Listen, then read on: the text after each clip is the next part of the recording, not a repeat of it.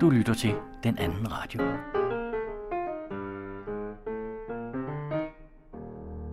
Du finder os på adressen den2radio.dk Her er den anden radio, og her er Intermezzo, hvor Geomet sender spørgsmål til den russiske ambassadørs stenansigt. Og han er tavs. Det kan være farligt at anfægte den russiske tavshed. Folk, der har meninger om præsidenten og krigen, falder ud af vinduerne på femte sal, selvom de bor i stuen. Hvordan har ambassadøren det diplomatisk med at forsvare landsknægte hentet ud af spillet med en revolver i nakken og besked om at massakrere et folk? Ruslands mistro til Vesten er forståelig efter invasionerne i historiens lange løb. Russerne var ikke selv for kønne, men vi angriber ikke mere. Det kan heller ikke betale sig. Verden er forandret. Opgiv Ukraine, herre ambassadør. I har ødelagt nok. Hvornår har vi postet penge nok i teknologi, der skader mere end den gavner? Screening med tvivlsomme resultater. Måske mere skade end gavn. En skælden imellem overlevelse og dødelighed. Jo flere vi screener, desto flere overlever, men dødeligheden kan være den samme eller meget tæt på den samme, så hvad har vi opnået? Alt det diskuterer en ny bog af professor John Brandt Brodersen og lektor på Institut for Mennesker og Teknologi, Alexandra Brandt Ryborg Jønsson. Snart er vi alle patienter. Vores egen stræben om rettidig omhu, lægernes hang til ros og politikernes ønske om genvalg er en frygtelig cocktail, der kun vil betyde mere screening og krav om flere penge til noget, der måske reelt kun er bedst for alle andre end borgerne, og som på lang sigt kan køre det offentlige sygehusvæsen i sænk. Det er kunsttimen i denne uge, hvor Michael Jensen har inviteret professor John Brodersen i studiet. Jan Simen fra Radio Mælkebøtten ser på, om det journalistiske arbejde er trængt. Noget kunne i hvert fald tyde på, at det ikke er et ufarligt job. 1400 journalister er blevet dræbt siden 1992. Det sker næsten hver dag i Ukraine og andre krigsområder. Men ikke kun. Flere og flere journalister dræbes ifølge Human Rights Watch uden for konfliktområderne.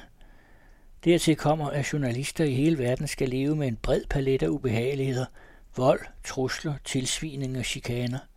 Også danske journalister bukker under.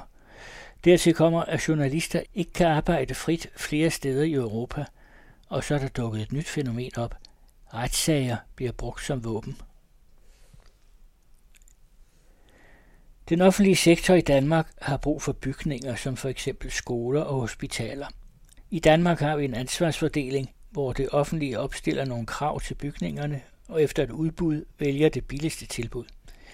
I et offentligt privat partnerskab er bygningen privat ejet, og udbuddet drejer sig om at opfylde de behov, som det offentlige har til brugen af bygningen. Tankegangen er, at de, der bygger, ikke kun har en økonomisk interesse i at levere den løsning, der er billigst her og nu, men som også er billigst og bedst på længere sigt. Derfor skal man ikke nødvendigvis bruge de billigste materialer, men de mest holdbare. Christina Tvarnø giver eksempler på, hvordan man kan bruge offentligt privat partnerskab, når man skal bygge skoler eller hospitaler. Men der er også de opgaver, hvor det offentlige ikke nødvendigvis selv skal finde på den bedste løsning – Christina Tvarnø er professor på CBS Law. Hun er kant mærk jur, og hun forsker i partneraftaler mellem private og mellem private og offentlige. Serien om Michael Falk, en rockpoet, krydser sit spor, er nået til sidste afsnit, hvor vært og tilrettelægger Andreas Dahl taler med Michael Falk om hans seneste tre album. Fodspor i havet, Sommeren kom ny tilbage og pludselig alting samtidig. Det bliver også til en snak om blandt andet Falkens forhold til København, om at se fremad, mens man ældes, og om at finde en passion i livet. I forårs klassikere fortsætter jeg højt læsning af Johannes V. Jensens myter. Gennem hele sit liv og forfatterskab var Johannes V. Jensen en engageret darwinist. Udviklingslæren var nærmest en erstatning for religion for ham, ikke betydning ritualiseret tro, men som afgørende meningsgivende faktor for hans liv og verdenssyn. Som en poetisk besyngelse af Darwin kan man se myten Darwin og fuglen fra 1908, som jeg læser i denne uges Faraos klassikere. Den anden radio genudsender i de kommende 10 uger serien Grænselandshistorier. Den anden radio, Jørgen Johansen, besøger sammen med nu afdøde Finn Slumstrup en række erindringssteder mellem Kongeåen og Ejderen. Først gælder det Dannevirke, og 150 år for rømningen af Dannevirke den 6. februar 1864. I programmet kan du også høre Nis Hart, der er leder af Dannevirkemuseet.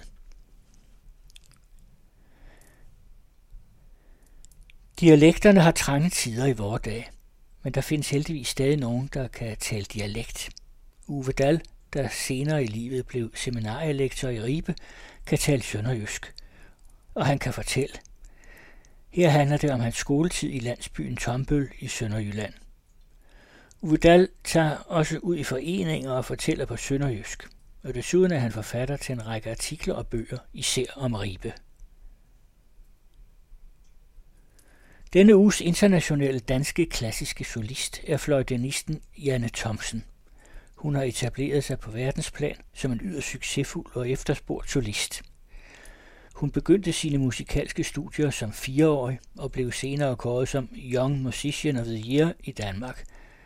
Efter at have boet i München i mange år, er hun flyttet tilbage til sin fødeby Holstebro, hvor hun i 2005 grundlagde Klassiske Dage, Holstebro International Musikfestival, som er vokset markant siden.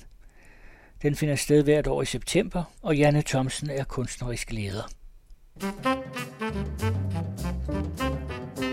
Den anden radio. www.den2radio.dk Her er Geomets med sit intermezzo. Selvom det er indlysende at spørge, svarer Ruslands ambassadør ikke indlysende.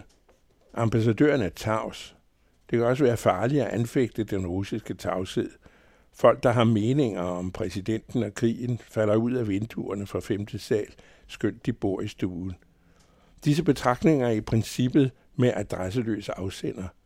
Hører ambassadøren kommentaren her, og bliver lige så sur, som han ser ud, er kommentatoren ikke hjemme. At udsætte sig for russisk roulette med oversaget jagtgevær og strontium i underbukserne er ikke sagen for de ængstlige. Men spørgsmålet er, hvordan kunne man for blot fire år siden bo som langtidsgæst i St. Petersborg og spise restauranternes gode mad, besøge de svulmende museer og gå i Filharmonien og Opera Marinsky, hvor maestro Djerdjev på skulderklap med præsidenten dirigerede stor russisk musik, så det sang, med den vanlige tandstikker som takstok. Folk var hjælpsomme i butikkerne og mådeholdent venlige på gaden og i museet for russisk kunst, hvor kustoder gladeligt fremviste billeder fordømt i tidligere tider af kunstnere, ofte forsvundet i gulag.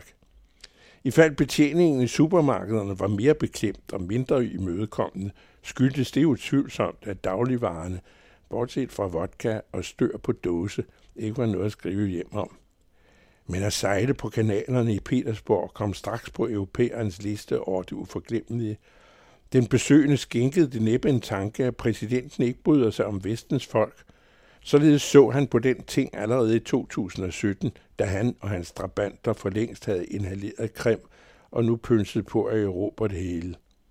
Præsidenten må have anet, at et overvejende flertal af andre end Marie Krarup – og en håndfuld eksponenter på den nationalortodoxe danske højrefløj ville blive gale i skralden, og til med på yderste venstrefløj stemme for oprustning af et ellers fredeligt land.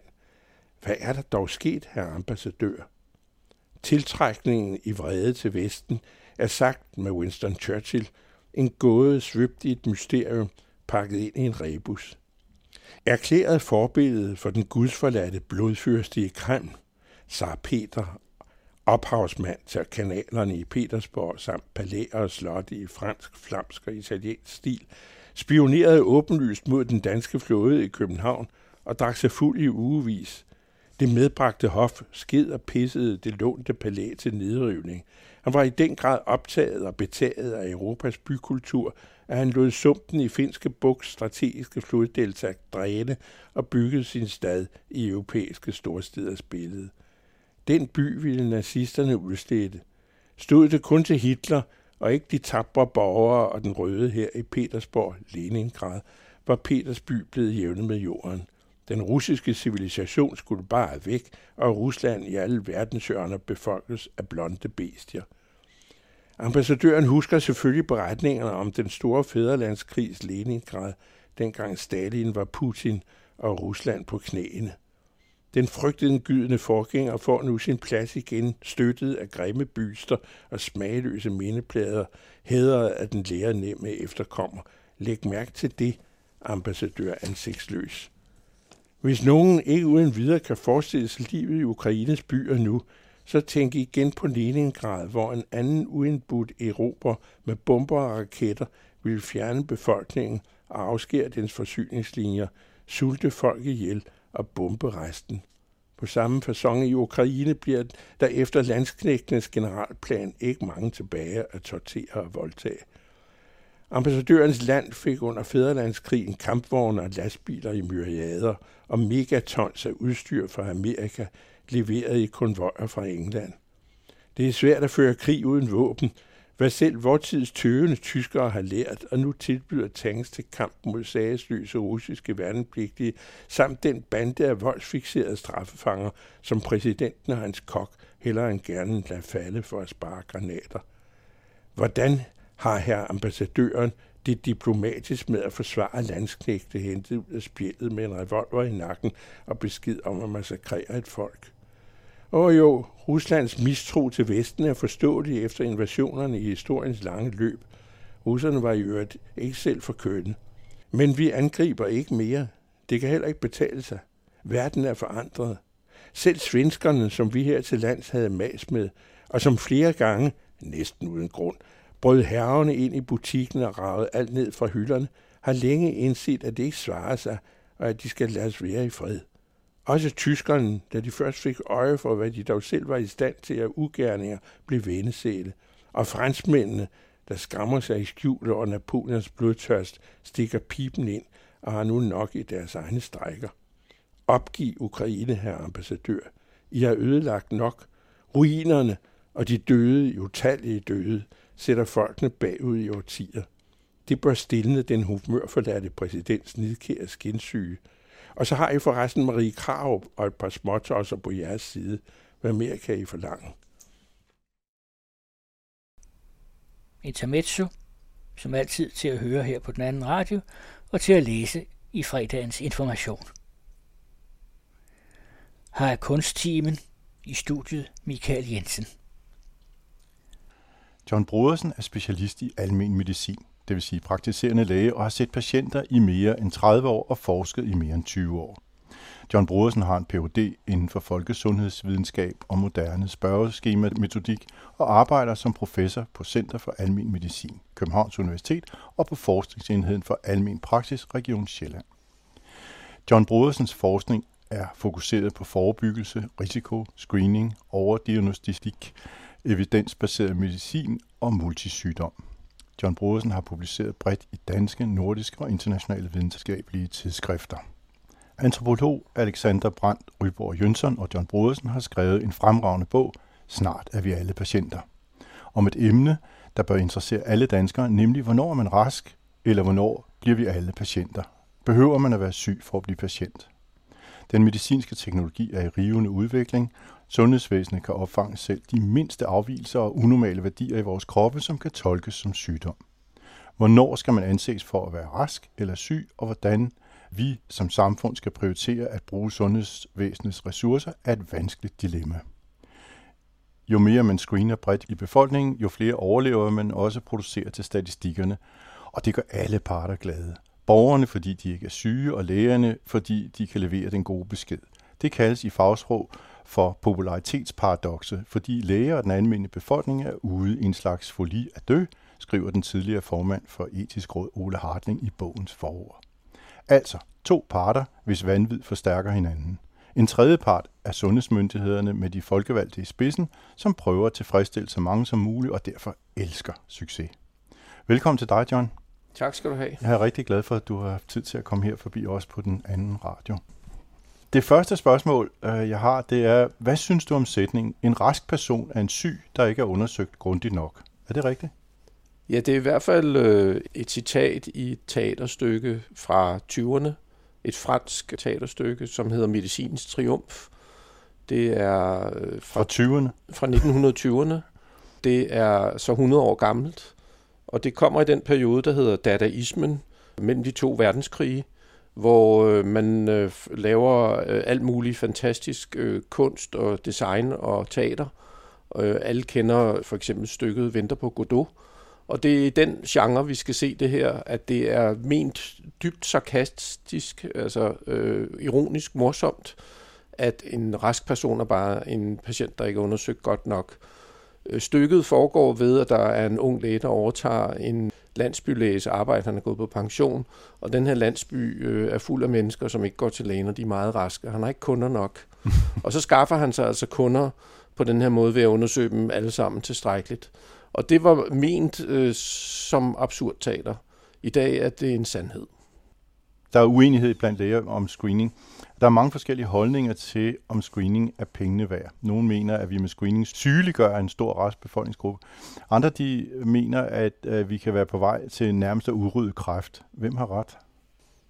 Der er ikke nogen screeningsprogrammer, der kan udrydde kræft. Vi har øh, to screeningsprogrammer, livmoderhalskræftscreening og tarmkræftscreening, hvor man kan forebygge, at man får selve kræften. I den bedste af alle verdener, så snakker vi om, at vi kan forebygge omkring hver femte tilfælde. Og det er fordi, vi kigger efter forstadier til kræft ved livmoderhalskræftscreening og ved tarmkræftscreening. Og det vil jo så sige, at vi kan ikke udrydde det. Øh, så vi skal ikke forstå screeningens opgave som at udrydde noget som helst andet end, at, end hvis vi screener for forstadier eller infektionssygdomme. Det gør vi meget sjældent. Altså for eksempel brystkræftscreening, der øh, undersøger vi ikke for forstadier, så der producerer vi sådan set flere patienter, fordi vi vil finde kvinder, der har noget i deres bryst, som de aldrig får symptomer fra, som de aldrig bliver syge af, som de aldrig dør af, men som opfylder alle de diagnostiske krav til brystkræft. Vi ved fra obduktionsfund, at cirka 20 procent af kvinder i det her land render rundt med forandringer i brystet, der opfylder kriterierne for brystkræft. Hvorimod, at hvis vi ikke gør noget ved dem, så vil 10 procent af dem få symptomer og måske dø af det. Så vi har altså et kæmpe reservoir ude i befolkningen af forandringer i kroppene, og hvis vi så øh, tilbage til citatet før undersøger folk grundigt nok og godt nok, så skal vi nok finde de forandringer. Og det er det paradoks, eller det er det dilemma, vi er ude i. Det, der er så en anden problematik eller dilemma ved screening, det er det der med, at vi skal opveje gavn og skade. Så nogle screeningsprogrammer gør både gavn og skade, og det er en værdiafvejning. Der kan vi ikke som forskere lave en eller anden øh, objektiv afvejning. Der skal vi ind og snakke om, øh, hvor meget gavn kan vi acceptere til hvor meget skade. Vi var jo ude i de diskussioner i forbindelse med coronapandemien, hvor vi forholdt os til, om øh, øh, vaccinationer er det i orden at vaccinere, hvor vi har nogle meget, meget sjældne alvorlige bivirkninger for at stoppe en pandemi, og øh, der vil være rigtig mange mennesker, der kan blive meget syge af det her og dø af det her. Og det er jo det dilemma, vi altid har i medicinen. Det er, at nogle gange kan vi gavne øh, og skade samtidig. Det, der så problemet her, det er, at vi taler om raske mennesker. Vi taler altså ikke om, om folk, der er syge. Og det er det store dilemma. Øh, og der øh, tilhører jeg den øh, etik, som handler om, at jeg som læge først og fremmest ikke skal skade mennesker. Det er en etik, jeg sætter rigtig, rigtig højt. Den hedder primo non nocere i mit lægeløfte. Det er det, der er problemet med medicinsk screening. Og så kan vi altid diskutere, om gavn eller skade øh, opvejer hinanden. Ved mammografiscreening, brystkræftscreening, der er i bedste fald, når vi inviterer 2.000 kvinder i 10 år, så vil vi undgå et dødsfald af brystkræft. Samtidig producerer vi så 10 patienter. Vi, vi gør 10 kvinder unødvendigt til patienter, de får diagnosen kræft og bliver overbehandlet.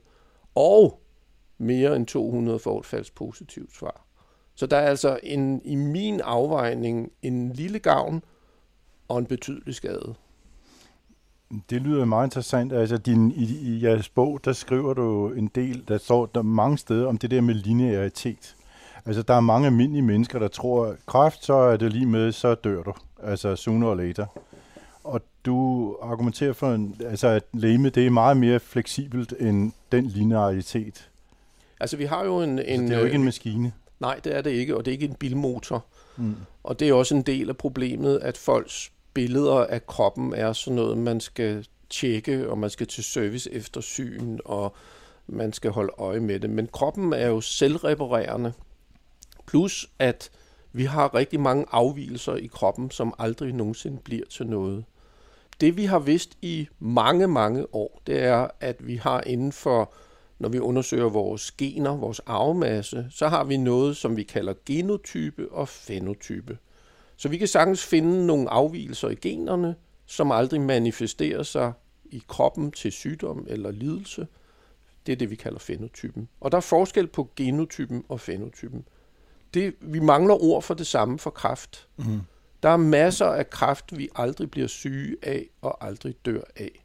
Vi mænd, du og jeg, vi kan øh, risikere med meget, meget stor sandsynlighed at have prostatakræft i vores krop, hvis vi bliver rigtig gamle, begge to. Mm.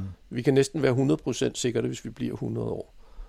Og så er problemet, at hvis jeg så undersøger dig godt nok, eller mig selv godt nok, så skal jeg nok finde den prostatakræft. Men livstidsrisikoen for dig og mig, hvis vi bliver rigtig gamle, den er 3-4 procent. Så der er jo en stor forskel mellem 3-4 procent, der bliver syge, og en 80-90 procent, der har prostatakræft i kroppen. Og det giver jo virkelig et kæmpe potentiale for at sygeliggøre os alle sammen. Jeg er vel også lidt en psykologisk side af det.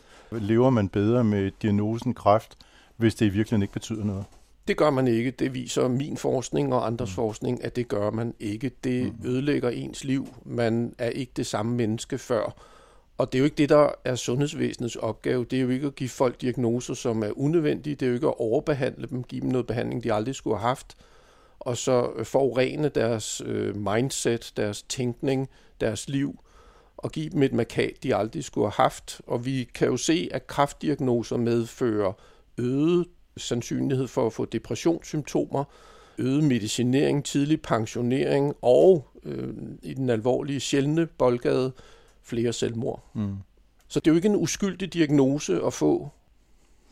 Jeg kunne godt tænke mig lige at gå lidt videre i den her psyko, psykologiske side. Um, hvilken rolle spiller angst? Uh, jeg har skrevet her i mine noter, driver angst folk til at blive screenet? Er vi simpelthen gået amok i almen ængstelse for sygdom? Altså, der findes jo meget paradoxalt en diagnose, der hedder sygdomsangst. Men det er ikke den, vi taler om. Nej. Altså, vi, vi har nogle Det er få almindelige mennesker. menneskers forhold. Vi, vi snakker om almindelige mennesker, Mm. og der bruger vi forskellige teoretikere i bogen. Og vi bruger for eksempel øh, Bagmand, filosof, som har skrevet om, at vi lever i en modernitet, eller postmodernitet, hvor vi i dag tror på, at fordi at vi giver folk en dødsårsag, når de er døde, så kan vi også kontrollere døden. Og så har vi jo som race en ubendig lyst til det evige liv. Der er sådan illusionen om kontrollen af døden og det evige liv, og det, hvis vi ser på musikken og litteraturen og kunsten, Mm. så ser vi det jo hele tiden. Øhm, så der er helt klart indbygget en dødsangst.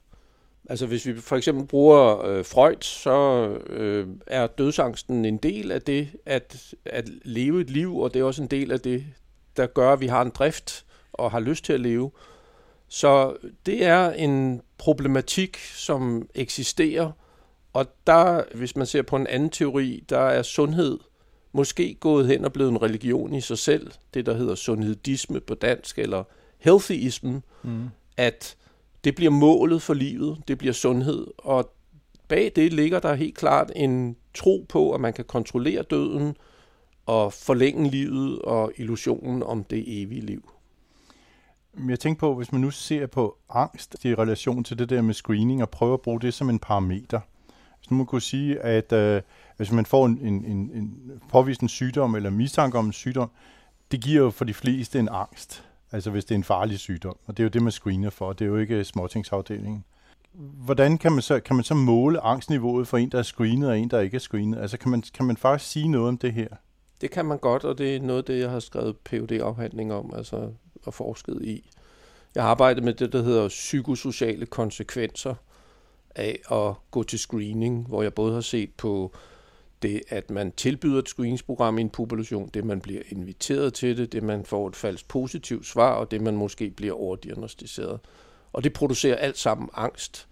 Så det, der er lidt øh, kedeligt her, det er, at det, at vi begynder at have en viden om, at nu eksisterer der en screeningsteknologi for en eller anden øh, sygdom, så stiger sygdomsangsten for det screeningsprogram. Når vi så tilbyder folk screening, så føler de sig mere trygge, når de har været derhenne, men den tryghed er mindre end den angst, vi har induceret i populationen, og det vil sige, at vi, bliver, vi, vi skaber sådan et behov for flere og flere og flere undersøgelser. Eller også mere og mere angst. Ja, vi kan ikke se, at angsten stiger. Vi kan se, at den er der grundlæggende. Mm. Det vi så også kan se, det er, når folk så ikke længere bliver tilbudt screening, fordi nu de nået en vis alder, så bliver de vrede, sure og bange. Øh, de vil gerne fortsætte i screeningsprogrammerne. Men screeningsprogrammer er jo sat til for at gavne og ikke skade. Og hvis man som menneske har kort restlevetid tilbage, altså for eksempel kvinder bliver ikke inviteret efter de er over 70 år til mammografiscreening, og det er fordi, de har i gennemsnit en restlevetid på omkring 12 år, 14 mm. år i, på populationsniveau. Og vi skal have en vis restlevetid for, at et screeningsprogram kan virke. Hvis man har ganske få år tilbage af sit liv, så virker et screeningsprogram overhovedet ikke gavnligt. Så derfor stopper man jo ved en vis alder. Det giver ingen mening at fortsætte screeningsprogram. Men det er ikke sådan, den almindelige menneske tænker. De tænker, gud, nu har jeg ikke den her mulighed for at kontrollere, at jeg er blevet rask. Det er også at sige, at jeg er opgivet. Ja, og lad også sniger de det aldersdiskriminerende. Ja, ja. De siger rigtig mange ting, men grundlæggende ligger der helt klart et behov for kontrol af den angst, der er induceret. Og så kan vi se, at det at få et falsk positivt svar påvirker folk rigtig, rigtig meget. Altså det er der, hvor screeningstesten rejser mistanke om, at du måske fejler noget, så viser yderligere undersøgelser, det gjorde du ikke. Men der har du så åbnet Pandoras boks, du har fortalt folk, at der måske er noget, og så er der ikke noget alligevel, men de kan ikke glemme det. Mm. Og der kan vi se, at de begynder at bruge sundhedsvæsenet mere, det vil sige, at vi får øget omkostninger, og vi kan se, at de psykologisk, øh, socialt er påvirket i overvis efter. Men øget omkostninger er jo ikke bare et pengespørgsmål, det er jo også et spørgsmål om ressourcer. Altså, der er nogen, der bliver brugt til noget, som de virkelig ikke skulle have været brugt til, men de kunne ikke bruge det til noget mere fornuftigt med nogen, der faktisk er syge. Og der har vi to forskningsemner, når vi snakker ressourcer på den måde. Vi taler om social ulighed, og der har vi faktisk paradokset her, at vi har en social ulighed den anden vej, end vi plejer at tale om. Her er det de rige, raske, ressourcestærke, der tager ressourcerne fra dem, der er alvorligt syge. Det vil sige, at vi giver en masse sundhedsressourcer til en masse mennesker, som ikke fejler noget, og så producerer vi patienter ud af dem. Vi kan se, øh, at øh, modermærkekræft, prostatakræft, brystkræft, det er meget mere forekommende i de høje sociale grupper, end det er i de lave sociale grupper, især i samfund, hvor man har private sundhedssystemer. Amerika er øh, skrækeksemplet. Og så taler vi om det, der hedder The Inverse Care Law, den omvendte sundhedslov. At vi giver flere og flere og flere sundhedsressourcer til dem, der ikke er syge, og vi giver færre og færre til dem, der er alvorligt syge. Og det ser vi også i, i Danmark. Jeg har læst mig til i, bogen, øh, der står, at den, øh, en simpel definition af overdiagnostik er, at diagnostik er en sygdom, som udiagnostiseret ikke ville have givet symptomer eller været medvirkende årsag til død. Kan du lige udbygge det lidt? Ja, det kan jeg godt. Det, der er vigtigt at forstå, det er, at det ikke er en fejldiagnose, og det er ikke et falsk positivt svar. Så altså, det er, at jeg finder noget i kroppen eller i sindet, som opfylder alle de diagnostiske kriterier, men når jeg ser over tid, så bliver vedkommende aldrig syg af det eller dør af det. Så øh, fordi at blodprøver er blevet så finfølgende, eller fordi billeddiagnostik, scanninger har fået så vanvittig høj opløsningsevne, eller fordi vi har nedsat behandlingskriterierne for forskellige risikofaktorer som osteoporose, forhøjet blodtryk, forhøjet kolesterol, eller fordi vi har udvidet klassifikationerne af psykiatriske diagnoser, udvandet dem, inkluderet mildere og mildere symptomer, så inkluderer vi dermed flere og flere og flere mennesker, Og så er vi tilbage til, at genotypen er større end fenotypen. Vi finder meget mere afvielser, risikofaktorer, patologi, altså noget sygeligt væv, som aldrig vil medføre, at vi bliver syge af det. Så det er paradokset i det her biologiske fænomen, der hedder den menneskekrop, at vi er selvreparerende, vi kan holde noget nede, og noget af det, vi har i kroppen, bliver aldrig til noget. Så tilbage til din linearitet, alting er ikke progressivt, alting går ikke øh, til det værre, værre, værre. Det er ikke sådan, fordi jeg finder noget, man kalder et forstadie til kræft, at det så nødvendigvis udvikler sig til kræft. Nej. Jeg tror, mange almindelige mennesker har oplevet det her, fordi nu om dagen er det jo meget moderne at give børn diagnoser, og de er alle sammen ADHD i en bunke. Ikke? Og man, ofte siger man til sig selv, hvis jeg selv var blevet diagnostiseret, da jeg var på den alder der, så var jeg nok også blevet ADHD. Og, og, og hvad så? Og de klarer sig jo fint, og det er jo gået meget godt i livet alligevel. Altså, Men nu er det en øh, helt anden sag end screening jo.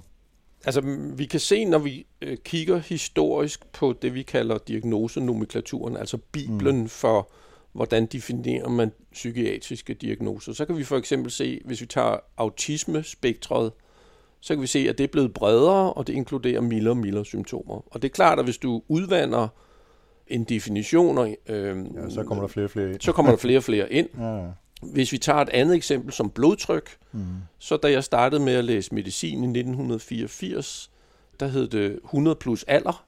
Jeg fylder 60 her i næste mm. måned, det vil sige mit blodtryk, øh, det øverste, det der hedder det systoliske blodtryk, øh, hvis det ikke er højere end 160, så har jeg ikke forhøjet blodtryk. Den går så, ikke i dag. så det går ikke i dag. Men mens jeg læste medicin, så lavede man det om til 165-95. Mm. Vi har to tal. Ja. Inden jeg blev læge, så hed det 140-90. For et par år siden, der tog den øh, amerikanske hjerteforening og sagde, nu hedder det 130-80. Og det giver jo sig selv, at når du nedsætter grænsen, så bliver flere og flere inkluderet. Mm. Og vi er nu nået derude i absurditeten, at hvis jeg tager risikofaktorer for at få blodprop i hjertet, eller få et slagtilfælde, det er også på moderne dansk hedder stroke, jamen så er jeg ude i, at der kun er 4% raske tilbage i populationen. Mm. Og så har jeg jo givet alle et markat og sagt til alle, at det ville være en god idé at overveje at få noget blodtryksmedicin eller kolesterolmedicin, eller gøre et eller andet ved det. Og så, så har jeg puttet et risikomarkat på folk, og øhm, så har jeg skaffet en masse kunder til sundhedsvæsenet, og der er en medicinalindustri, der tjener rigtig, rigtig mange penge på det her. Ja, der snakker vi om mange, mange penge her. Øh, rigtig, rigtig, rigtig mange penge. Og det vi skal tilbage til, det er, at vi skal begynde at overveje, er den her gavn virkelig, øh, kan den virkelig retfærdiggøre al den her skade?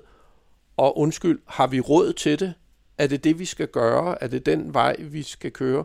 Fordi vi har ikke råd til alt det her. Vi har ikke råd til at gøre os alle sammen til patienter og behandle os alle sammen. Mm. Og hvis vi vil, og hvis vi ikke gør noget ved det, så vil vi nok ende i, at det offentlige sundhedsvæsen er øh, færdigt. Fordi så vil vi kun have råd til det i et privat regi, og så vil det kun være de rige, raske og ressourcestærke, der har råd til det. Og når vi så kigger på de lande, som har de typer af systemer, så har hvis vi snakker overdiagnostik, så har de langt, langt mere overdiagnostik, end vi har i øjeblikket i Danmark. Det er noget af, af en, af en, en hvad, rejse, I har sat jer på med den bog her. Fordi det er jo i virkeligheden bagsiden, øh, eller modsvaret til en kæmpemæssig øh, industri af penge, ja. og øh, masse mennesker, der alle sammen har en interesse i at få det her til at spille, fordi alle vil gerne høre den gode historie. Men det er ligesom den anden side af demokratiet. Vi er nødt til at have både den ene side, det er fint, at vi skal alle sammen være raske, men vi skal også vide, hvad er prisen for det, og det er jo en del af demokratiet. Ja, og hvis man kigger på øh, de sidste øh, folketingsvalg, vi har haft, så har sundhedsområdet jo ligget top mm. hver gang. Og øh, hvis man kigger på sundhedssektoren som et hele over de sidste 20 år, så har det fået flere og flere og flere ressourcer. Det har man ikke gjort inden for andre sektorer. Og vi ved fra forskning, at øh, man kan nå et vist toppunkt, hvor penge ikke længere gavner, men så tipper det toppunkt, og så går det faktisk ned ad bakke, og så begynder flere penge i sundhedsvæsenet at skabe mere og mere skade, fordi vi bliver selvproducerende, vi overdiagnostiserer mennesker. Og det handler jo også om kultur, det handler også om den måde, vi tænker på. Så Ja, det er en bog, der har været længe undervejs, og jeg har forsket i det her felt i over 20 år, og jeg er ikke palle alene i verden. Jeg har internationale kolleger, og jeg har også få nationale kolleger, som, øh, som har forsket i det her, men det er, jo ikke, det er jo ikke et budskab, som er blevet taget vel imod. Og hvis du kigger på en anden problematik, som vi også beskriver i bogen, det er, hvem sætter dagsordenen inden for forskning, hvem sætter dagsordenen inden for, hvordan det skal køre, så er det jo dem, der snakker om, at vi skal have mere, og vi skal finde det tidligere, og øh, ny teknologi. Øh, så man kan sige, at dem, der i øjeblikket har magten og styringen og sætter dagsordenen, det er dem, der gør det her problem større. Og den forskning, som i dag foregår på universiteterne, jo i stor grad styret. De frie forskningsmidler er meget, meget få og meget begrænset. Og det vil sige sådan en type af forskning, som jeg bedriver, hvor jeg kritiserer den eksisterende struktur, den eksisterende måde at handle på, og faktisk øh, måske plæderer for, at vi skal gøre mindre, og vi skal gøre det på en anden måde. Det er jo ikke den forskning, som øh, forskningsfonde synes, at de skal brande sig på. Så budskabet her er ikke, øh, det er ikke et, der er særlig salgsbart. Og øh, jeg bliver ikke mødt med store åbne arme fra magthavere, politikere og, og andre, fordi det her handler i stor grad om, at øh, vi skal begynde at tage nogle beslutninger, som ikke er populære, og vi skal begynde at prioritere, og det er ikke populært. Vi skal lige tilbage til noget i bogen her, som jeg synes var er rigtig interessant. Det er, det er to meget centrale begreber, der, øh, når det drejer sig om screening. Overlevelse og dødelighed. Når vi hører om effekten af screening, bliver det ofte talt om, at screening kan øge overlevelsen. Det er logisk, at man ved screening kan få mennesker til at leve længere med en bestemt diagnose ved at idømme den. den. Men borgere, der ikke er, øh, bliver screenet, får jo ikke chancen for at leve længere med en diagnose, de måske aldrig var kommet til at mærke til. Et andet begreb er dødeligheden. Den hører vi sjældent om. Måske er, er den vigtigere. Kan du kort forklare lytterne forskellen på de to begreber? og sige, hvad der er vigtigst, når det drejer sig om screening, overlevelse eller dødelighed. Narer man borgerne ved at sige, at screening øger overlevelsen? Øh, det korte svar er ja. Øh, altså, og, og det, der er mit problem lige nu, det er, at rent sprogligt på dansk, så er overlevelse og, og dødelighed, øh, det er ofte sådan... Det er omtrent det samme. Det er omtrent det samme. ja. Men i en forskningsmæssig sammenhæng er det der overhovedet ikke. Men lad mig prøve at forklare det. Øh, hvis jeg finder noget tidligere hos en person, som dør uanset på det samme tidspunkt, så vil jeg jo øge overlevelsen, men jeg vil ikke ændre dødeligheden. Altså hvis nu jeg, jeg fru Hansen hun går til mammografiscreening, hun får konstateret brystkræft som 52-årig, i stedet for som 54-årig, hvor hun havde fået symptomer fra det, så har hun så fået to år længere at leve med sin brystkræft, men hun dør, når hun er 87 af et hjertetilfælde alligevel så har jeg givet en to år ekstra. Så bare det at finde noget tidligere, så øger jeg overlevelsen, men ændrer ikke dødeligheden. Og det er en bidrag. Det andet bidrag, det er overdiagnostikken. Hvis jeg finder afvielser, som man aldrig bliver syg af, og som man aldrig dør af, så øger jeg overlevelsen, men jeg ændrer ikke ved dødeligheden. Prostatakræft er et af de bedste steder, hvor vi har undersøgt det her. Og det vi kan se, det er, at vi har mere end fordoblet antallet af mænd med diagnosen siden 96. Vi har øget overlevelsen mere end til det dobbelte, og dødeligheden er stort set den samme. Hvis dødeligheden er en lille smule nedsat, så er den fordi, og her har jeg snakket med mine kolleger, som er professorer i det, der hedder urologi, så siger de, det er fordi, at kemoterapien er blevet bedre, og den kirurgiske behandling er blevet bedre, altså operationerne er blevet bedre. Så vi kan ikke se, at den tidlige diagnostik nedsætter dødeligheden. Vi kan ikke se, at screening nedsætter dødeligheden. Men vi kan dele med se, at overlevelsen stiger. Så det er meget forførende at snakke om overlevelse, men det skal vi faktisk ikke, når vi taler screening. Der skal vi kun snakke dødelighed. Det, det er jo interessant, fordi det her er jo nærmest det der med statistik af, af en anden form for løgn. Ja, altså jeg tror, det var Churchill, der sagde noget i den retning, ikke? At ja. jeg tror kun på den statistik, jeg selv laver. Ja. Øh, altså, du kan jo manipulere med hvad som helst. Jeg kan give dig et andet eksempel. Jeg snakkede om mammografiscreening før, jeg formidlede det i absolute tal. Jeg sagde, at man skulle invitere 2.000 kvinder i 10 år for at undgå et dødsfald. Det er det, der hedder number needed to invite to screening, altså hvor mange skal invitere mm. i hvor lang tid for at undgå et dødsfald. Jeg mm. kunne også have formidlet det en relativ risikoreduktion. Den er 15 procent. Det lyder jo meget mere forførende, at jeg kan nedsætte dødeligheden Uha, 15 procent. Ikke? Dem tager vi.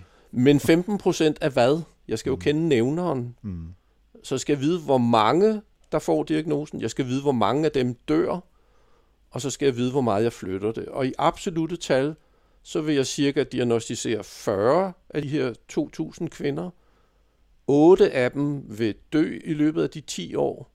Og hvis jeg så screener, så dør 7 i stedet for. Så jeg går fra 8 til 7 af 40 af 2.000. Det er de 15 procent. Ja, der har man jo 15 procent, der er faktisk ikke ret meget. Nej, det, det er en i forhold til 8, eller en ja. i forhold til 7, ikke? Ja, ja, ja. Ja, af 2.000. Så man skal kende nævneren for ikke at lade sig forføre statistik. Nogle gange så kan det være svært at overbevise en sundhedsbevidst borger om, at behandlinger kan være virkningsløse, unødvendige eller ligefrem skadelige. Det skal jo ikke være en forhindring, men en udfordring, som bør gribes, hvis man har som mål at kombinere patientens ret til medbestemmelse og til at nøjes med at behandle de syge og lade de sunde og raske være. Det er noget, der står i bogen. Kan du uddybe det lidt?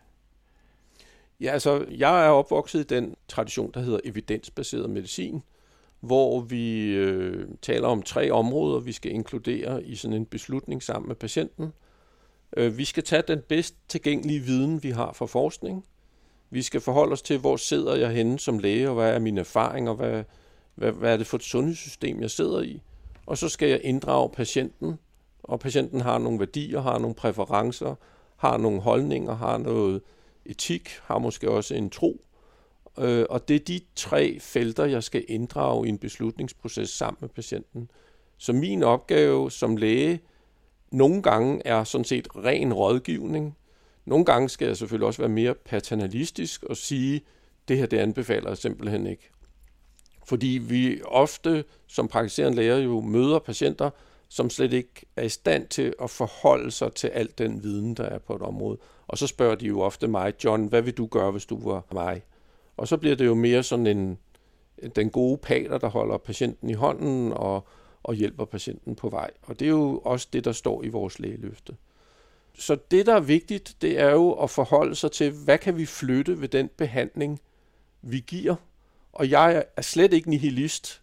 Folk, der er syge, folk, der øh, er ved at dø af den sygdom, de har, de skal da tilbydes den aller, aller bedste behandling. Så vi taler jo slet ikke om, at jeg ikke vil Øh, diagnostisere og behandle. Selvfølgelig vil jeg det. Det er min opgave som, som læge. Jeg vil bare ikke diagnostisere og behandle dem, der er raske. Og der er det vigtigt, at man forholder sig til, at al medicinsk behandling har gavn og skade. Og nogle patienter, jeg har haft patienter, der har spurgt mig, om de behøvede at tage den kemoterapi, når de havde fået en kraftdiagnose. Og så er det jo vigtigt, at de spørger specialisten og siger, jamen hvis jeg nu tager den her kemoterapi, hvor meget kan den så hjælpe mig? Og hvilke bivirkninger og senfølger kan jeg få af den her kemoterapi? Og der er jo så patienter, der vælger at sige, jamen jeg vil godt lade mig operere for kræften, men jeg vil ikke have kemoterapien, men I må godt give mig stråler, eller det modsatte. Jeg vil gerne have operationen, jeg vil gerne have kemoterapien, jeg vil ikke have strålerne, og så videre, og så videre. Og det skal vi som læger respektere, når vi sidder i sådan en fælles beslutningsproces. Men rigtig mange patienter ønsker sådan set ikke at tage stilling til det der. De vil gerne have, lægen vejleder dem og rådgiver dem og prøver at guide dem den bedste vej i forhold til, hvor de står hen i livet. Ja, eller også tager de hele pakken, fordi det er dødsangsten, der banker på. Ja, og en gang imellem, så har der jo været nogle forfærdelige eksempler på, at når man tager hele pakken, så er der faktisk mere skade end gavn. Så mm, altså, det er også vigtigt, og nu kalder jeg det evidensbaseret medicin, det er vigtigt, at den behandling, vi giver til vores patienter, den baserer sig på viden, der er inddraget fra forskning, og ikke er tro, håb og kærlighed. Det var derfor, vi så de her store protester fra praktiserende læger omkring cannabisolie, at den daværende regering og folketing vedtog, at nu måtte man gerne udskrive det, selvom man ikke havde nogen forskningsviden, det der hedder evidens. Mm. Øhm, så protesterede vi og sagde, at det vil vi ikke være med til. Øh, nu er vi så ved at få en masse forskningsviden om, hvordan virker cannabisolie, og den korte snak er, at det virker ikke. Men trods det, så fortsætter øh, Folketinget med at sige, at det må folk gerne få. Og det går ikke, hvis du spørger mig. Vi kan ikke basere et sundhedsvæsen på tro, håb og kærlighed. Vi må basere det på videnskab. Mm, og behandle de rigtige. Og behandle de rigtige, men endnu, endnu vigtigere, diagnostisere de rigtige. Vi skal ikke producere patienter ud af de raske. Se, øh, da jeg nu lavede det her og forberedte mig på det her, så talte jeg så med en ven, jeg har, der er lungemediciner. Han sagde til mig, at jeg skulle drille dig lidt. Så nu stiller jeg dig et spørgsmål, og så siger jeg så, at i, i Danmark, der har vi nationale screeningsprogrammer for tre sygdomme. Livsmoderhalskræft, brystkræft og tarmkræft. Dem må du alle sammen været inde på. I USA har man screeningsprogrammer for omkring 10 forskellige sundhedsområder. Altså det er mere end tre gange så mange som i Danmark. Er vi bagud? Nej, det er vi ikke. Vi baserer vores øh, screeningsprogrammer ud fra den bedst tilgængelige viden. Og, øh, så det er jeg, de rigtige screeningsprogrammer, vi har? Det vil jeg ikke sige. Hvis det nu er det, det, det, det vil jeg ikke sige, det er. Øh, men jeg vil sige, at vi skal i øjeblikket ikke have flere end de tre for kraft. Vi har også andre screeningsprogrammer, som ikke er for kraft. Men i øjeblikket skal vi ikke øh, til at begynde at screene for flere krafttilstande, hvis du spørger mig, fordi der tyder den bedst tilgængelige viden på, at skaden er større end gavnen. Og de tre screeningsprogrammer, vi har i øjeblikket, kunne vi faktisk også godt prøve at kigge lidt mere kritisk på, og måske overveje, om vi skulle screene noget mindre. Hvis jeg skal give et relativt nemt eksempel, så har kvinder, der er født øh, i 1993 og frem efter, de er blevet tilbudt HPV-vaccinen som 12-årige i børnevaccinationsprogrammet. Øh, når man vaccinerer kvinder med HPV-vaccinen, øh, før de har haft seksuel debut, så forebygger man rigtig meget af de celleforandringer, de kan få, som nogle få og sjældne gange medfører, at de får kræft.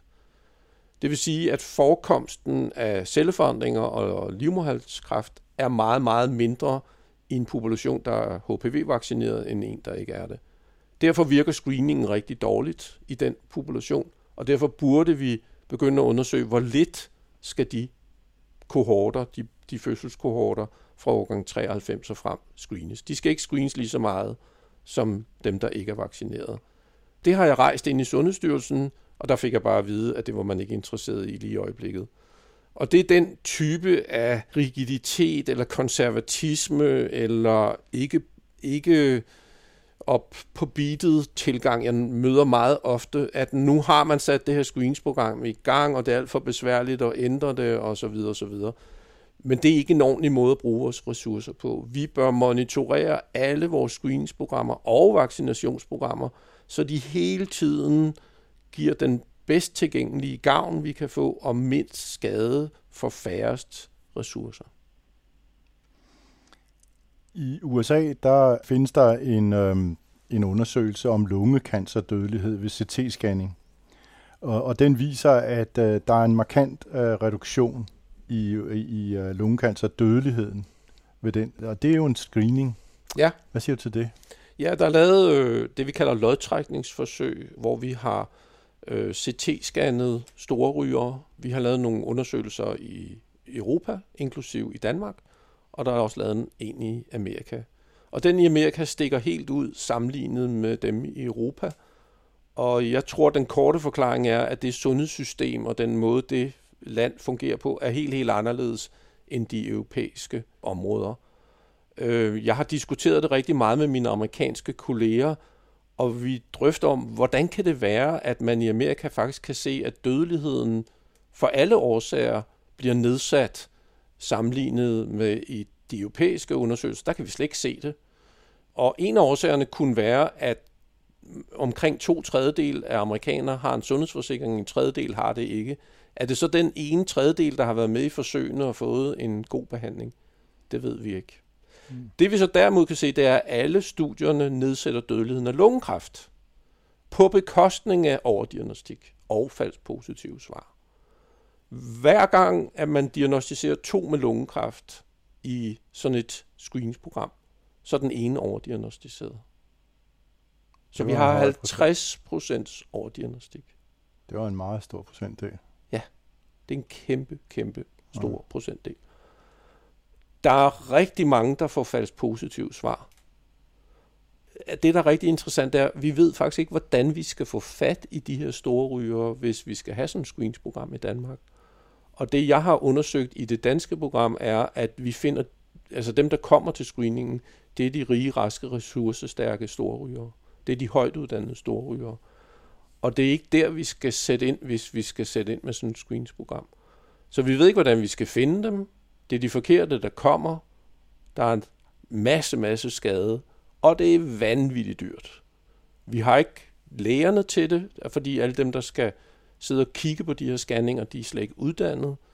Og så begynder vi altså nu at producere en masse patienter og en masse screensdeltagere, som sundhedsvæsenet så skal bruge en masse ressourcer på.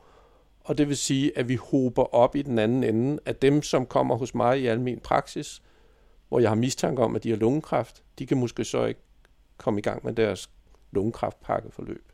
Mm. Så vi skal passe på med de her prioriteringer, når noget lige pludselig ser godt ud på et område, men måske ikke ser godt ud på en masse andre områder. Og hvis vi skulle gøre noget ved lungekræft, hvorfor gør vi så ikke noget ved tobaksforbyggelsen? Der overdiagnostiserer man ikke nogen. Der, der, der skader man ikke nogen.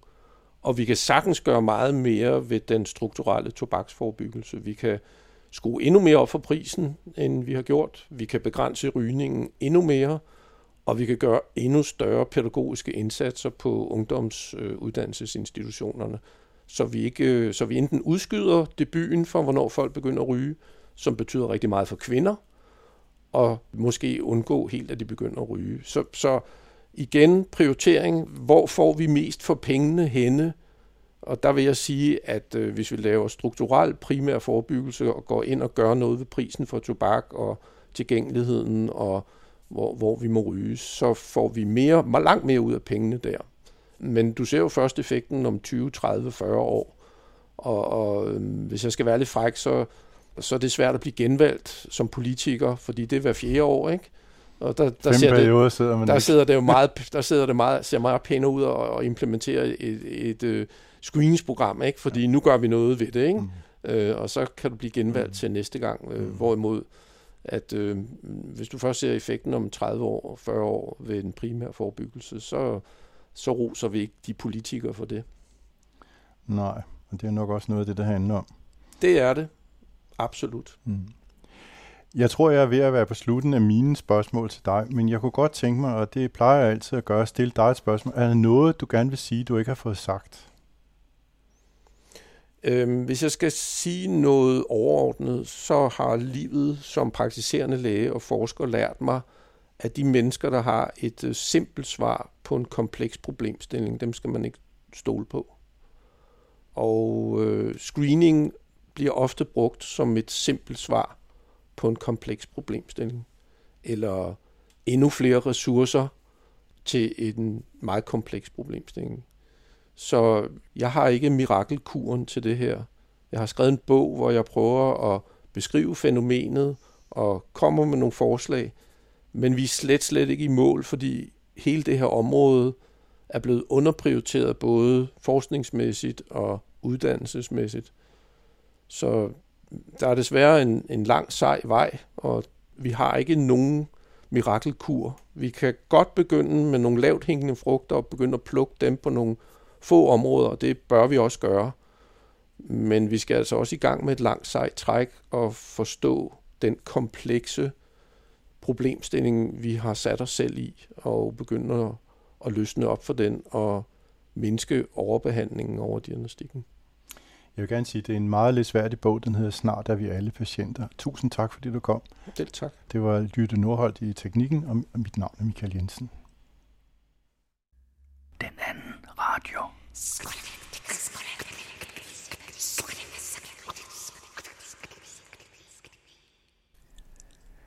Jan Simen fra Radio Mælkebøtten ser på, om det journalistiske arbejde er trængt. Noget kunne i hvert fald tyde på, at det ikke er et ufarligt job – Jan Simen interviewer Måns Blikker Bjerregaard, der er journalist, og fra 1999 til 2015 var formand for Dansk Journalistforbund. Desuden siden 2013 formand for European Federation of Journalists.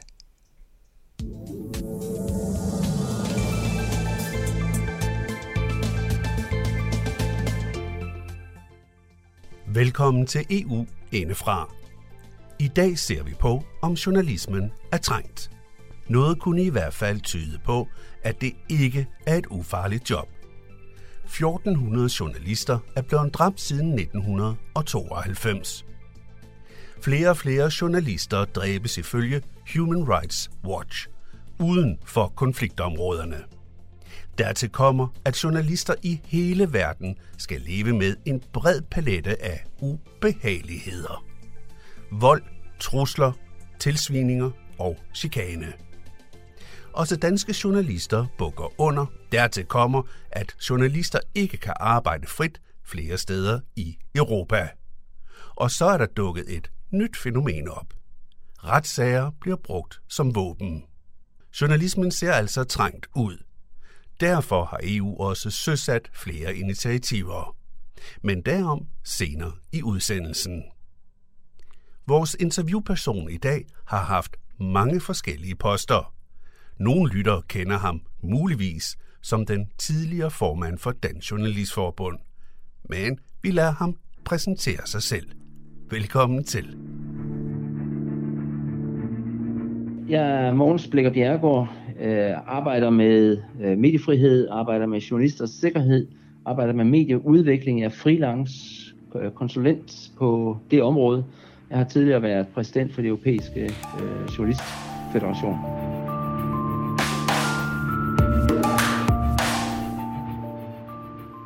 Og hvis vi tager fat i det her med journalisters sikkerhed, hvordan står det egentlig til? Jamen det er jo, det er jo en, en, en særdeles alvorlig øh, situation, journalister står i. Det har de gjort år efter år, uden at der er sket de helt store forandringer.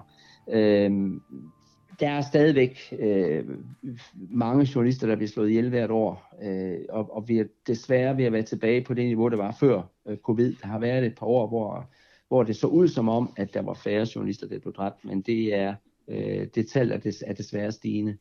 Noget af det, vi også kigger rigtig meget på, det er, om, om de her forbrydelser de bliver opklaret eller ej. Fordi det er jo sådan en parameter for, øh, øh, hvordan det bliver behandlet, når, når, når øh, journalister bliver dræbt. Og, og det er stadigvæk sådan, at de sidste tal sagde, 86 procent af alle mord på journalister bliver aldrig nogensinde opklaret. Og det er jo simpelthen øh, den, den fri vej til at slå journalister ihjel, når øh, de morerne aldrig bliver opklaret. Det er så vigtigt, at der bliver gjort en kæmpe indsats for, at mord på journalister bliver opklaret. Samtidig er det vigtigt, at der bliver gjort en meget, meget større indsats for at sætte ind på et langt tidligere tidspunkt, nemlig når de første trusler kommer, når der kommer øh, harassment osv., øh, at der bliver sat ind på et meget, meget tidligere tidspunkt. Det er noget af det, som vi er meget optaget af. Og hvem skal sætte ind? Øh, og i øvrigt, hvorfor er det, det er vigtigere med journalister end andre mennesker? Øh, det sidste spørgsmål først. Øh, fordi, jamen det er jo vigtigt for alle mennesker. Det er jo ikke fordi, at der er nogen, der, der, har, der har større værdi på den måde end andre.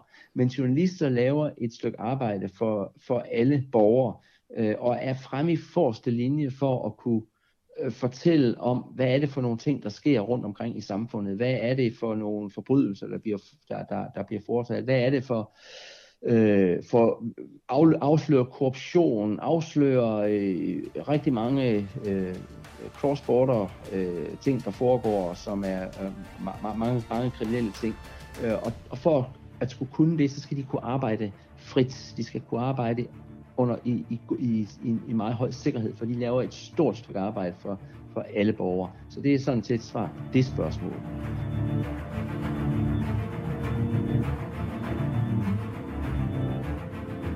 Saudi-Arabiens udenrigsminister har nu indrømmet, at den saudiarabiske journalist Jamal Khashoggi blev dræbt på landets konsulat i den tyrkiske uh, As uh, you have uh, like 65 journalists killed in 2020, the trend is that more and more of them are killed outside um, uh, conflict zones, which means that 60% of them uh, are killed by uh, mafias, by criminal organizations. And the difficulty in this case is that... Uh, Den saudiarabiske udenrigsminister erkender, at Khashoggi han blev dræbt, så afviser han samtidig, at det er styret i Saudi-Arabien, der står bag. Og dermed ændrer Saudi-Arabien igen forklaring, og det er stadig et mysterium, hvad der er sket med Khashoggi. Så spurgte du om, øh, hvordan vi så skal, skal sikre, at, at, at de her ting sker. Og der blev der for 10 år siden lavet en handlingsplan, øh, som hedder øh, Handlingsplan for Sikkerhed for Journalister og Bekæmpelse af Straffrihed. Øh, og den handlingsplan er en, en, en plan, som samtlige medieorganisationer øh, har, har, øh, har tilsluttet sig, og det går ud på at lave nationale handlingsplaner i virkeligheden i hver eneste land i hele verden. Fordi det er det, der skal til for, at vi kan løfte den her opgave. Det er, at man på national plan laver en handlingsplan, hvor politikere eller, eller regeringer øh, og deres minister, relevante ministerier, politiet, dommere, anklagemyndighed, journalister, medier, alle de her parter, som er, er på det her område, at de arbejder sammen om, hvordan håndterer vi de her overgreb på journalister. Og vi har faktisk gode resultater af det.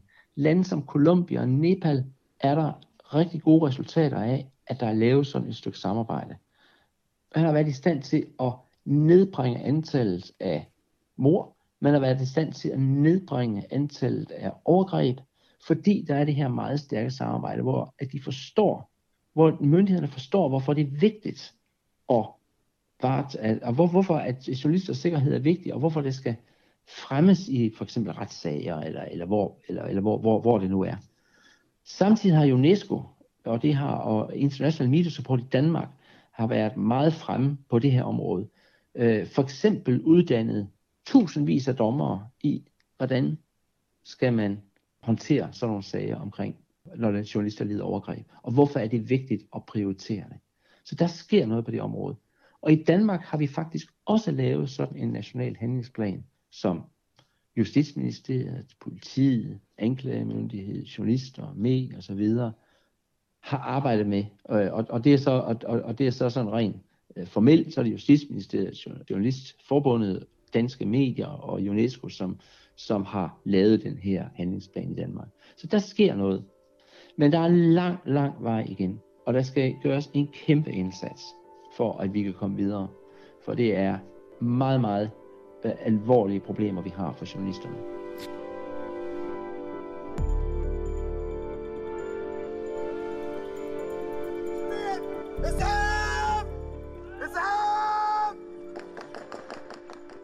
An Al Jazeera journalist has been shot and killed in the occupied West Bank.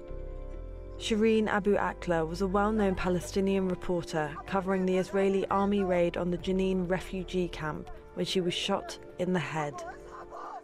The 51 year old was wearing a helmet and body armour clearly marked as press.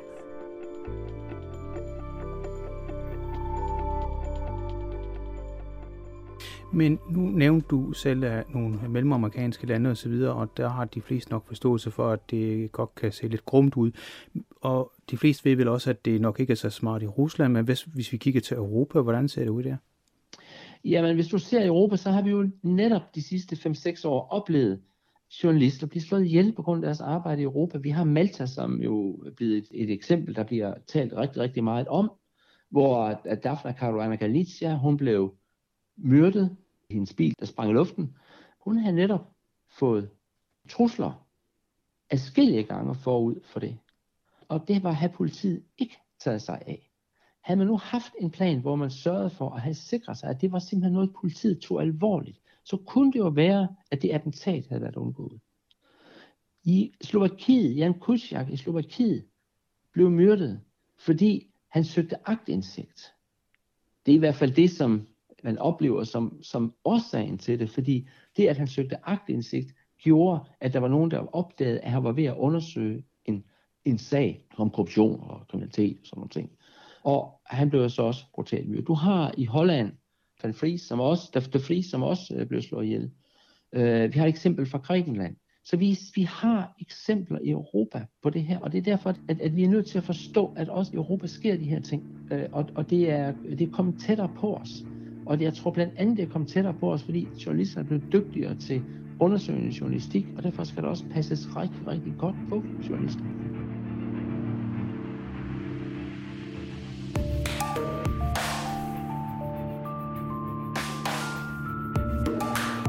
In his first ever comments on a case that shocked Europe, the man accused of killing a prominent Maltese journalist has confessed to the crime in an interview with a Reuters reporter.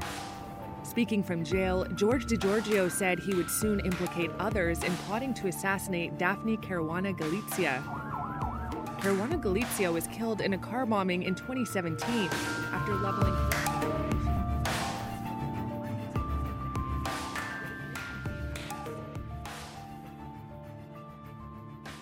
Og så er der jo den anden ting, som er blevet en måde, som mange også angriber journalister på, og det er de her såkaldte SLAP-sager. SLAP, det står for Strategic Lawsuits Against Public Participation.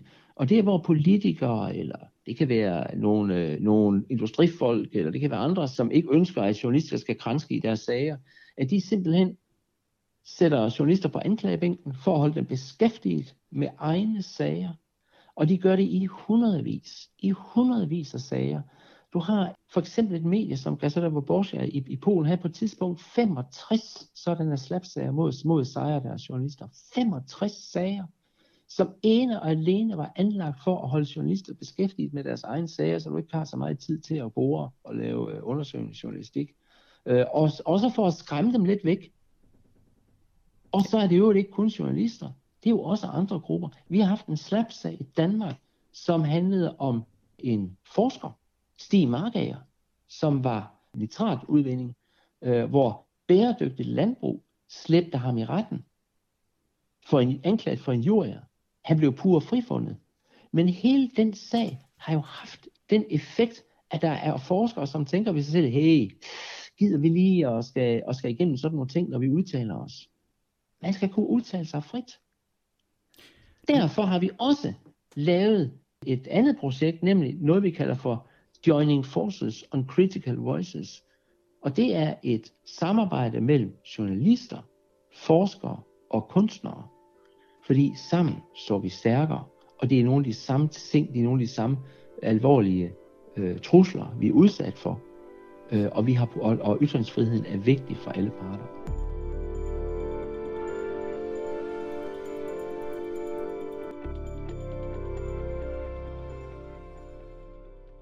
Sådan forklarer sig Mogens Blikker Bjergård med sin baggrund som blandt andet formand for Dansk Journalistforbund og formand for European Federation of Journalists.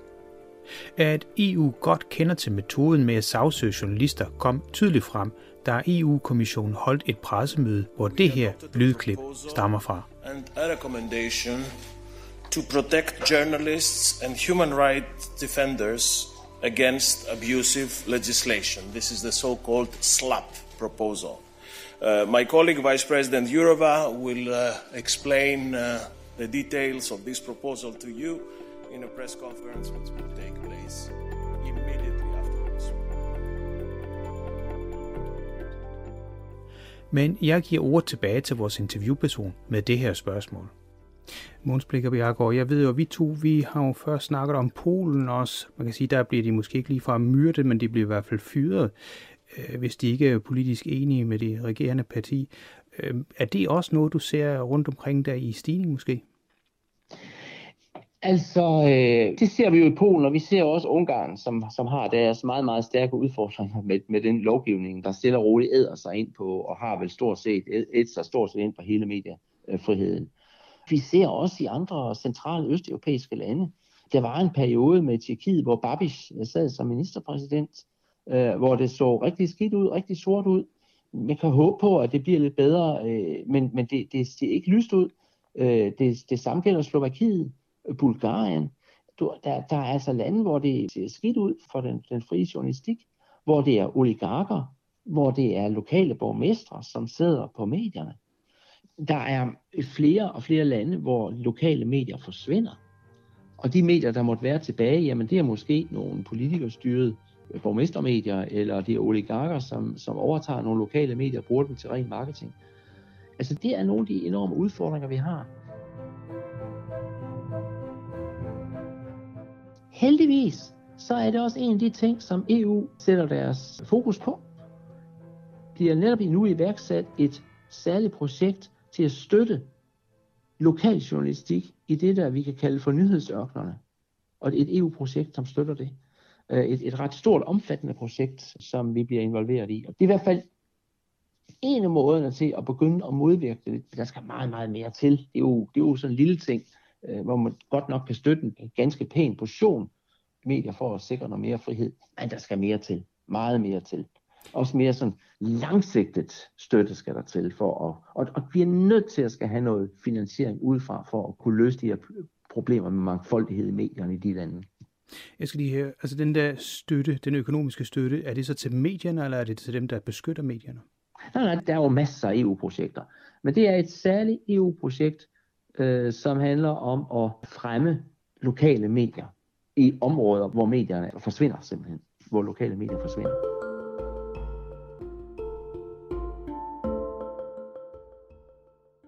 Men EU som sådan, en ting er, at de så gerne vil have de her små medier op at stå i nyhedsørkenerne, som de vil blive kaldt. Men kunne man forestille sig, at EU kunne gøre lidt mere for at beskytte dels journalisterne i sig selv, men også beskytte deres arbejdsmetoder. Her tænker jeg på agtindsigt øh, lov, og her tænker jeg også på mere gennemsigtighed. Altså, øh, de har jo taget journalisters sikkerhed op. Der er lavet sådan en særlig safety-plan, for, som, som EU har, har lavet, øh, hvor, hvor EU nu øh, også prioritere den del af det. Og så derudover har, har EU jo så lavet nu øh, den her mediefrihedsakt øh, forordning, som er, er på vej, øh, og, øh, og som, som nu bliver behandlet i, øh, i parlamentet, og øh, som kommissionen har fremsat, og som rådet også skal have kigget på. Og det, der er interessant i den, er, at der lægger man jo altså op til at se og, og have meget, meget mere åbenhed om, hvem ejer medierne. Og der er nogle lande, det betyder rigtig meget. Der, hvor det er oligarker, der, der sidder på medierne, eller det er politikerne, der sidder på medierne. Det er rigtig vigtigt at få en meget, meget mere transparens i ejerskaberne på medierne. Det er noget af det, som de kan være med til igennem sådan en, en akt. Så øhm, der skal være noget mere pluralisme i medierne. Det hænger jo så også sammen med, at der skal være åbenhed og transparens i ejerskaberne. Der bliver også lagt op til, at de enkelte lande skal sikre finansiering af public service medier øh, og er, er uafhængige public service medier. Øh, så er der et af de elementer, som er blevet meget kritiseret i Danmark. Øh, det er det her sådan et, et særligt bredt råd, man, man vil lave. Øh, jeg synes, man skal passe på med bare at kritisere det.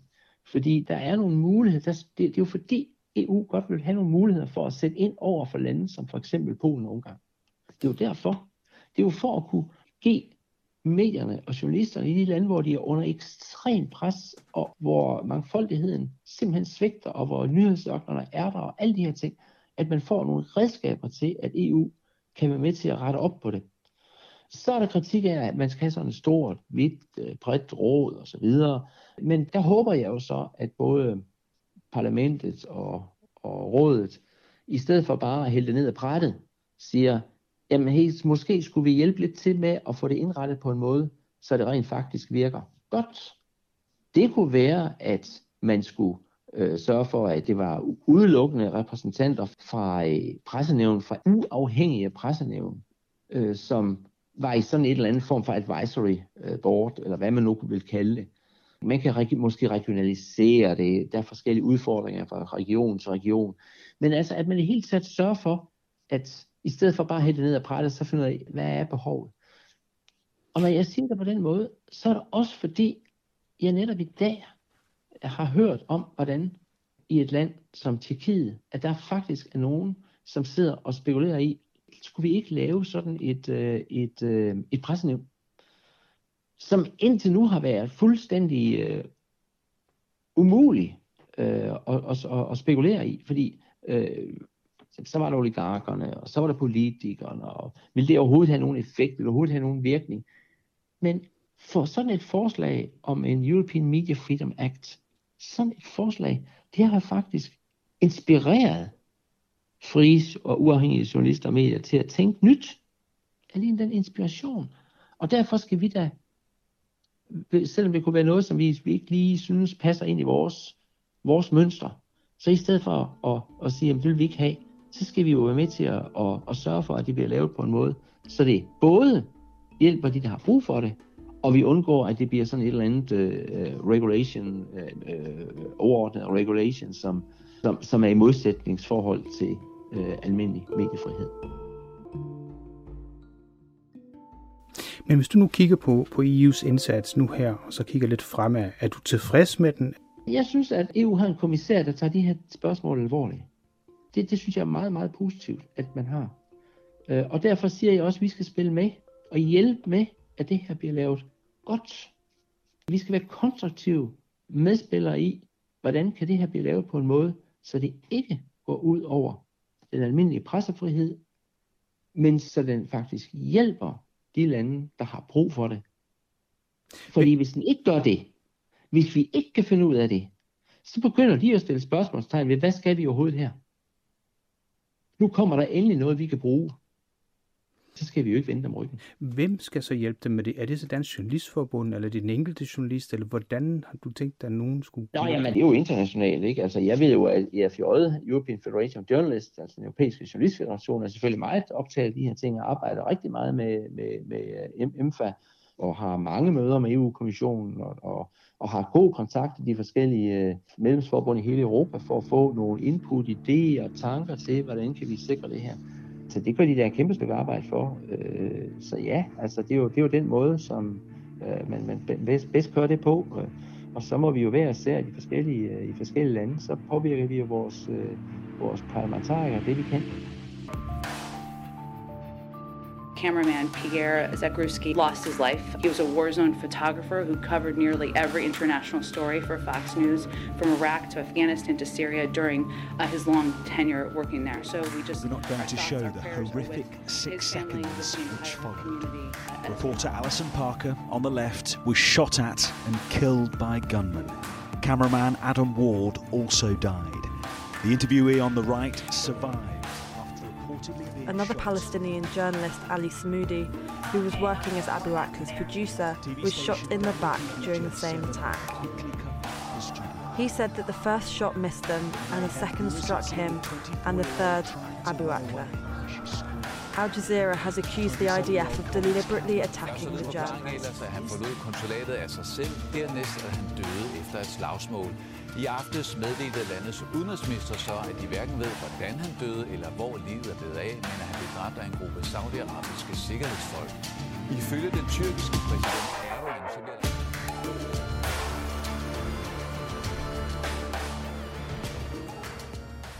Så det danske journalisters vej til at få påvirket de her kommende øh, lovgivningskompleks, øh, som måske udarter sig, det er altså igennem de danske parlamentarikere. Ja, eller igennem vores medlemskab af den europæiske journalistfederation og bakke op om det arbejde, de har, og også, også komme med input. Jeg kender jo fra tidligere, øh, mens jeg selv sad i spidsen for EFJ, altså vi, var meget optaget af altid at få input fra vores forskellige medlemsorganisationer til at kunne lave den bedst mulige øh, påvirkningsarbejde, når vi gik i gang med det. Det er jeg helt fortrøstningsfuld med, at det øh, øh gør EFJ stadigvæk i dag.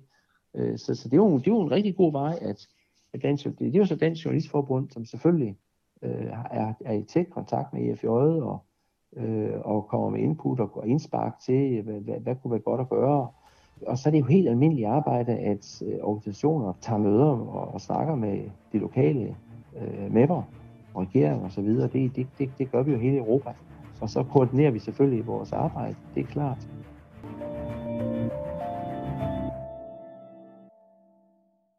Sådan sagde altså Mogens Blikker Bjergård, freelance journalist og blandt andet tidligere formand for både de danske og europæiske journalister. Du kan finde et link, der fortæller meget mere om ham på vores hjemmeside, som hedder radiomb.dk-eu. På samme side kan du også finde mange andre relevante links deriblandt links til historier om dræbte journalister. EU-kommissionens pressekonference om emnet og mange andre gode ting. Så skal vi lige huske at nævne, at udsendelsen har fået en kærkommende økonomisk håndsrækning fra Europanævnet. Journalisten, der interviewet, han hedder Jan Simmen, og det er også ham, der er redaktør. Mit navn det er Kim Matar Bundgaard, og jeg siger tusind tak, fordi du lyttede med, og på genhør næste gang.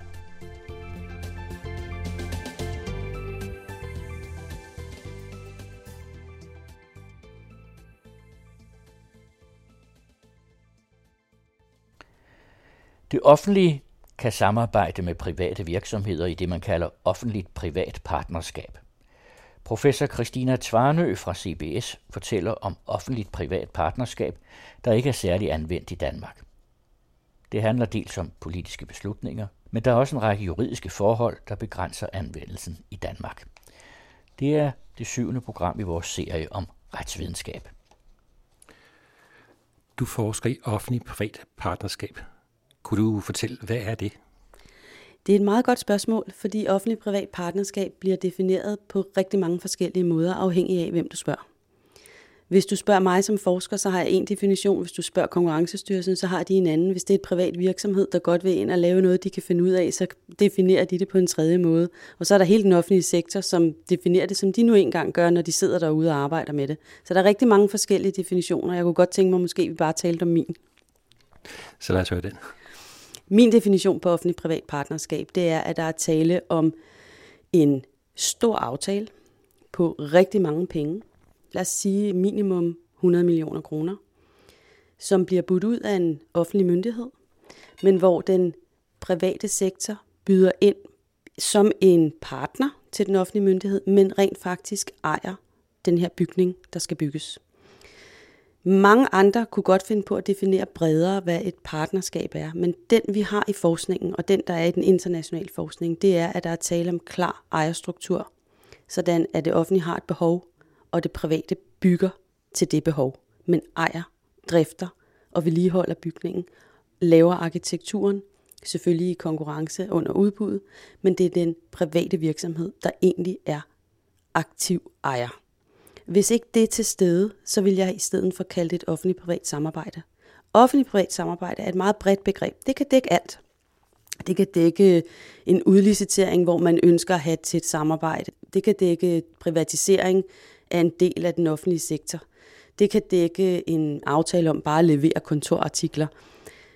Der handler det langt mere om, hvorvidt man ønsker en grad af samarbejde imellem parterne. Men når vi taler om offentlig-privat partnerskab, så er ejerskabet helt klart definerende for, om det egentlig er et offentlig-privat partnerskab, set fra forskningens side.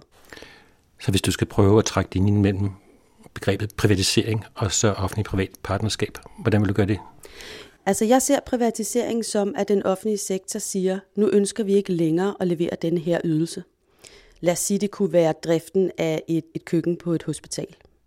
Så siger man som region, vil det jo så i givet fald være, vi ønsker ikke længere at levere driften af den her ydelse. Så lægger man det ud til den private sektor, at de skal simpelthen levere den her ydelse. Og man køber bare den her ydelse. Det er en standardydelse, det kunne være ISS, der drev det, men man privatiserer en del af det, så man ønsker ikke at have noget med at gøre mere, så forventer man, at markedet leverer den bedste ydelse.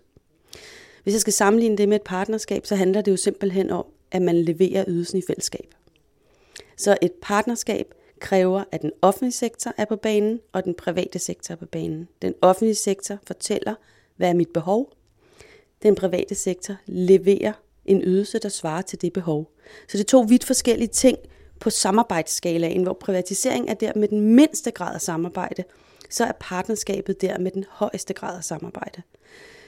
Fordi privatisering ikke som sådan involverer den offentlige sektor, andet den offentlige sektor stiller nogle krav op, hvad skal der leveres hvor et partnerskab handler om at dække et behov, og parterne skal så i samarbejde søge den løsning, der dækker det behov bedst. Har du nogle eksempler på offentlig-privat partnerskaber?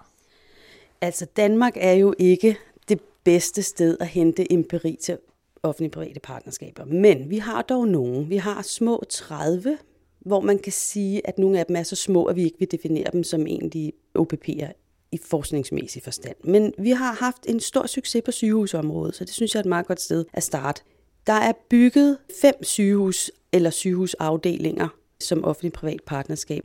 Det vi kan se af de data, vi har fået ind, det er, at der bliver leveret til tiden, og der bliver leveret det, der er efterspurgt. Der er leveret til prisen, men umiddelbart ser det ud som om, at det bliver dyrere for den offentlige sektor. Men det er sådan set også lidt meningen. Det er ikke meningen, at fordi at man laver det i et partnerskab, at så kan man sige, så sparer vi øh, 20 procent, og det skal den private sektor bare levere. Det er ikke det, der er meningen. Meningen er, at man skal spare måske 10 procent over 30 år. Så når man opgør de her ting på tidspunktet, hvor byggeriet lige er bygget, så er det faktisk meningen, det skal være dyrere. Fordi bedre kvalitet, der lever op til de behov, der er, koster selvfølgelig mere end et byggeri, der er leveret på en kravspecifikation, der er fastsat to år før byggeriet er færdigt. Så hele ideen er egentlig, at ved at lægge det ud til den private sektor, at du vender incitamenterne, sådan at den private sektor på lang sigt vil tjene pengene ind på deres investering og spare noget, sammenlignet med hvis man havde bygget på laveste pris, og det var den offentlige sektor, der finansierede og ejede byggeriet. Så det er faktisk meningen, at der skal være forskel i omkostningsstrukturerne. Og i stedet for at kigge på, hvad det koster, når det bliver bygget, sådan et sygehus, så skal man kigge på, hvad koster det over 30 år at drifte det her? Hvad koster det den offentlige sektor at lege sig ind i det her sygehus over 30 år? Eller er der nogle gevinster, man kan lave, når det er den private sektor, som rent faktisk ejer det her? Kunne man forestille sig, at alle arealerne ikke bliver udnyttet hele tiden, så kan den private sektor, den, altså den private part jo, bruge arealerne til noget andet. Der er et sygehus måske ikke det bedste eksempel, så lad os kigge på en af de skoler, der er bygget, for der er også bygget en del skoler, og skoler er et rigtig godt eksempel. Lad os sige en skole til 100 millioner. Hvis den bliver bygget til laveste pris, som vi ville normalt gøre i et helt almindeligt offentligt udbud, så vil kommunens ansatte sætte sig ned og lave nogle kravspecifikationer. Hvad har vi af børn i dag? Hvad forventer vi at have børn i længere tid? Hvad skal et lokal indeholde? Og hvad skal man kunne levere undervisning? Det er et helt almindeligt udbud. Et OPP skal bydes ud på en helt anden måde. Der skal den offentlige sektor sige, hvilke behov har vi i de næste 30 år til at levere den bedste undervisning, vi overhovedet kan forestille os, til det antal børn, der er. Og så skal man bede den private sektor om at komme med et forslag til, hvordan det kan løses over 30 år inden for en økonomisk ramme. Så er meningen, at hvis man forventer de her incitamenter om, sådan at den private sektor bygger det her på baggrund af de behov, der er stillet, og her vil jeg gerne indskyde en parentes, den offentlige sektor er ikke god nok til at opstille behov, så er meningen, at den her skole, den bliver jo brugt fra, lad os sige, klokken 7 om morgenen til klokken 5 om eftermiddagen af skoledriften. Men resten af tiden kunne den jo bruges til noget andet. Den kunne bruges til yogastudie, eller kunststudie, eller madlavningshold, eller alt muligt andet. Og når det er ude af kommunalt regi, fordi det er ejet af den private sektor, så ligger der altså i hvert fald en 6-7 timer til rådighed, hvor den her skole kan bruges lokalemæssigt til nogle andre ting. Og det er jo så op til den private part at bygge en skole, der lever op til de her behov, men som også kan indtjene penge senere på dagen. Den øgede indtjening, der kommer ind, den skal jo afspejle sig i prisen. Det er klart. Ellers er det et dårligt udbud. Der er ikke nogen, der skal snyde hinanden i et OPP. Meningen er, at man skal være tættere på hinanden. Men meningen er også, at ved at vende incitamenterne for, hvem der ejer den her bygning, der gør man, at man kan skrue på nogle parametre. Man kan bygge på en anden måde. Man bygger lidt dyrere i starten, for at spare pengene på lang sigt. Lad mig give et andet eksempel. Lad os sige, at vi bygger en skole, helt almindeligt udbud, laveste pris. Der er man nødt til at gå på kompromis med nogle materialer. Så man maler egentlig bare skolen, som man skal, med den hvide farve, der er den billigste. Og når der er gået et halvt år, og man begynder at tage tape ned af væggen, som man har brugt til at sætte plakater op inde i klasselokalet, så ryger malingen af, fordi den holdt ikke så godt. Det er jo bare ærgerligt, for det er kommunen, der skal reparere det, så ham, der byggede skolen, kan være ligeglad. Han er ude af vagten. Hvis du bygger det som et OPP, så er det den private ejers skole. Så han vil jo godt have, at han slipper for at sende malere ud efter et halvt år, når der er pillet tape ned ad væggen. Så han maler med en dyre maling, der holder bedre, for så slipper han for at sende nogen derud. Det kan han regne på. Så skal han først vedligeholde det, når der er gået x antal tid. I modsætning til, når han afleverer en bygning, der står færdig til kommunen, så det er ikke hans job mere. Han har ikke noget ansvar for det. Han har afleveret det, de har bedt om. Og de bad om at få en skole til laveste pris. Så er det det, de får. Så der kan du godt se, der vender man incitamenterne for, hvad det er for et ansvar, man har for bygningen.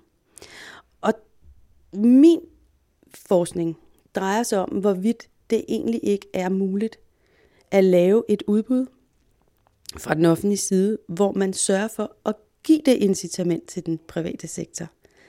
Der er vi ikke nået til i Danmark endnu, fordi den offentlige part vil stadigvæk rigtig gerne have kontrol med alt.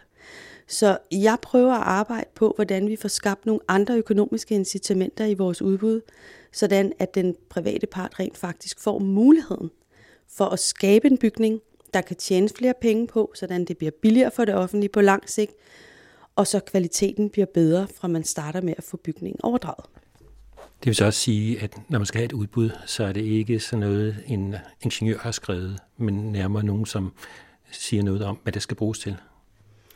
Ja, det er jo en rigtig god pointe, du kommer med der, fordi langt de fleste udbud i dag er jo selvfølgelig skrevet af ingeniører, der bliver købt ind som bygherrerådgiver eller som øh, projekterende ingeniør. Og jeg vil sige, de gør jo et rigtig, rigtig godt stykke arbejde, men man skal huske på, at de langt overvejende laver det her arbejde til laveste pris på de kravspecifikationer, der bliver opstillet fra den offentlige sektor. Det vil sige, 99 procent af alle de udbud, vi har, bliver lavet på den måde, som du lige nævnte her. Ikke? Et OPP er nødt til at blive lavet på en anden måde. Det kan simpelthen ikke udliciteres, eller hvad man kan kalde, til et ingeniørfirma. Det er nødt til at laves af de parter, der skal bruge bygningen, i en forståelse af, at de ikke skal skrive krav ned. De skal skrive behov ned, og det er svært. Og det er vi ikke særlig gode til i Danmark. Det er vi faktisk ikke særlig gode til.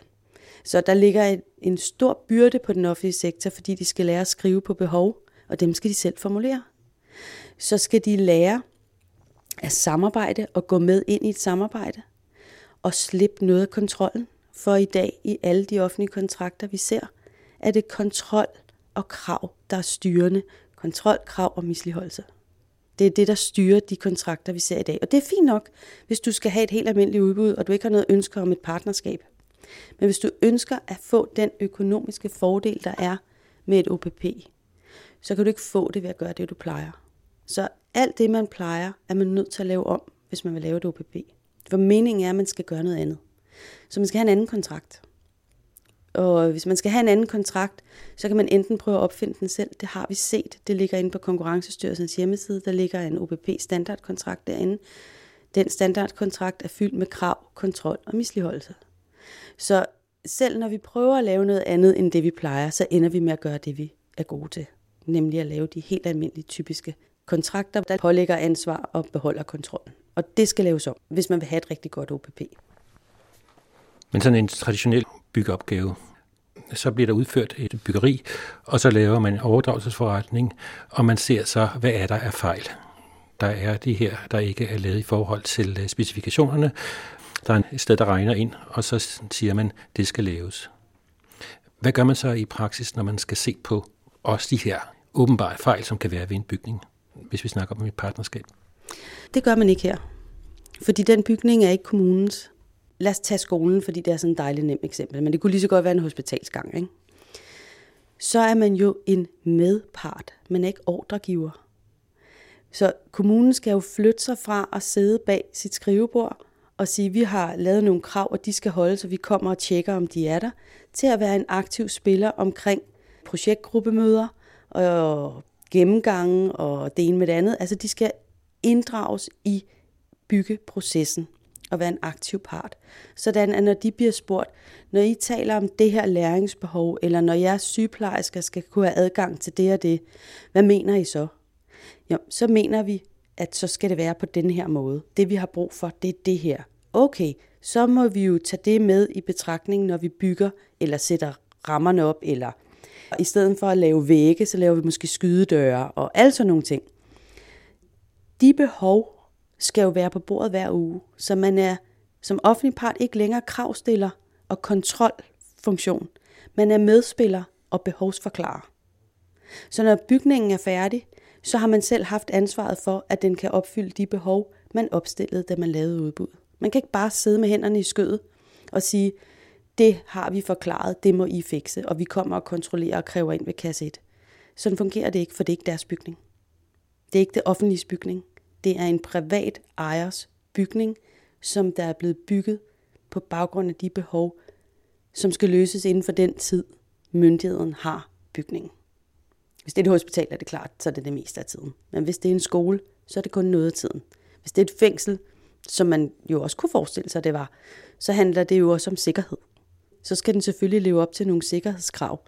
Men de behov, der er for, at fængselsbetjentene kan arbejde, og de behov, der er for, at fangerne har det godt, og har mulighed for at komme ud, eller hvad de nu selv skal lave mad og sådan noget. Ikke?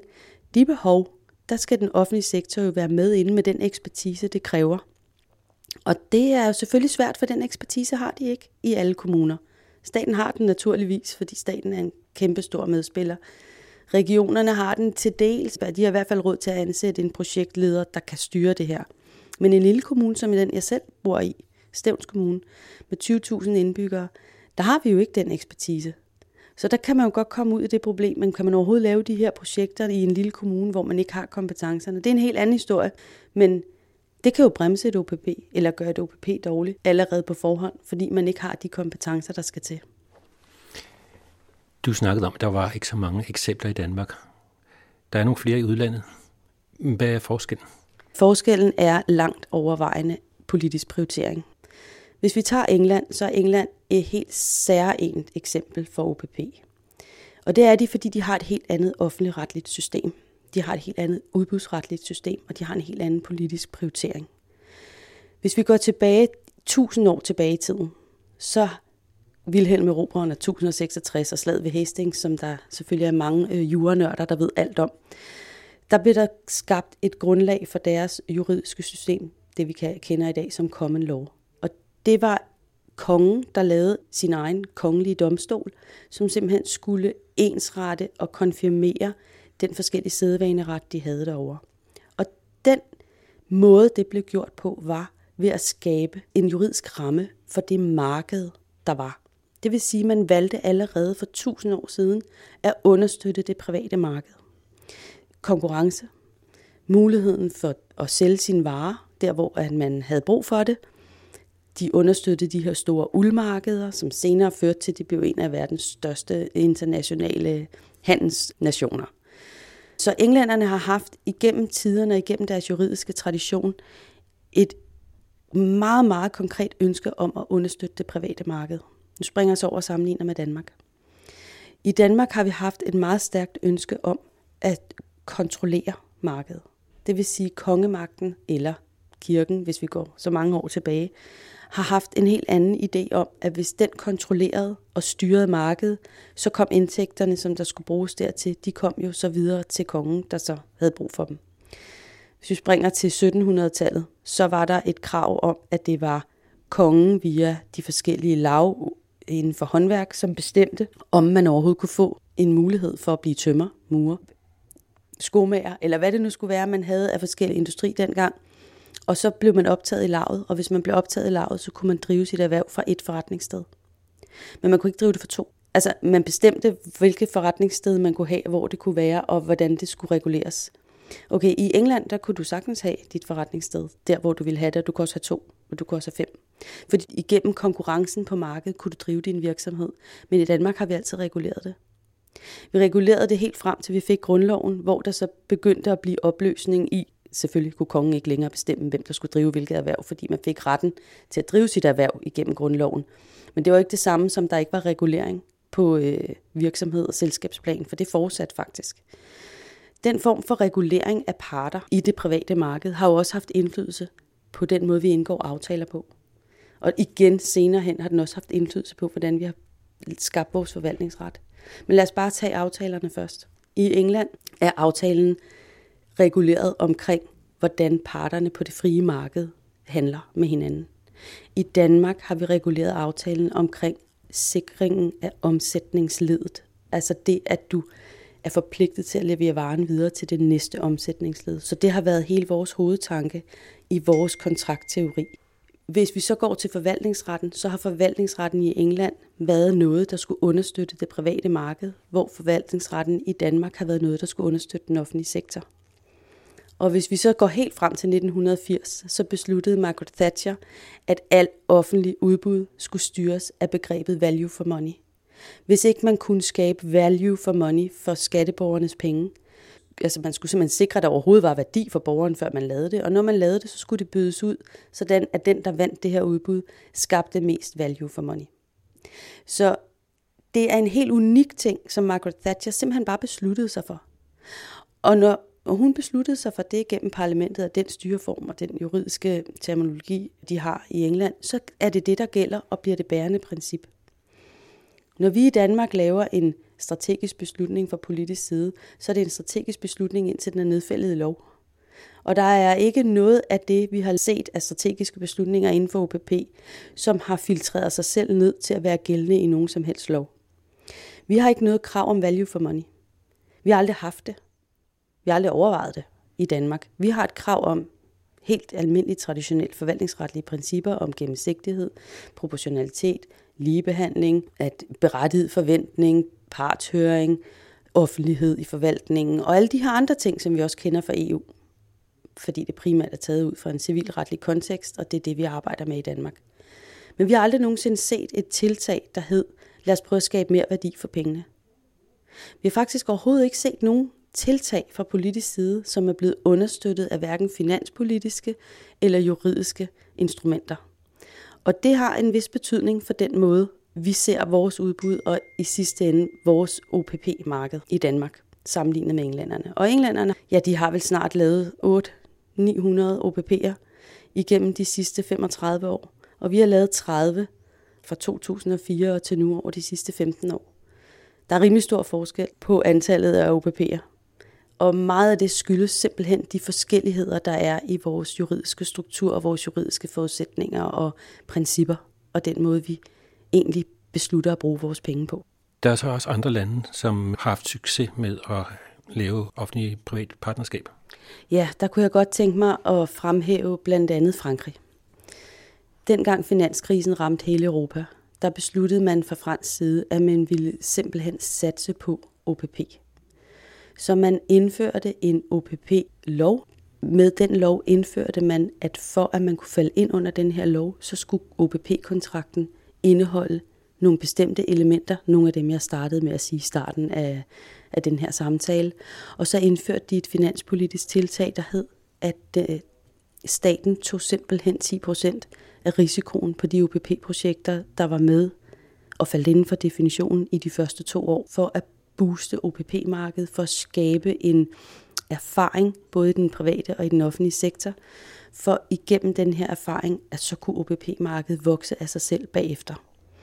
Det gjorde de altså midt under finanskrisen, hvor alle andre medlemsstater i EU skar ned på de offentlige finanser generelt set.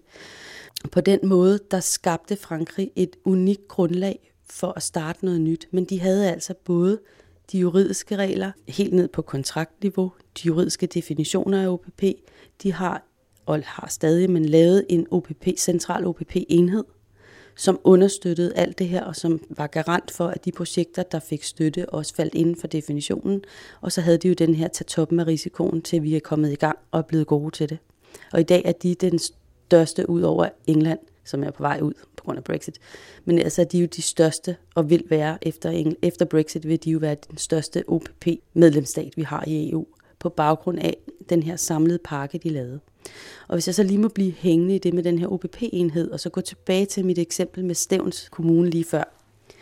Når man laver sådan en central OPP-enhed, så kan man give mulighed for, og det har man gjort i mange andre lande, blandt andet også Kanada, så kan man give den her mulighed for, at en lille kommune som Stævns kan købe sig til ekspertisen og sige, vi i Stævns Kommune, vi vil gerne have bygget en ny skole, vi vil gerne prøve at bygge den som OPP, vi har ikke selv mandskabet, ekspertisen og kompetencerne til det.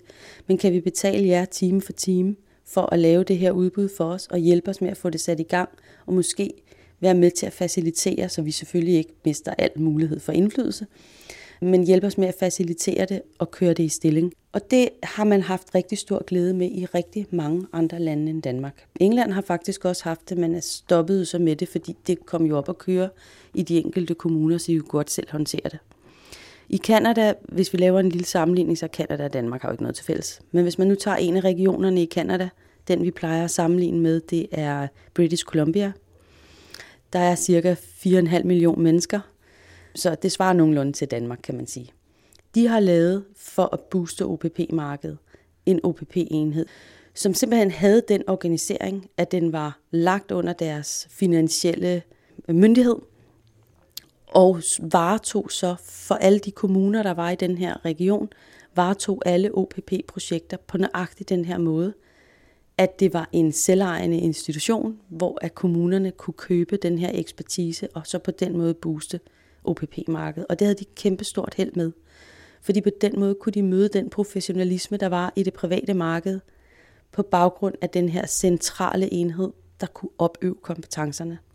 Og det blev meget billigere for offentlig side at samle kompetencerne et sted, så man ikke behøvede at hyre mandskab ind til at gøre det ude i kommunerne. Men samtidig gjorde det jo også, at man rent faktisk fik lavet nogle udbud af de her OPP'er, som mødte det behov, der var i markedet, så man rent faktisk skabte et OPP-marked på baggrund af sådan en OPP-enhed, der løftede markedet. Fordi det skal man huske. Udbudsreglerne er meget besværlige, meget tunge og meget svære at fortolke. Og man er rigtig bange for at komme til at gøre noget forkert som offentlig myndighed. Men udbudsreglerne har aldrig haft nogen intention om at ødelægge markedet. Udbudsreglerne er faktisk lavet fra EU's side til at skabe markeder. Men hvis man bruger dem som kontrolfunktion til at byde ud til laveste pris i et marked, hvor der ikke er nogen indtjening, så der kun er en eller to, der byder per gang, fordi det simpelthen er for risikabelt at byde på et offentligt projekt, så ødelægger man jo markedet med udbudsreglerne, og det har aldrig været hensigten. Så selvom at vi i EU i dag i vores udbudsregler ikke ser det her princip value for money, for det gør vi desværre ikke, det er ikke indbygget i vores udbudsregler, så det er jo ikke det samme som, man ikke må opstille sådan et princip. Det har de jo gjort i England uden problemer.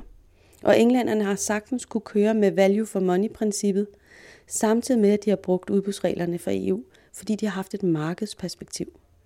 I Frankrig har man valgt at understøtte OPP med at lave en regulering omkring det, og en, nogle finansielle instrumenter omkring det, for at skabe et marked for OPP. Og i Kanada, som så ikke er underlagt EU's udbudsregler, har man valgt at sætte fokus på at have en central enhed, der skulle bære det her igennem igen for at skabe et marked. Så hele ideen, hvis man ønsker OPP, det er, at man fra offentlig side, og her det er jo så staten, foretager en reel politisk prioritering, der er understøttet af noget andet end det, vi plejer at gøre. Helt tilbage til starten af vores samtale. Man kan ikke få OPP, hvis ikke man gør noget andet end det, man plejer. Og det kræver altså en politisk prioritering. Den politiske prioritering kan være rigtig mange ting, men hvis jeg skal nævne nogle af de ting, jeg ser ud fra andre lande, så er det blandt andet det her med, lav en OPP-enhed. Det er ikke særlig svært. Det kunne KL og regionerne gøre, og på den måde så kunne de skabe en ekspertise. Man kunne også sige, at det Finansministeriet måske ikke så interesseret i, så lav det i samarbejde med Finansministeriet. Det er stadigvæk ikke det, der er det store problem. Kig på, hvordan andre lande har gjort det. Lær af det, og lav en model, som giver mulighed for at skabe et marked. Lav en OPP-lov. Altså lav en OPP-lov ligesom i Frankrig. Det er meget nemt. Kig på, hvordan de har gjort i Frankrig. Skab en OPP-definition. Falder du inden for den her definition, så er du inden for OPP-loven, og så har du de og de udbudsrammer, fordi vi vil gerne fremme det her OPP-marked. Fjern deponeringsreglen. Vi har en PUD her på øh, CBS Lov, som har fundet ud af, at der er så utrolig mange forvaltningsretlige rammer for OPP. Der er så mange, at det er nærmest umuligt at lave en sund business case på et OPP, fordi der er så mange rammer. Man kan sagtens fjerne deponeringsreglen, som hun siger, kun for OPP. Hvis man falder inden for den her definition, som ligger inden for OPP-loven, så er der ikke nogen bekymring inden for det, fordi de andre rammer, der er til stede, budgetregler og EU-regler og alt muligt andet for, hvordan man må bruge offentlige penge, on balance, off balance og alle de her ting, de rammer er der jo stadigvæk, selvom man fjerner deponeringsreglen. Og hvad er det, deponeringsreglen går ud på? Deponeringsreglen er en regel, der gælder for offentlige projekter, offentlige byggerier, der siger, at hvis den kommune eller den region, der ønsker at i gang sætte et projekt, ikke selv har pengene, så skal de deponere nogle penge i en periode, for at de kan låne penge af staten og bygge det her projekt. Det er måske fair nok, at man siger, at man ikke bare kan låne penge og så bruge pengene to gange. Der er et eller andet rationale for det her, som går tilbage til Farum-sagen, som måske bliver lidt indviklet at komme ind på, men det handler lidt om, at hvis ikke man har en eller anden form for hold i kommunerne eller regionerne, så kunne man jo risikere, at de simpelthen brugte mere, end der var i kassen. Problemet med deponeringsreglen, når vi taler om et OPP, det er, at hvis du skal deponere det samme beløb, 100 millioner, for en skole på en konto, samtidig med, at det private erhvervsliv bruger 100 millioner på at bygge skolen, så koster skolen lige nu 200 millioner. Det er ikke nogen business case. Det er håbløst. Men sådan er det i dag. At hvis du ønsker, at det private skal bygge din skole for 100 millioner, så lægger du samtidig selv 100 millioner ind på en konto, og hvert år får du så en 25. del ud af det her beløb, du har deponeret, samtidig med at du så betaler lejen til den private ejer af skolen. Det er lige meget, hvor meget tid jeg bruger på det, så er jeg rigtig, rigtig svært ved at se, hvordan det nogensinde økonomisk kunne give en eller anden form for mening. Så den her deponeringsregel, som er en eller anden form for budgetbegrænsning, den kan du jo bare regulere i den her OPP-lov. Man kunne jo bare sige, at der må kun bygges for så så meget OPP i Danmark om året i de første tre år. så kan man sige, så tager man det op igen på finansloven og siger, hvor meget må vi nu bygge i forhold til, hvad vi er underlagt af EU's budgetregler. Man behøver jo ikke tvinge en kommune til at lægge det samme beløb, som den private part skal bruge til at bygge projektet. Altså den økonomiske restriktion er meget, meget svær at forstå, hvis man skal se en business case i det. Og den eksisterer ikke nogen andre steder end i Danmark. Alle andre steder er der lagt nogle økonomiske rammer ned for, hvor meget man må bruge, men man har aldrig sagt, at man skal bruge dobbelt så meget for at bygge en skole, som det reelt koster. Det, det findes ikke nogen andre steder. Vi har spurgt ud i alle de medlemsstater, der er i EU. Vi har spurgt i Kanada, vi har spurgt i USA, vi har spurgt i Australien. Vi kan ikke finde nogen steder, at de lande, vi normalt sammenligner os med, der har en regel, hvor man egentlig kræver det dobbelte for at bygge noget, bare fordi det er OPP. Hvis det er et helt almindeligt udbud, så bygger du jo bare det for de 100 millioner. Men når det er OPP, så du bruge de 100 millioner fra den private sektor, og lægge de 100 millioner i depot for den offentlige sektor. Det siger vores forskning herindefra. Lige præcis den del kunne man godt fjerne og regulere det på en anden måde. Nu sagde du, at der var en succes i Storbritannien på grund af en retslig tradition. Men det er jo sådan en anden retslig tradition, man har i Frankrig og i Danmark. Det er også derfor, at Frankrig er et rigtig godt eksempel, når man sammenligner med Danmark, fordi for at Frankrig kunne booste deres OPP-marked, så har de været nødt til at regulere sig ud af det. Og de har reguleret sig både med en generel OPP-lov, der indeholder en OPDP-definition, der indeholder en henvisning til en OPP-kontrakttype, der skal anvendes, og de finansielle instrumenter, som de har brugt til at understøtte det, og en central enhed, der styrer det. Det er fem ting. I Danmark har vi nul. Så det vil sige, at hvis man skal komme med de danske retslige traditioner, så skal man for eksempel se nærmere på Frankrig end på Storbritannien, hvis man skal have noget til at fungere. Jeg vil i hvert fald sige, at det er nemmere at gå til Frankrig og kigge på, hvordan de har gjort, fordi de har gjort det ud fra den samme tradition, som vi har, nemlig den her civil law tradition, hvor vi bygger meget på de skrevne retskilder, og hvor vi ikke bare kan opdægte et princip i forvaltningsretten, og så gælder det. Det er jo det, de kan i England, fordi de har den her parlamentaristiske common law tradition, der gør, at hvis de vælger at sige value for money, er deres overvejende princip, og det gælder over alt andet, så gælder det. Hvor i Danmark ville det kræve, hvis vi skulle have sådan et value for money, så skulle vi skrive det ind i en OPP-lov. Men vi kunne jo starte med at sige, når vi har med et OPP at gøre, så er det et krav fra vores side i loven, i OPP-loven, at der er et tydeligt value for money islet, og at det skal kunne vises både i det udbud, der bliver lavet, og i det tilbud, der kommer ind. En anden ting, jeg vil sige, man kunne putte ind i sådan en lov, det var, at man kunne sige, at når vi har et OPP, så vil vi gerne have, at kontrakten, som parterne skal indgå sammen, bliver budt med ud. Der skal være konkurrence om, hvem der kan lave den bedste kontrakt i det her udbud. Så når tilbudene kommer ind, så kunne man sige, 25 procent af tildelingskriteriet går på dem, som kan komme med den bedste model til en samarbejdskontrakt, hvor vi får mest ud af hinandens kompetencer og dermed øger muligheden for at skabe en besparelse over 30 år. Det er noget, vi slet ikke gør i Danmark overhovedet. Men det er ikke noget, man er uerfaren med i England. Fordi der er det jo klart, at man konkurrerer stort set på alle parametre. I England er der private virksomheder, der kommer med kontraktforslag, man kan bruge, som øger graden af samarbejde. Så man kan vælge at bruge en af de kontrakter som udgangspunkt for sit udbud. I Danmark der er den offentlige sektor bundet af at bruge AB92, når de laver byggekontrakter. Så i stedet for at sige, at vi laver alt om i Danmark, så kunne man prøve at lave en OPP-lov og lave det om, når det drejer sig om OPP, fordi det ville måske være med til at booste et marked. Og så kunne man tage de gode erfaringer fra England, som bare drysser ned igennem deres retstradition og gælder. Og dem kunne man så indskrive i en lov og bruge den efter fransk forbillede og sige, så nu skaber vi simpelthen et marked på baggrund af en juridisk ramme, som skal fremme de økonomiske incitamenter, samarbejdet imellem parterne, afgivelse af kontrol mod en forventet mere indtjening eller besparelse over 30 år og sådan nogle ting.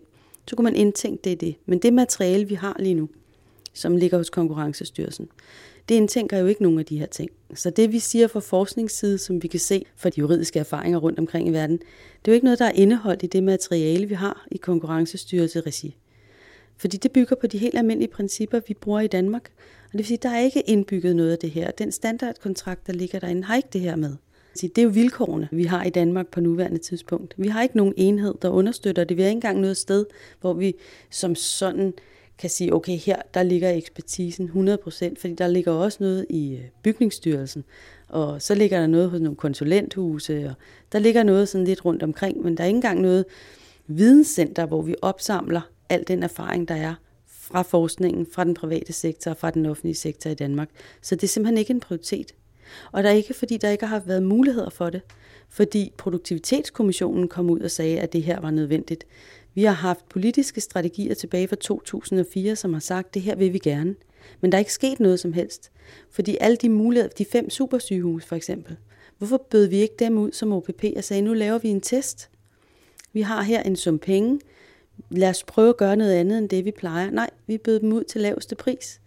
Og det vil sige, at det er endt med, som det gør i rigtig mange store projekter, at det koster meget mere, og der er ikke råd til det.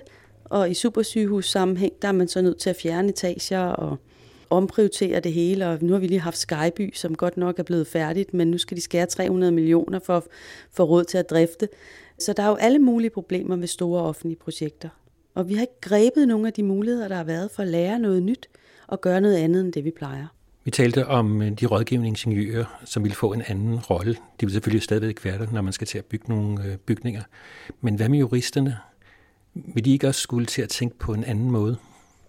Uha, jo, det er en rigtig, rigtig god pointe, fordi det er smadret, smadret svært som jurist at lave en kontrakt, som skal øh, gå ind og optimere modpartens output af kontrakten. Det er slet ikke det, der er en del af den juridiske tradition.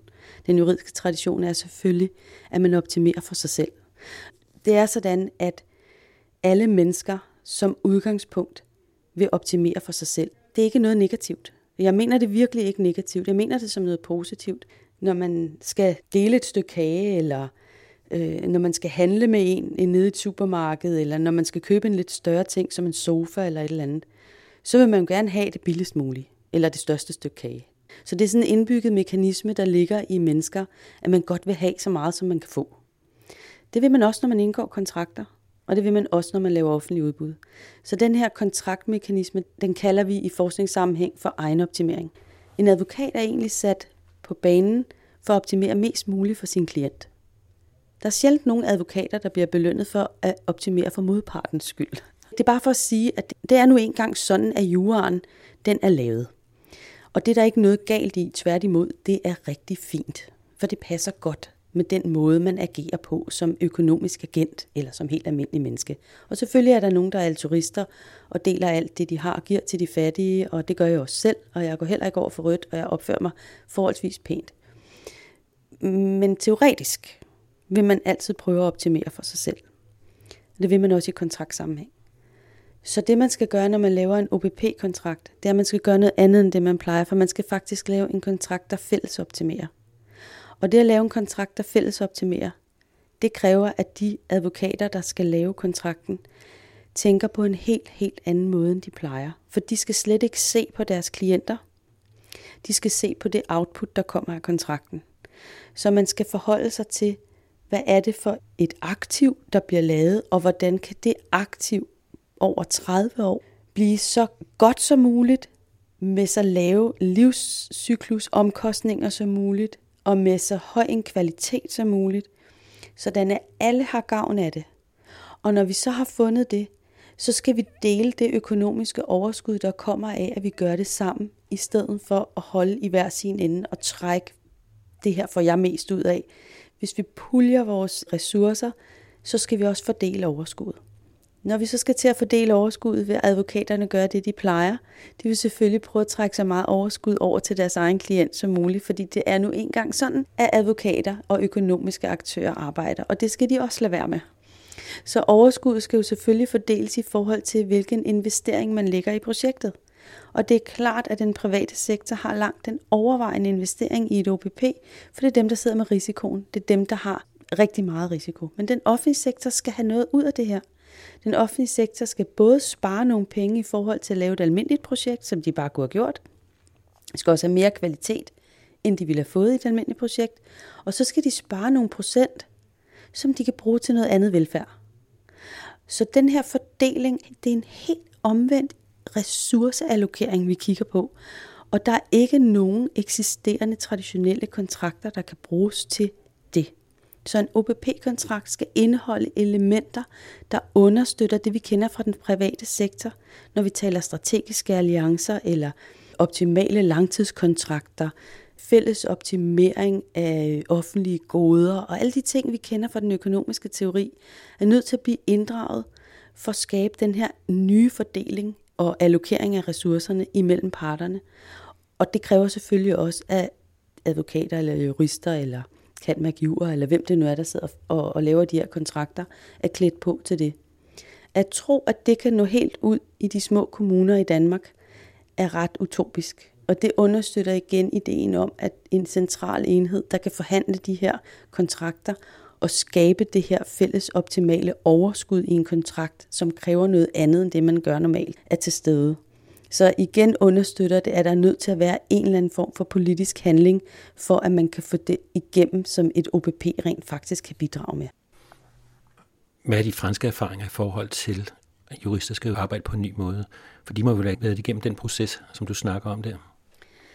Franskmændene valgte jo at skabe et OPP-kontraktgrundlag, som man skulle bruge, hvis det var, at man ville falde inden for den her OPP-lov og få den her økonomiske bonus, der var i starten.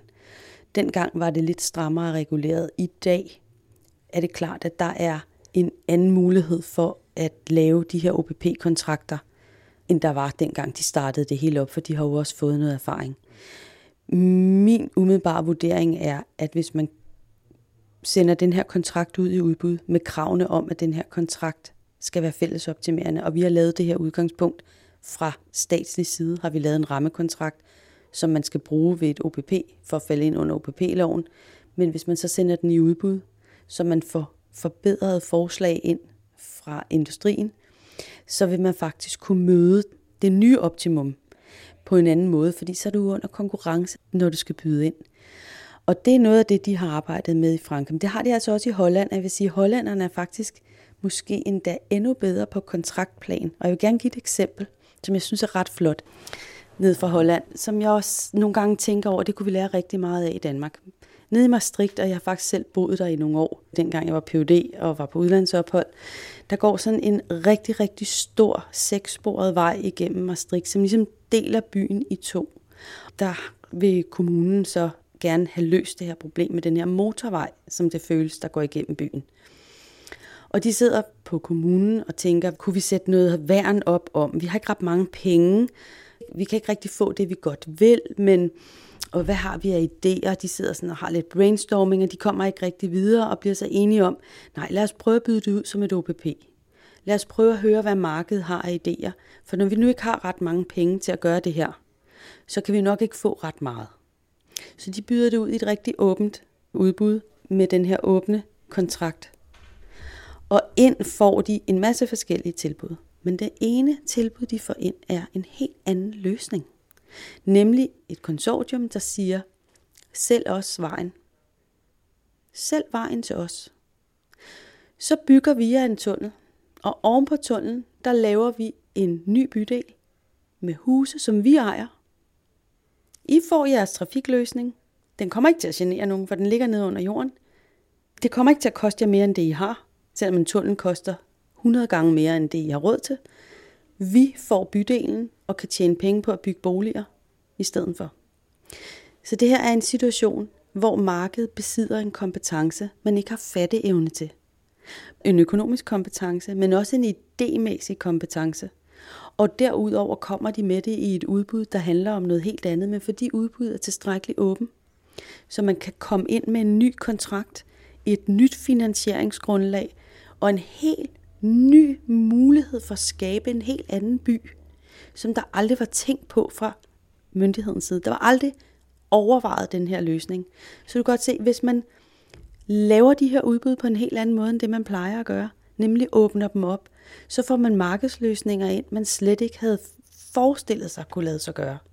Og det vil sige, pludselig arbejder man sammen med den offentlige sektor og den private sektor om at skabe noget bare ved at give slip på noget kontrol og give mulighed for noget fællesskab og fælles nytte og fælles kompetencer og alt sådan noget.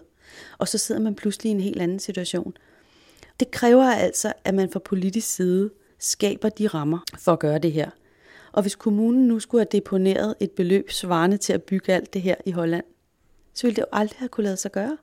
De ville aldrig have kunne have fået den her løsning, fordi de skulle have lagt 30 milliarder for at bygge en tunnel, og det kunne de ikke, for de havde ingen penge. Nu fik de lavet det inden for EU's udbudsregler. Man kan undre sig over, at der ikke er ret meget, der kan lade sig gøre i Danmark.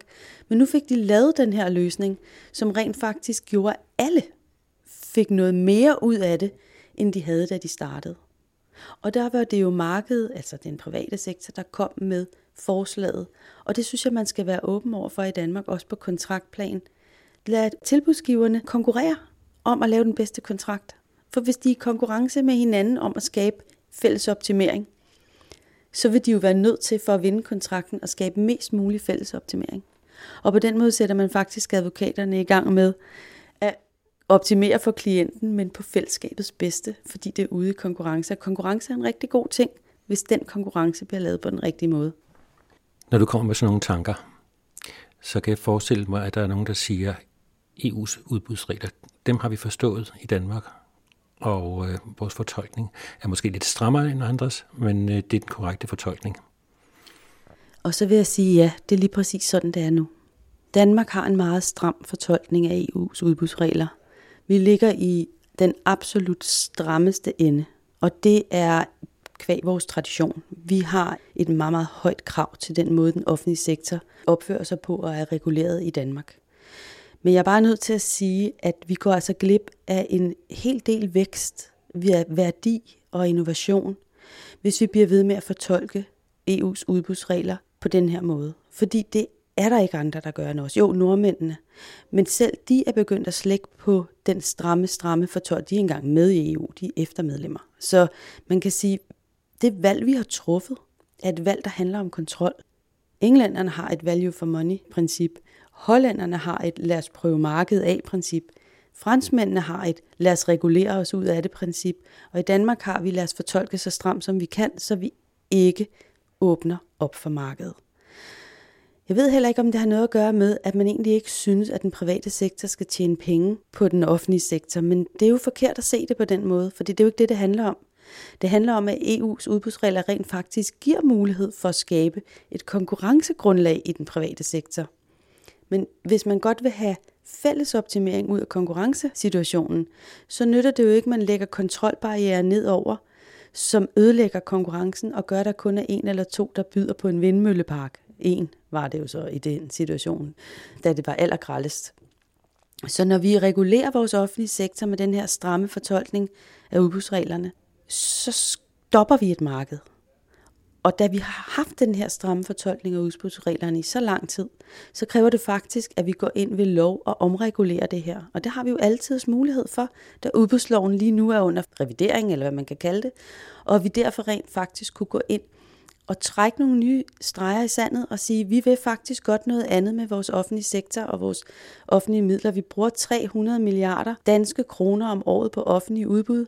Vi vil godt bruge 1 milliard om året på at lave et OPP-marked, for at se, om ikke vi kan blive bedre til det på lang sigt. Og så starte i det små og sige, så gør vi det ved at regulere os ud af det, og så regulerer vi OPP-delen, og lade det andet være, for det er vi jo sådan set nogenlunde gode til.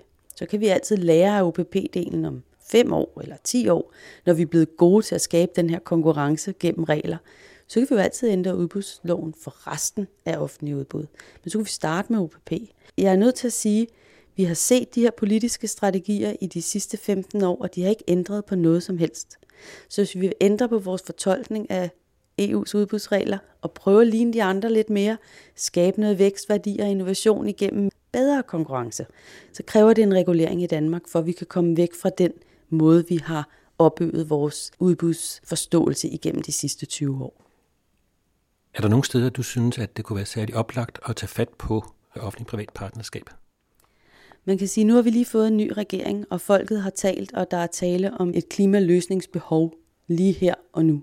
Og man kunne jo godt sige, for at kaste sig helt vildt ud i at lave noget andet end det, man plejer, så kunne det være, at man skulle løse den her klimakrise i samarbejde mellem den offentlige og den private sektor, og så ville det da være oplagt at sige, at nu sætter vi x antal milliarder af til at prøve at lave nogle OPP-projekter inden for klima. Et eksempel kunne være de her krydstogsskibe, der ankommer til Københavns Havn eller Esbjerg, hvor de nu kommer til. De forurener ekstremt meget. Der er ikke nogen, der har råd til at opsætte anlæg, som skibene kan koble sig til inde på kajen, fordi det er rigtig, rigtig dyrt. Men hvis nu man lavede et tiltag i OPP-regi, hvor man sagde, at det her er noget, vi afsætter en sum penge til, fordi vi på den her måde kan fjerne noget forurening og stille krav om grøn energi til de her krydstogsskibe. Så nu vil vi simpelthen lave en satsning, og så vil vi prøve at booste markedet for at lave grøn, miljøvenlig energi til krydstogsskibe i Danmark i en periode over fem år, så skulle vi nok se, at der blev lavet en eller anden form for investering i den private sektor, som kunne komme med løsninger til det her. Men hvis man bare på forhånd har bestemt sig, hvordan løsningen skal være, fordi Københavns Kommune synes, det skal være på en måde, og Esbjerg synes, det skal være på en anden, så har man allerede der gået ind og ødelagt lidt af den her idé om OPP. Nej, man skal lave åbne udbud, hvor man kan få alle typer af idéer ind fra den private sektor og fra industrien.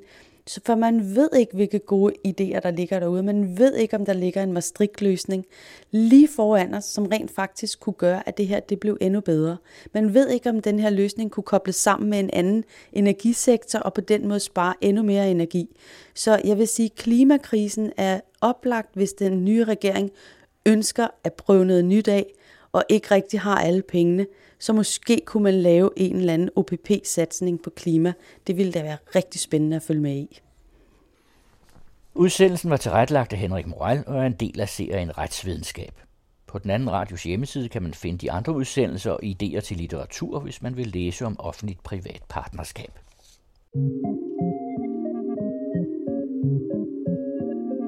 Den anden radio. I dybden, i bredden, i højden. Public Service Radio om kultur og samfund. Her kommer nu sidste afsnit i vores serie om Michael Falk, en rockpoet, krydser sit spor. Det er tilrettelægger og vært Andreas Dahl, der taler med Falken. Hej Michael. Goddag Andreas. Har du virkelig øh, luft til mere af alt det her? Vi øh, har lige en enkelt dans i Manation igen, okay. inden vi skilles. Altså, jeg har jo aldrig været udsat for, at øh, noget medmenneske har dykket så voldsomt ned i alle mine ting igennem hele min karriere i alle de her 40 år, som du har gjort. Nej, det er sundt at blive kigget lidt efter i, øh, ah, i gemmerne. Det ved jeg så ikke, hvor sundt det er. men, øh, men i hvert fald er det jo stærkt for mig, at du har gjort det. Nu ved jeg godt, du ikke er radiomand egentlig. Du er jo virkeligheden øh, jurist. Det er så kedeligt som jurist. Ja, og hvad sidder du og arbejder med i det daglige nu? Jamen, jeg har øh, at gøre primært med strafret. Uh, ja. Det er mere at slippe øh, udenom dit skarpe blik her, at det, du ikke får øje på noget. Det er der, jeg har der den, straffes. der, den, den vanlige trang til rensagen. Når først ja. Oh, ja. Alle afkrogen, når først jeg får kommer i gang. Udrensning. ja, lige præcis. ja. Nej, vi er jo nået til sidste del af podcasten, den der handler om øh, dit nutidige jeg, har jeg sagt. Jo. De sidste par plader, som vi skal igennem, som er Fodspor i havet, Sommeren kom ny tilbage, og pludselig alting samtidig. Ja. Og hvis vi starter med den første, det er jo altid et godt sted at starte med begyndelsen, så er det jo den, der hedder Fodspor i havet. Og der kan jeg jo lige så godt sige, at øh, vi har jo drøftet lidt frem og tilbage omkring øh, plader. Det er jo ikke min favoritplade. Nej, det kan jeg ikke forstå. Nej, det, det kan jeg øh, simpelthen ikke få ind i mit hoved. Men jeg kan lige så godt deklarere over for lytterne, at øh, jeg synes, det kan blive en lille smule sådan selvterapeutisk øh, undervejs. Det falder jeg ikke en brik af. Nej. jeg er heldigvis fuldstændig grundlæggende uenig med dig. Lad os se, om ikke der kommer noget, øh, noget god radio. Vi ikke kan få nogle lyttere igennem nu, for det kunne jeg godt bruge lidt opbakning derude ja, fra. I kan skrive ind på 12 teg. Fordi øh, her, jeg håber, du bliver lidt alene her. Jeg synes, det er et af de vigtige album i, i min periode, og, og jeg håber, der kommer en eller anden lille øh, reaktion på dine udtalelser. En opstand. At, at du, altså, du kan blive straffet. vi kan udmåle en behørig straf til dig for det der. Ja, nu sidder jeg med udsigt til Nørrebro, og... Øh jeg ser, om der kommer bål i gaderne, mens vi øh, optager her, så ser vi, om du får ret. Men lad os se, om mm. ikke du kan overbevise mig om, at det er blandt de bedste. Hvad er det for et album? Det er blandt de bedste, jeg har lavet. ah, det er et album, som, øh, som udsprang af en meget speciel situation, fordi mit backing band Boatman Love og jeg havde planer om at skulle i studiet og lave et nyt album. Fortsætte vores samarbejde fra sang til undren. Næste fase. Og så sker der det, at øh, gitarristerne Lars Skærbæk og Søren Kok pludselig bliver øh, indkaldt til Tim Christensen session, soloplade for ham. Øh, et samarbejde, som for Lars Skærbæks vedkommende går langt tilbage. Tim og ham er gamle kammerater fra grunge-tiden, hvor øh, Tim jo var i Dizzy Miss Lizzy, og Lars Skærbæk var i, øh, Inside the Whale. Og de har bare en lang tradition og, og havde et, et, øh, en aftale om, at, når de, at de skulle lave det der sammen. Og der kan jeg huske, at jeg kørte på vej, øh, da jeg fik den besked om, at øh, Søren Kok og Lars Gerbæk skulle med Tim der, der var jeg på vej til radioudsendelse med Alex Nyborg Madsen, som øh, lavede de her P4-udsendelser op fra sin kælder i Frederiksværk. Det var bare ligesom, åh, det var uheldig timing for mig, det der. Jeg vidste godt, de havde den der aftale, der var ikke noget at gøre ved det, og jeg var nødt til at respektere det. Øh, men det var virkelig et grundsted, altså, fordi vi havde det hele sådan ligesom planlagt. Og så kommer jeg ind til Alex Nyborg Madsen, den her brave radiomand. Og så spiller han et nummer for mig, for at lige at, at give mig noget ny inspiration. Og der spillede han Bon Iver, som du kender, ikke? Så, sort of. Sort of. Ja. Bon Iver, det var ligesom sådan noget fuldstændig nedbrændet musik. Helt ned i så intim musik, jeg ikke havde hørt det før nærmest. Og så skrøbeligt, og så poetisk på en helt, helt anden måde end andet musik, jeg havde hørt i mange år. Og pludselig slog det mig, mens han spillede det nummer for mig i radioen der, at hold da, kan vi kunne gå den vej. Altså, i stedet for at skulle bygge videre, stort bane, der gang i den, så bare tage det helt ned til mit eget hjemmestudie, for det var nemlig også den måde, Bon Iver havde arbejdet i sådan en, en hytte i, i, oppe i bjergene, altså hvor, han havde, ligesom, hvor det, tingene blev fuldstændig forenklet. Så jeg gik hjem og begyndte i mit eget lille hjemmestudie, hvor jeg på det tidspunkt boede nede på Tosinge, og begyndte at bygge det her album op. Og så kom Lars Gerbæk ind over, og det blev sådan et parløb for dag af. Så vi i stedet for at gå i de store studier og den helt almindelige proces, så, så lavede vi det som, som sådan et eller andet øh, pingpong mellem vores to små hjemmestudier. Og det er sådan, den plade er blevet til. Så lavede vi nogle enkelte bandoptagelser. Men ellers er det, er det den der helt sprøde, intime demo, ligesom på Falder du nu, hvor titelnummeret var, var min demo, der blev taget videre. Sådan er det her et album, hvor mine demoer bare er der blevet bygget lidt videre på.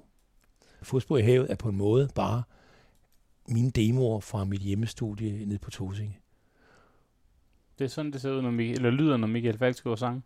Ja, det er sådan her. Derfor er jeg lidt ked af, at du ikke er så vild med det. Ja, men altså, en producer kan jo gøre meget. Åh oh, ja. Så nu er det Lars Gerbæks skyld, at du ikke er så vild med det. Nej, det ved jeg sådan ikke. Det, øh, vi har hver vores, øh, mm, vores hjertebørn. Og sådan er det bare. Sådan er det bare. Og det er også bare i orden. Jeg tror, det er heldigt, at vi ikke alle sammen kan lide det samme. Det tror jeg, du har det. Det, det vil blive lidt, lidt gammel øh, sovjetisk. Det er Supermarkedagtigt. Det er rigtigt. Og så giver det jo også mulighed for en anden kan lave en podcast med de uh, næsten glemte sangs podcast. Den det, vi ikke har haft plads til her. Det ville selvfølgelig være smuk tanke, men tror du ikke, det er nok det her? det kan godt være, at vi er ved at have været igennem det meste. Et nummer på pladen, som øh, jeg har hæftet mig ved, fordi øh, der er jo gode sange på, trods alt. Nu lød det meget kritisk, men værre skal det heller lyde, for der er faktisk nogle store sange på. Filosofiske Smuler, det er øh, en af dem, i min optik. Som ikke ret mange andre end dig har bemærket. Ja. Måske. Men øh, ikke desto mindre, så har jeg øh, bidt mærke i den som en sang, som jo tager sit udgangspunkt et noget andet sted end, ja, selvfølgelig en, en malurt-tid, men også i mange andre af dine sange. Jeg synes, øh, det er jo her, du begynder at indtage din plads som en moden mand, som der kigger lidt mere tilbage på livet, og gør sig nogle tanker omkring, øh, hvad er det for en størrelse, det her med tilværelsen. Det er i hvert fald sådan, jeg læser filosofisk smule, som jo også er en øh, parafrasering over et kirkegårdværk. Klart. Det er det nemlig.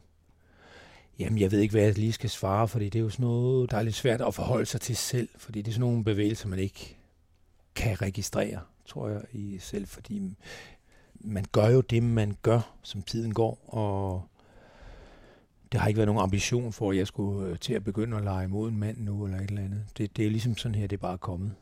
Det er livet, der gør indtryk og skinner igennem.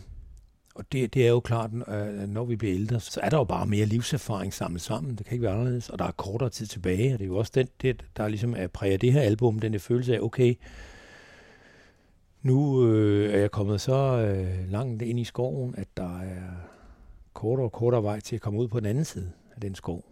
Så det er vel det præg, der sætter sig i mennesker, når vi når en vis alder. At øh, det er et, bliver et uomgængeligt faktum, at den tid, der er tilbage, er kortere. Altså helt banalt jo. Ja.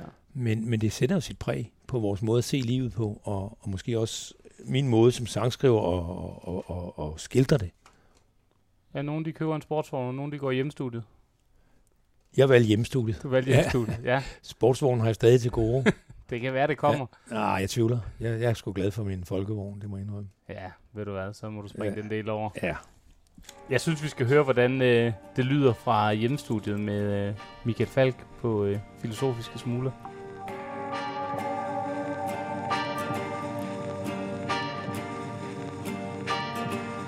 Dagene bliver færre Mit til gode siger det ikke højt, men Der er måske kun rester tilbage. Jeg kan ikke påstå At livet har snydt mig for noget. Der er ikke mange udsigter, jeg ikke har set Ikke mange veje, jeg ikke har gået. Jeg har for kærligheden at føle når jeg vil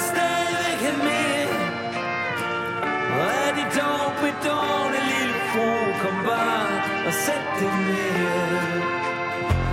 Alle de dansende dage Med det intense nu som to tempel. De ligger langt tilbage. Nu drømmer jeg om ro i min sjæl. Jeg er ude af orkanens øje Bliver reddet ind fra det dybe vand. Og jeg er nærmere målet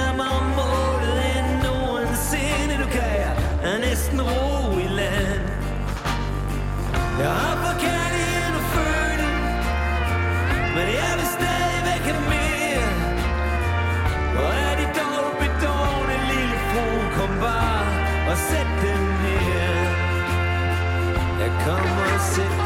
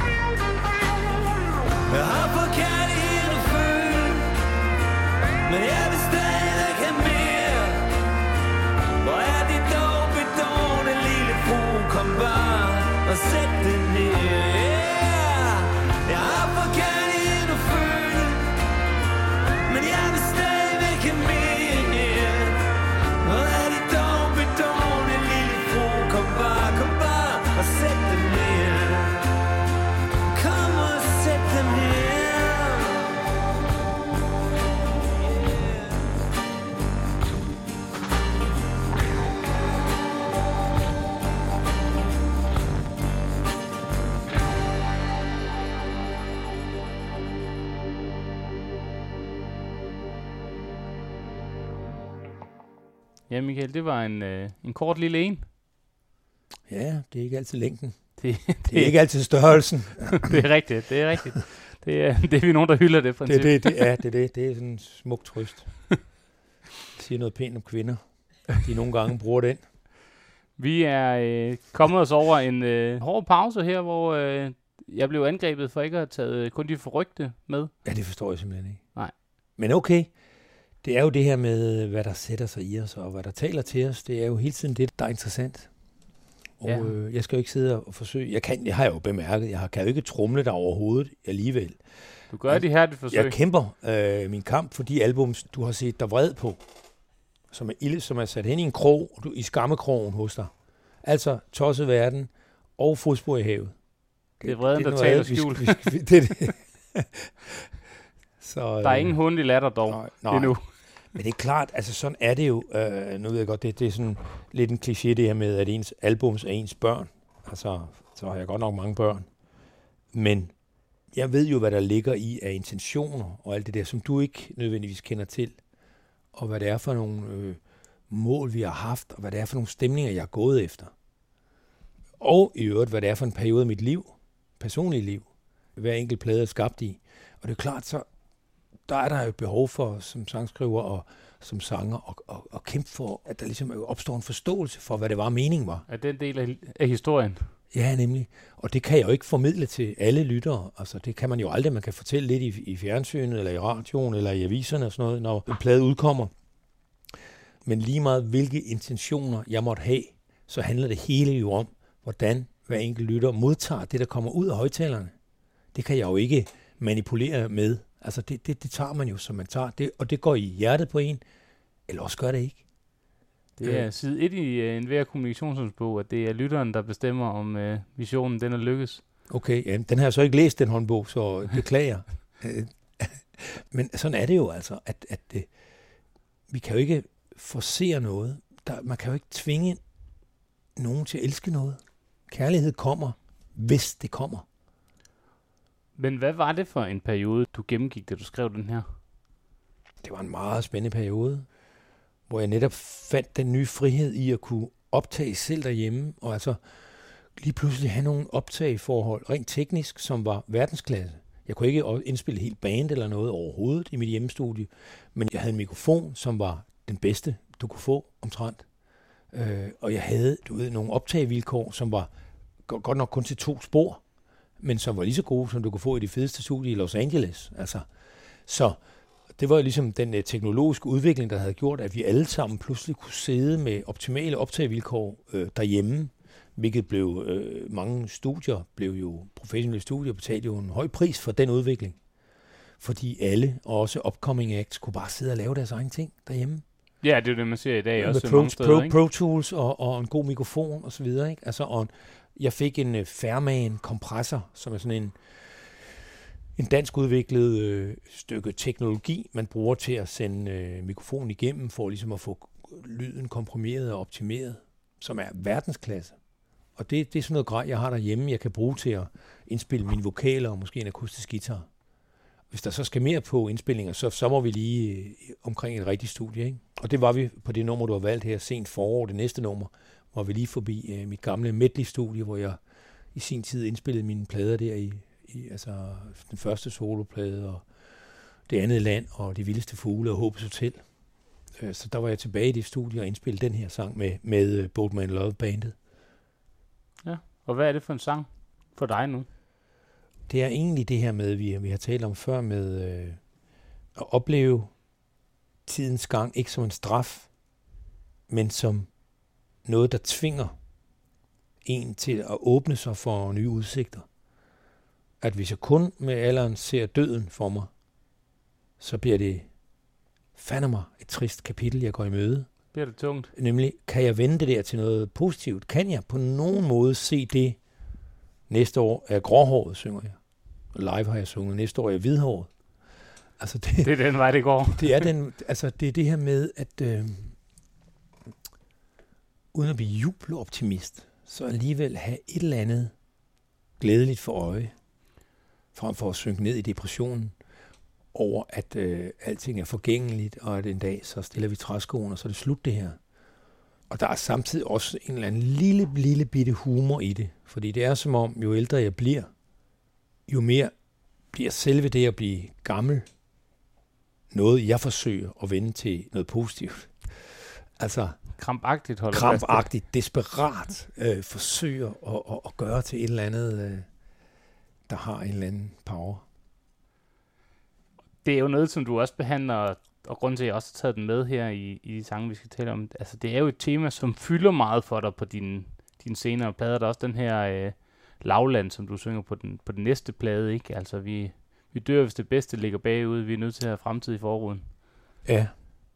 Og det er jo noget, der gennemsyrer næsten alle dine plader fra nu af, nær sagt. Det er det nok, ja. Fordi det tror jeg er sandt. Ja. Men du må også rent følelsesmæssigt være kommet et stykke videre, når man skriver sådan en sang, end, end man måske var på sang til undren, eller, eller falder du nu? Der må du være kommet ud af, af det mørkeste mørke. Ja, ja, helt klart. Det er jo sådan et eller andet, der blev klart for mig, da jeg øh, mere og mere kom til bevidsthed, hvor jeg vil sige det her med, at øh, jeg troede, jeg, og det er der også mange mennesker, der siger til mig, at der er noget melankoli i mine ting. Altså, det kan jeg nok ikke komme udenom. Men jeg er ikke, jeg er ikke noget melankolsk menneske i virkeligheden. Hvad jeg troede førhen. Altså, jeg, jeg vågner øh, hver dag med en livsglæde, og øh, øh, jeg har ikke det der længere med at være sådan et eller andet øh, trist, øh, melankolsk væsen, der sidder i en vindueskarm og, og kigger mod et fjernt punkt i horisonten og, og, og, og, og en tårer i øjenkrogen over den tabte tid og de mistede muligheder. Altså overhovedet, jeg er ikke sådan en. I hvert fald ikke længere. Så derfor så kommer sangene jo nok også fra et andet sted. Jeg kan skrive på en anden måde nu, end jeg gjorde dengang. Ja, ligesom, tænker jeg, uden at selv at være nogen øh, sangskriver, så tænker jeg, at der er jo nogle sange, som måske sidste station og tilbage til byen, og hvad det er, som man nok kun kan skrive, når man er i 20'erne. Det tror på jeg. vejen. Ligesom at det her, det er nogle sange, som er vanskelige at skrive, når man er 28. Ja, så vil det være fup, hvis Ja. man skriver dem. Men altså, det er jo klart, der er jo også et tab forbundet med det her. Altså, det, og det, det er, tror jeg egentlig også, at jeg forsøger at få frem i mine sange i de her år, at man mister jo meget hen ad vejen. Det hele er et langt tab. Et liv er et langt farvel. Samme plade her, ja. Altså, det, og det er jo hele tiden et spørgsmål om at give afkald, give afkald, give afkald på alt muligt. Og samtidig så kommer der nye, nye ting. Jeg har for eksempel sådan noget, der hedder børnebørn. Jeg har seks børnebørn. Det er fantastisk. En vild, vild, vild ting i sig selv, som gør det, de gør i mit liv. Altså det, det vil sige, ja, jeg er på vej væk, men de kommer ind på scenen, mens jeg er her endnu. Så det slår jo egentlig revner i mit tungsind. Hvilket altså også er en stærke ting. Noget, man ikke havde kunne se som 28 år. Altså, der kunne jeg ikke forestille mig selv, ikke engang med et barn dengang, kom lige et år eller to senere, men, men jeg kan jo ikke forestille mig selv som en ældre mand med børnebørn og 40 års øh, rockkarriere bag mig. Det, var, det er utænkeligt. Det kan man ikke. Så den udsigt, jeg har nu, den er måske kortere fremad og meget længere bagud. Men det giver til gengæld nogle nye muligheder for at skrive sange på en anden måde, end jeg var i stand til førhen. Hvor har det været, altså hvis man kan sige det på den måde, det ved jeg ikke, om man kan, men hvor har det været sjovest at være sangskriveren Michael Falk? Er det der, hvor var- du er nu, eller? Og det var det i øh, 1980, 81, 82 og i de sidste 5-10 år. Altså jeg lavede jo øh, fem albums, udgav vi med Malurt på tre et halvt år eller sådan noget i start 80'erne. Ikke? Og øh, jeg skrev så meget. Og lige så meget skriver jeg nu, eller endnu mere skriver jeg nu. Det vil sige, jeg, det der med inspirationen, øh, hvornår den stærkeste, det var den i tidlig Malurt-tid og nu. Altså nu havde jeg 80 sange, over 80 tekster til, til det nye album, jeg er i gang med. Og som forhåbentlig kommer inden alt for længe, alt efter corona og så videre, I ved. Vi siger det ikke til nogen. Nej. Det bliver mellem os og lytterne. Jeg holder helt, helt tæt med det der. Det ved du som øh, jurist, at man, der nogle ting holder man tæt til kroppen, ikke? Der er ikke andet for. Nogle ting, det skal man gå stille med. Man bliver god til at have sådan et face på, ikke? Det er det. Ja. Det er det. Skal vi ikke høre uh, sen forår, og så rundt fodspor i havet af?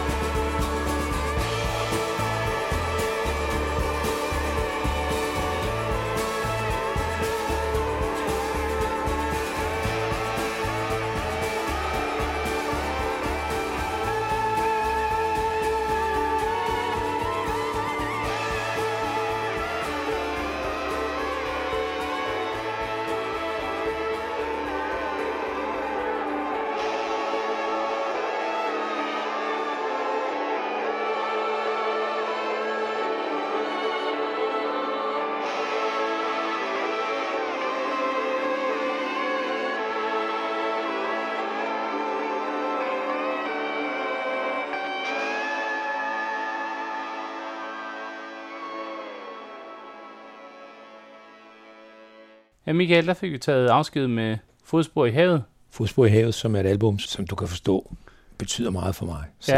Ja, det, det kunne jeg forstå, ja. at det er... Men nu skal vi til noget, der, som jeg kan forstå på dig, at du glæder for. Ja, jeg har et, et blødt punkt for det med album, der hedder Sommeren kom ny tilbage. Det, øh, og det var jo en, et album, der fik uh, titlen som uh, årets Vox-pop-udgivelse. Ja, det var en Grammy med. Ja, det er jo... Det var godt nok. Det er jo godt nok. Ja, vi tager det hele med som King Babies. Det kan jeg godt love dig. Ja, en hver, en hver anerkendelse, ja. det, det kan komme med. Det bliver registreret. Ja, det er godt. Det er med at fejre sine succeser. I den grad. Og nu har jeg jo efterladt dig uh, lettere rystet efter pausen, da jeg fortalte dig en historie om en kollega, der mente, at spurgte, om du godt stadig kunne leve af det der musik. En kollega på 30 år. Ja, men jeg var, det rystede mig ikke. Altså, jeg, var, jeg, jeg, var, jeg var egentlig mere imponeret over, at vedkommende kendte mit navn. Fordi jeg har det jo sådan, at det er under 35 år, så kan jeg ikke forvente, medmindre de sådan har hørt åge æbleplader som små, eller set uh, rejseholdet, at de uh, kan vide, hvem jeg er. fordi mit publikum er jo nok øh, for det 40 plus. 40 plus. Så, øh, og det øh, er der nok en vis naturlighed i, tror jeg. Jeg er selv lidt ældre end det, ikke? Ja, det kan ja. man sige.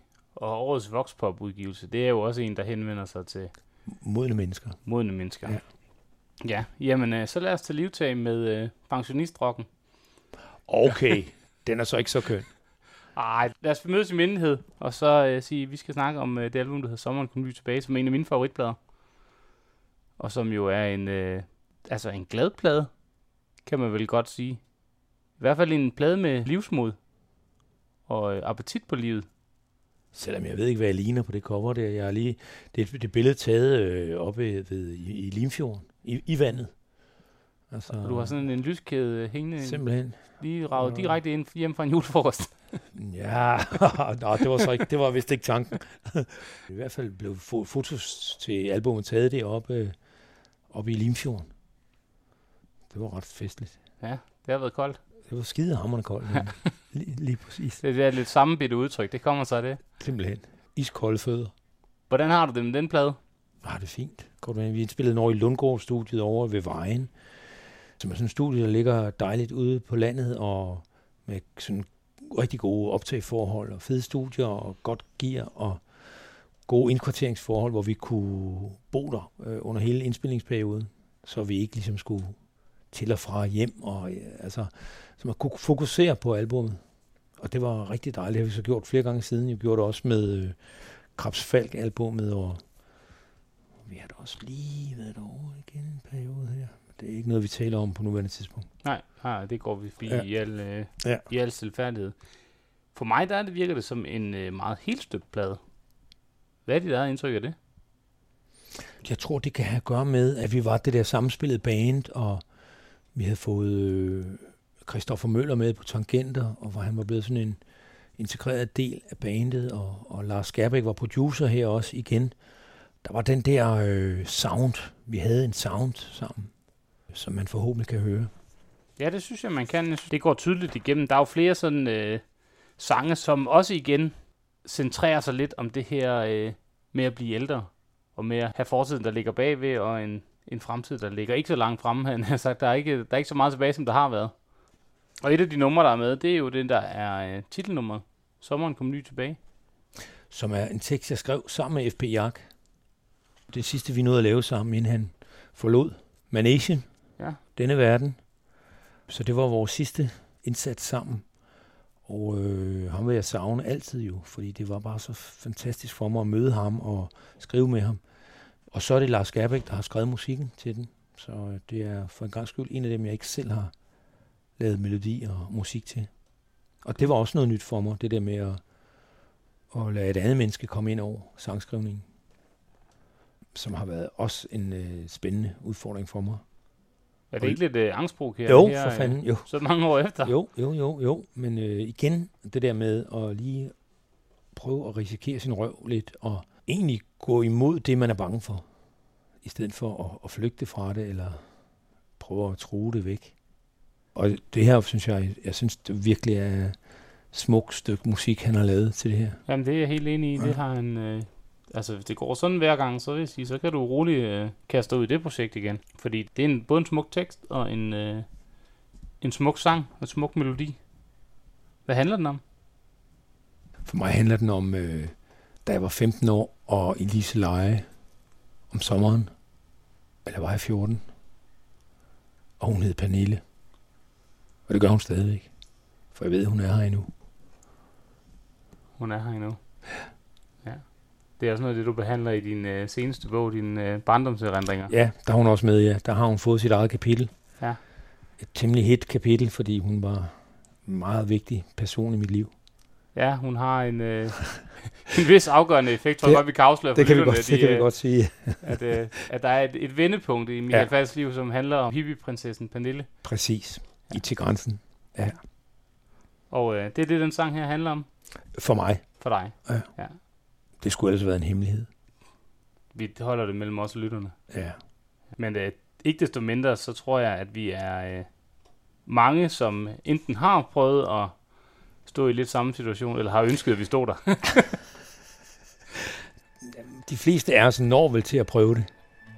Trods alt, ikke? Ja, nu skal jeg jo ikke kunne tale for andre, men øh, jo, det Du har jo prøvet at, det. at de, Du har jo da i hvert fald, selvom du kun er 30 år, har du dog prøvet det, ikke? jeg, har, jeg har i hvert fald børn. Ja, det er det. Så øh, lad, os, øh, lad os lukke den der. Nu synes jeg, vi... Øh, Nu bliver vi øh, omklædningsrumsagtige. ja, nu bliver Lige om det, lidt. Det, det, går ikke mere nu. Nu er det ved at være sidst på aftenen. Ja, det er det. Lad os høre sommeren på ny tilbage. Øst for På vores første strand Du tegnede en drengedrøm i sand. Sommerbris for Kattegat. Førte du min hånd Og løsnede de vilde hestes bånd. Og sommeren kom ny tilbage. Med funklende sommerdage. Var det virkelig det, du sagde?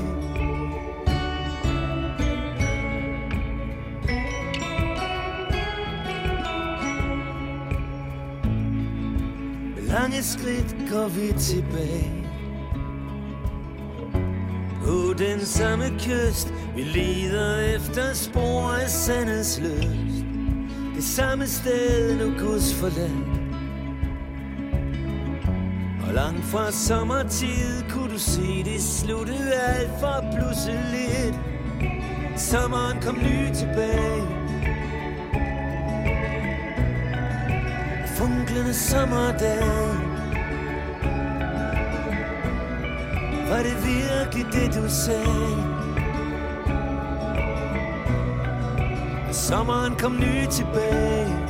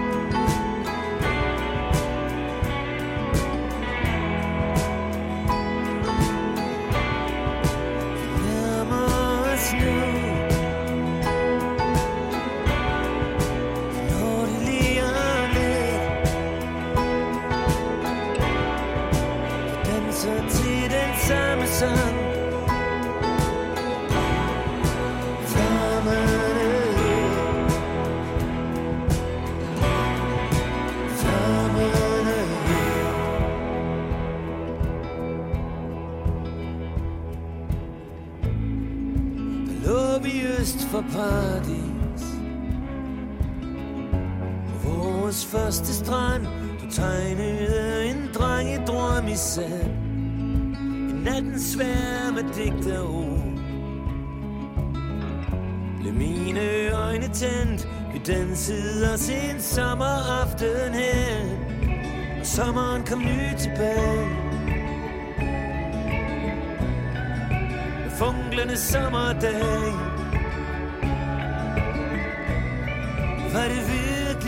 sagde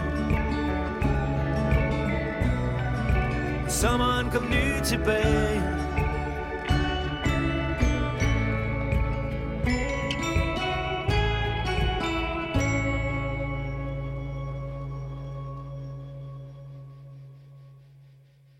Det var ligesom at være 15 år igen.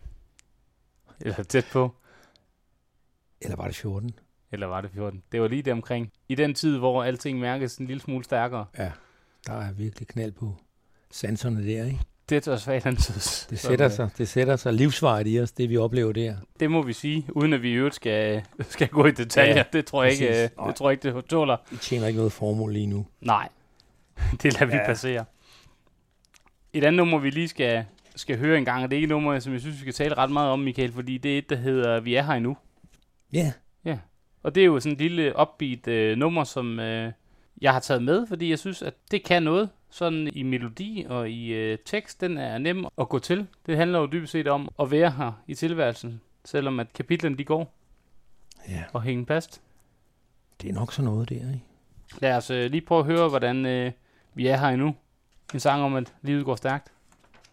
og at det måske ikke handler om at finde fem fejl. Ja, det er så også det væsentlige, som du også synger i sangen. Det er nok det, der kommer med alderen. Man er nødt til at blive lidt mere overbærende med fejlene, fordi nu kan man se dem.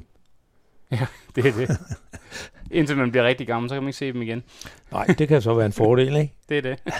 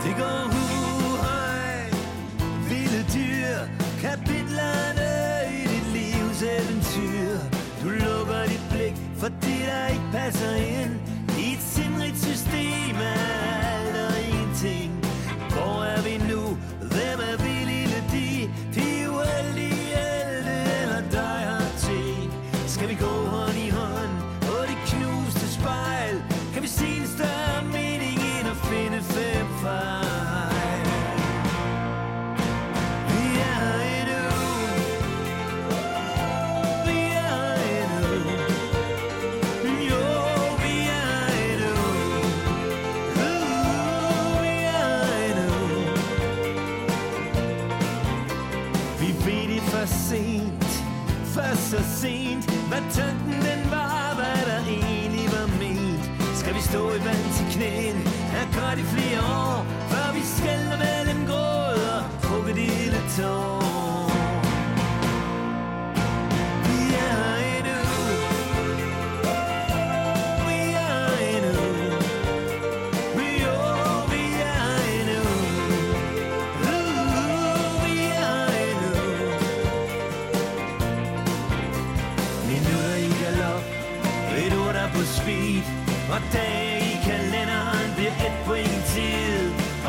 Og den slut, vores never-ending tour.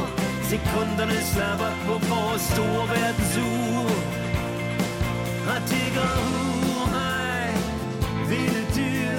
Kapitlerne i dit livs eventyr. Du lukker dit blik for det, der ikke passer ind. I et sindrigt system af alt og ingenting.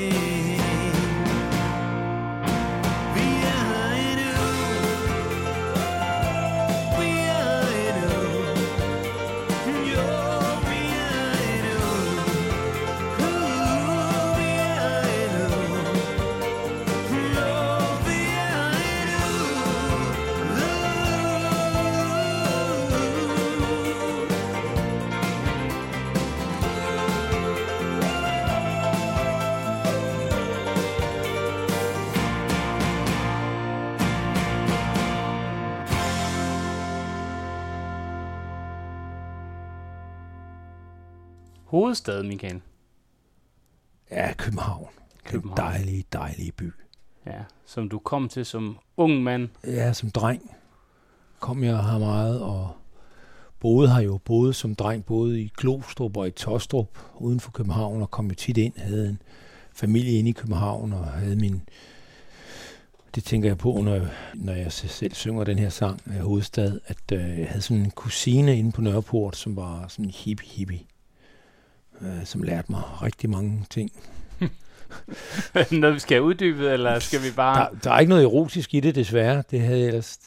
Det kunne jeg mærke, jeg havde sådan virkelig pre-teen drøm om, men, men det var mere noget med, med påklædning, med det der hippie bælter og sådan noget, og broderede veste og langt hår og musikken. Altså, jeg har hørt masser af musik endnu siden, lært alt nye øh, hippie-musik at kende, og Alrune Rod, mit all-time favorit danske band, Alrune Rod, øh, syrerockerne.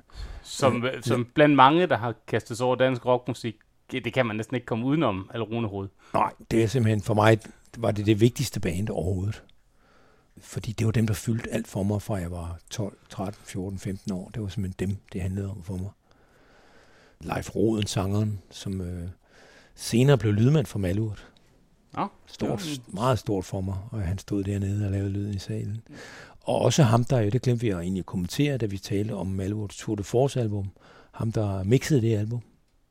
Okay. Ja, så det var Leif Roden, så, så, så hende tænker jeg på med den her sang jo, og min kusine, meget, meget, meget smuk. Jeg lærte også nogle andre ting inde hos Der var sådan nogle chilommer, der gik rundt.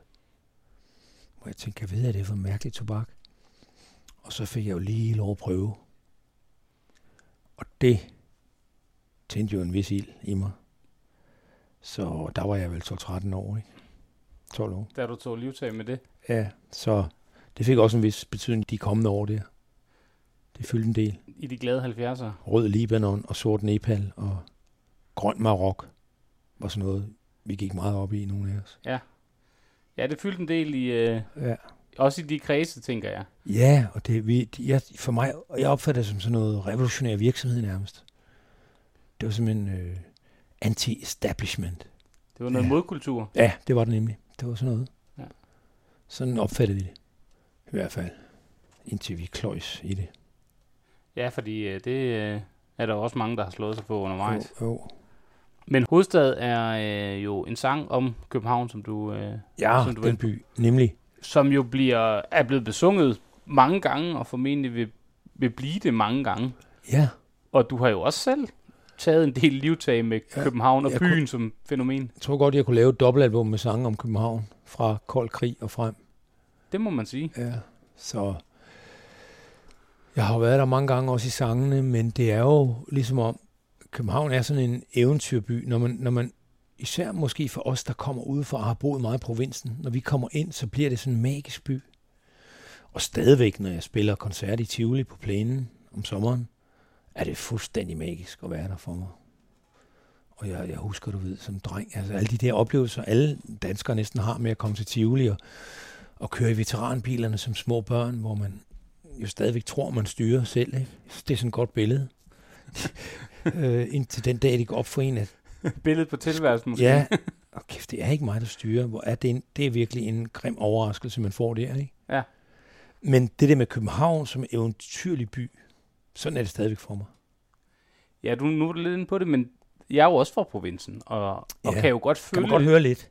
Ja, det kan man godt lidt, hvis man lytter godt efter, kan man Der er godt høre lidt fynsk. det. Er syngende fynsk. Det syngende fynske, det er. Ja, som man siger, fyns, det er jo det sprog, Og nu- englene bruger, når... Nu kan du se, om der lige ringer til mig nu. Nej, det kan du ikke. Det var så Lars Høgh, der lige prøvede at ringe til mig. Apropos, Apropos øh, Fyn. Det fynske Og bøgetræ. OB. Ja, ja, nemlig. 834 kampe, så vidt jeg husker. Simpelthen. Ja. Fantastisk menneske. Ja, og dygtig målmand. Og en fantastisk målmand. Ja. Han kunne jo altså, han var straffesparksekspert jo ikke. Han kunne simpelthen, man kunne nærmest ikke score på ham. Jeg har prøvet i en velgørenhedskamp nede på Syfyn. Det gik og, ikke? Nej, jeg kunne simpelthen ikke fatte det, fordi jeg har altså været ret lidt en hej til det med at banke de der straffe ind. og så han gav mig flere forsøg, og igen jeg fik lov til, at han pillede mig hver gang. Så Det var det, han kunne. det var noget af det, han kunne. Og spillede hele sin karriere for striberne. Ja, det er helt vildt. Ja, en Fantastisk. institution i fynsk idræt. Simpelthen. Og et fantastisk menneske, det kan alle næsten regne ud. Det var Lars Høgh. Det er Lars Høgh, ja.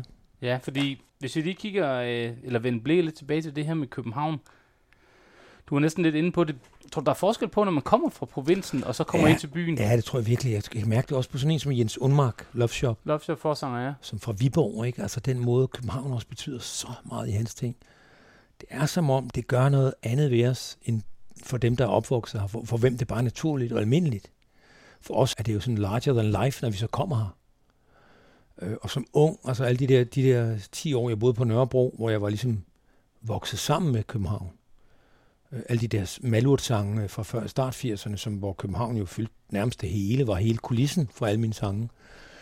Og hvor København senere blev sådan faretroende for mig, fordi det blev for meget, og det blev øh, for dragende og for øh, Babylon-agtigt. Ja, fordi det er jo det næste. at Det er jo et helt andet København, du ligger op i den her sang, altså hovedstad, Ja. end det er for eksempel på sidste station, Ja, eller, ja. Øh, eller tilbage til byen Neonsolen, det hvor der er det her, den her Babylon-stemning, og Ja. den her farlige, underliggende trussel hele tiden. Huske, jeg havde også på en af de plader, du ikke var så vild med fra 90'erne, en sang, der hedder Hvad så København? Som var sådan mere en spoken word ting. Ja. Ligesom sang til undren titelnummeret jo også er sådan Ja. en ankomst Ja, ja. til København, spoken word øh, historie. Så, så den her er jo bare ligesom sang nummer 40 om København, eller 70 om København, men fra en lidt anden vinkel. Det her med at komme tilbage og se, se på, på byen på en anden måde. Man, man har selv flyttet sig, man er en anden, men fascinationskraften er der bare stadig. Fra et andet perspektiv. Ja. Har byen ændret sig? Byen har ændret så meget, helt vildt meget. Ja. Helt vildt. Den er virkelig forandring nu. Hvordan, hvis du sådan skal... Jo, men alene det her, du nævnte med din advokatven der på øh, under 30, som, som ikke vidste, hvem jeg var.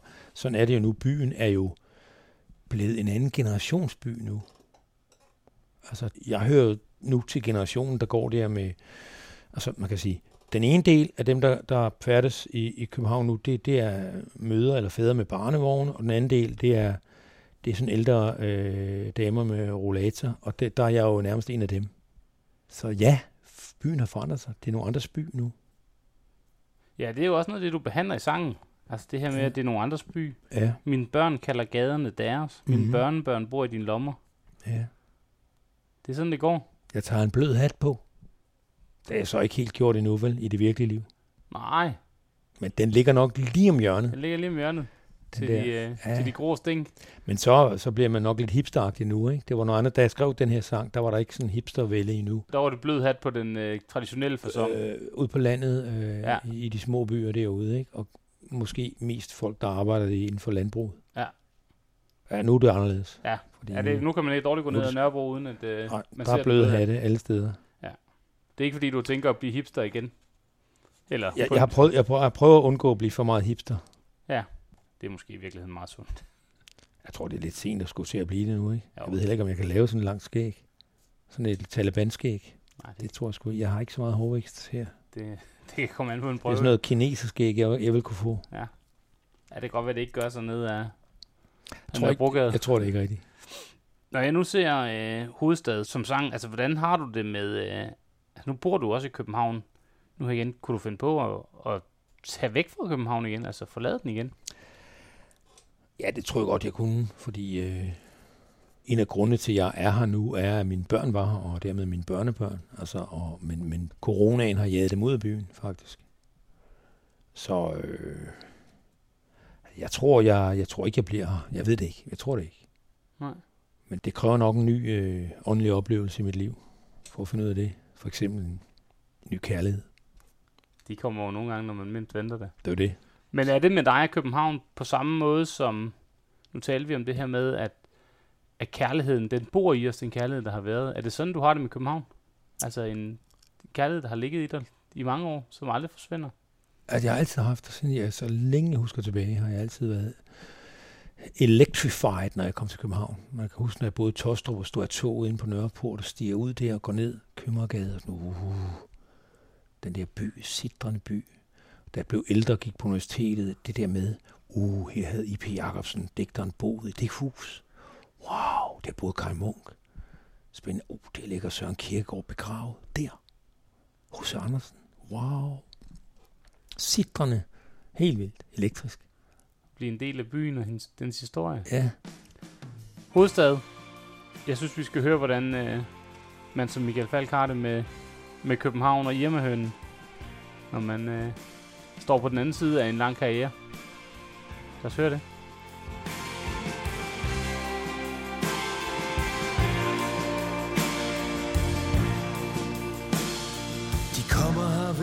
Slet ikke mere. De har fundet sig et helt nyt domæne. De har valgt andre gader at krydse. Og græs på en grønnere plæne.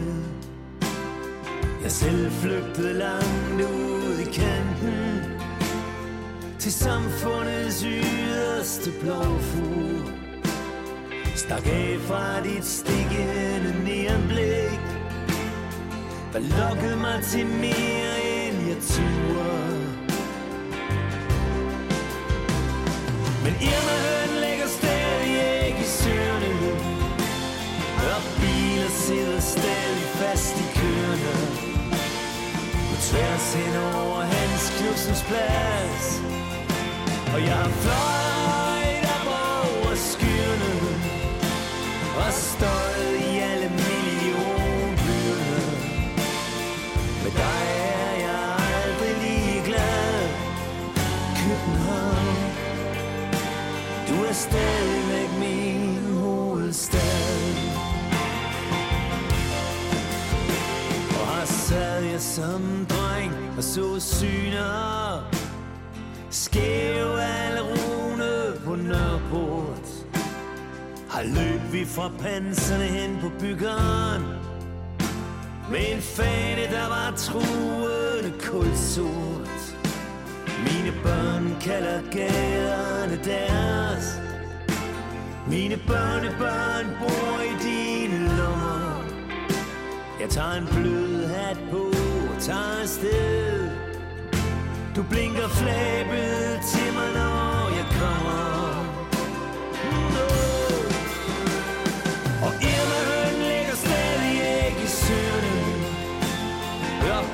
Jeg sidder stadig fast i køerne. Tværs hen over Hans Knudsens plads. Og jeg fløj højt op over skyerne Og støjet i alle millionbyerne. Med dig er jeg aldrig lige glad. København. Du er stadig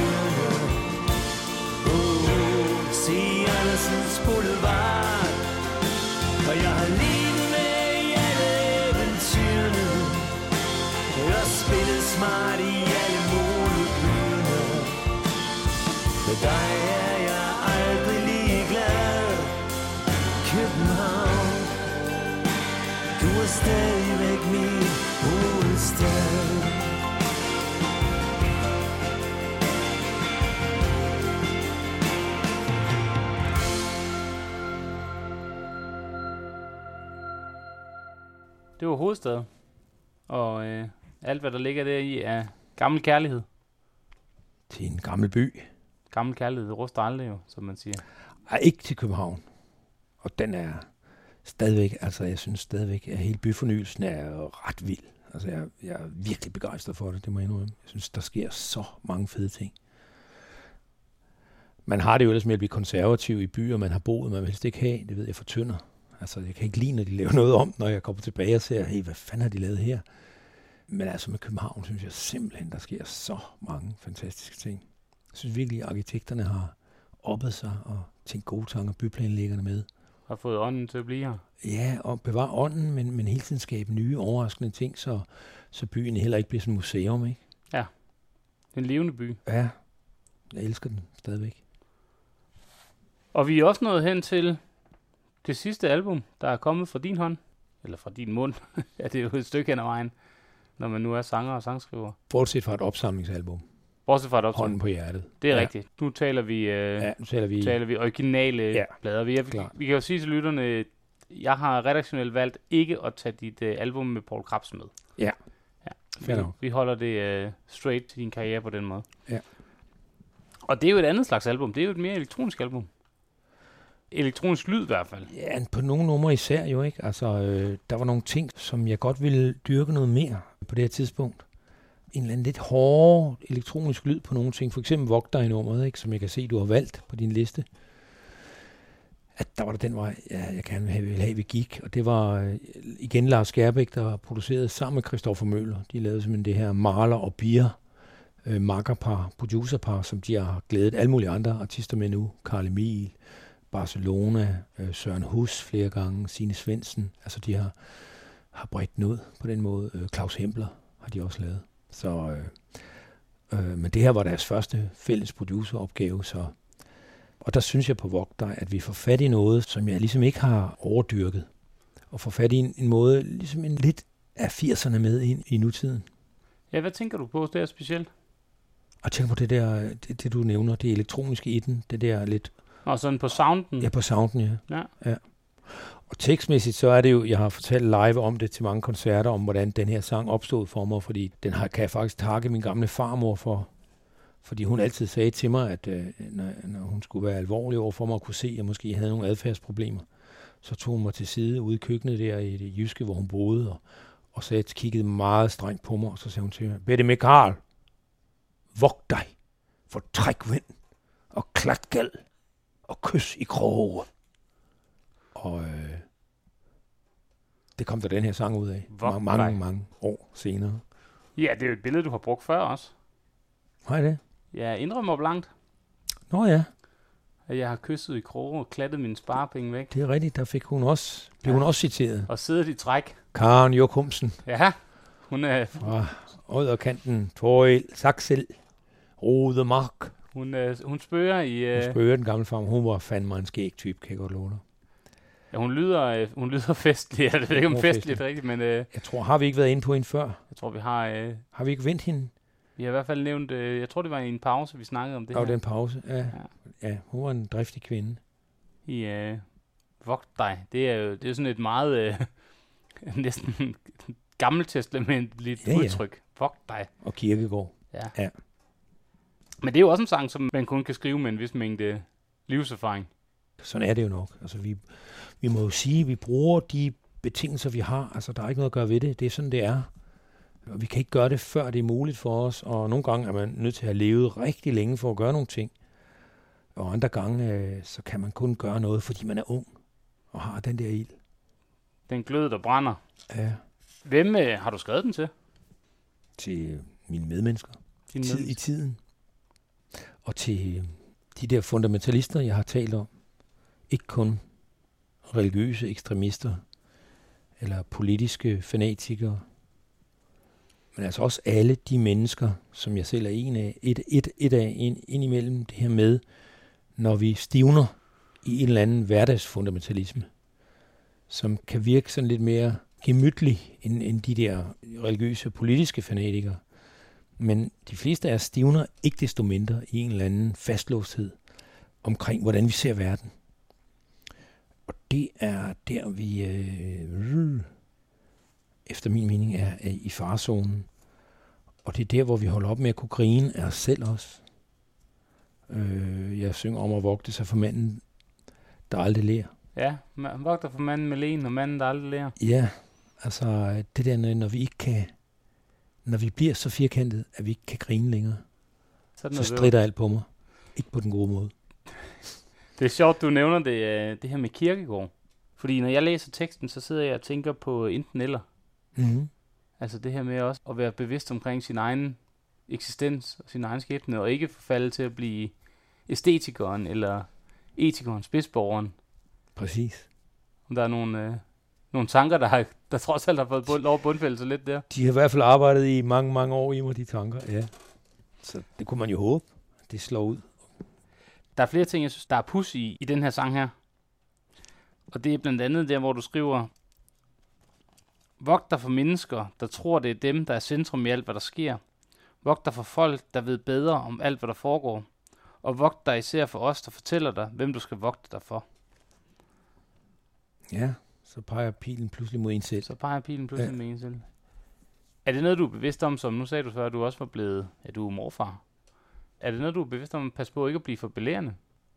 Har du tænkt over det? Nej, det har jeg egentlig aldrig tænkt over, men, men øh, det er godt, du siger det, fordi det kan godt være, der er noget om det. Ikke- ikke jeg sådan har bemærket Nej, det, men ved, det, man- det tror jeg sker for mange mennesker, når vi, når vi bliver ældre, at øh, vi får sådan en tendens til at, at ville fortælle yngre mennesker, hvordan det i virkeligheden hænger sammen, fordi nu har vi jo været her længere, så vi må jo vide det bedre, men det er desværre også en vildfarelse, for jeg tror ikke på det. Jeg tror ikke på erfaring på den måde, fordi alting er så individuelt. Min erfaring kan andre ikke rigtig bruge. Altså for alvor. Vi er nødt til at være der selv. Vi er nødt til at mærke, hvad der sker med os. Og det er også derfor, vi, vi- vi skal passe på med at blive fordømmende, fordi øh, vi ved ikke, hvordan det er at være i en anden sted. Altså, vi, vi, vi kan forestille os det, vi kan måske prøve at leve os ind i det, og det er godt, hvis vi kan prøve på det, men vi aner ikke, hvordan det er at være i en anden. Så vores fordømmelser, de er simpelthen af det onde. Så mm, jeg har en idé om, at den der erfaring, den er noget bluff.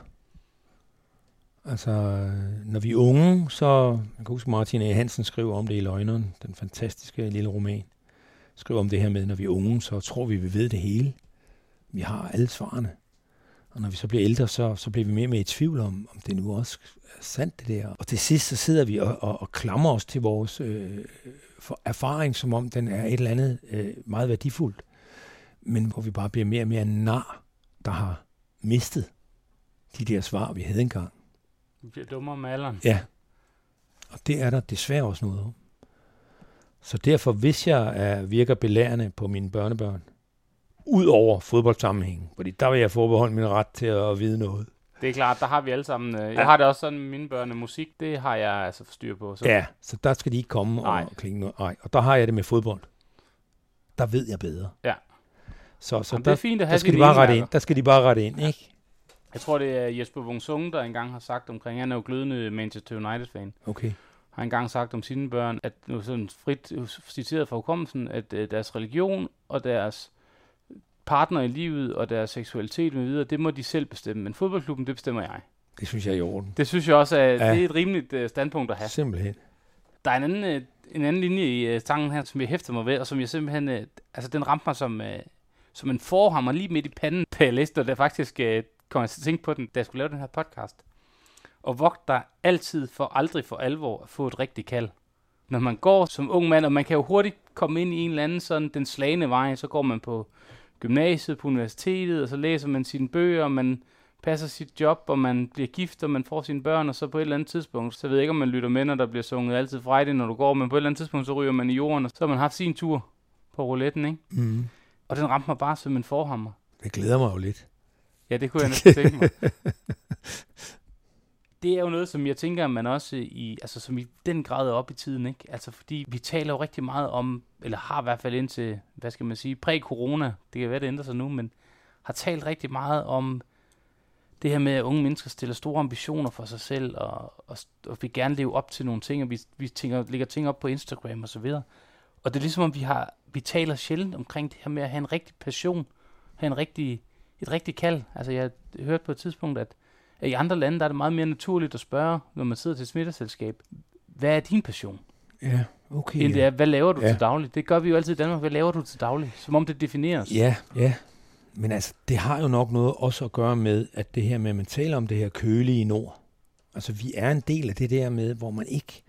Passion er lidt noget, øh, vi er skeptiske overfor. Fordi det bliver overgejlet, det bliver overdrevet og sådan noget, og der, der er vi sindssygt allergiske i Danmark over for sådan noget, der bliver lidt for meget. Altså, og det har været et problem for mig i min øh, karriere, fordi jeg har det her hyperfølsomme i mig. Og det vil sige, at mange af mine sange er jo ligesom skrevet til situationer, hvor, hvor mennesker er i, i spidsbelastninger, er i særlige situationer, og ikke er i det, i det almindelige hverdagsagtige. I kraft af min opvækst og, og, og min livserfaring og sådan noget, har, har det været det, der, der er blevet mine sange skueplads. Altså det er ikke den almindelige hverdag. Det er, når noget bliver specielt, særligt, ekstraordinært. Det, det, det er det, jeg kan skrive om. Og det har jo gjort igennem min karriere, jeg især i de tidlige år fik skyld for at være overdreven og øh, alt for intens og alt det der, og for meget. Og det er jo sikkert rigtigt i nogens ører, fordi sådan har det, må, det, må det have virket i andre slags sind. Men til gengæld, så, så tror jeg så på, at nogle af mine sange kan så fungere, når mennesker er derude i de der situationer. Og det har vel også en betydning, at der er nogle sange til de særligt tilspidsede livssituationer. Ja, man kan sige, du har jo, som du siger, for vanen at skrive om de helt store følelser mange gange, eller de, de meget intense oplevelser. Det, det kan man jo se både på dine tidlige sange øh, i Malurt og i, i dine senere sange, men jo også i din kærlighedssang. Altså, du har jo ikke mange sange, og måske med singler som undtagelse, om at, at møde en dame i, i brusen og øh, have en hyggelig aften og gå hjem igen, og så, så er man lidt kærester bagefter. Det er jo den store, intense kærlighed tit og ofte, ikke? Altså, det andet land, den eneste i verden, neonsolen. Mm. Det er noget alt eller intet kærlighed, vi, ja, det er det vi nok. bøvler med. Ja, det er nok. Så derfor så kan mine sange nok også bedre fungere, når folk er der i de der tilstande, end når det er øh, hverdagsagtigt. Sådan på sådan en almindelig, rar, hyggelig, munter, lever på måde. Der, der kommer jeg nok til kort til det. Men øh, så må jeg jo glæde mig over, at der er særlige situationer i alle menneskers liv. Ja. Mange så, er også tilpas ja, mærkelige skæbner, det er der det, det, det, det, det er det. Ja, så der, der, der kan være ligesom, altså som en, der sange kan komme i spil, kan bruges af andre. Brugslyrik. Til særlige situationer, til, særlige til specielle lejligheder, ja. Jeg vil godt sende en opfordring her fra, øh, fra mig selv til at sige, øh, gå ud og find jer et øh, rigtigt kald til lytterne. Det synes jeg, vi skal tage med fra øh, Vogtner, så synes jeg, vi lige skal høre den.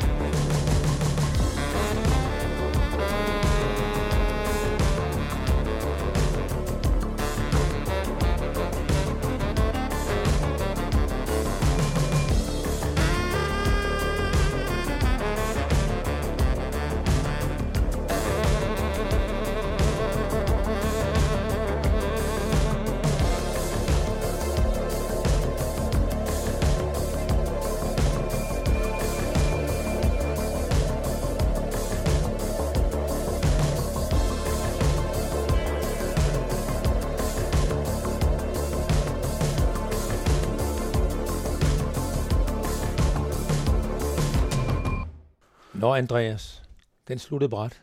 Den her. sluttede bræt. Og nu har du også tænkt dig, at vi skal slutte det her podcast show, du har rodet os ud i. Der kommer en dag for os alle. Det er det.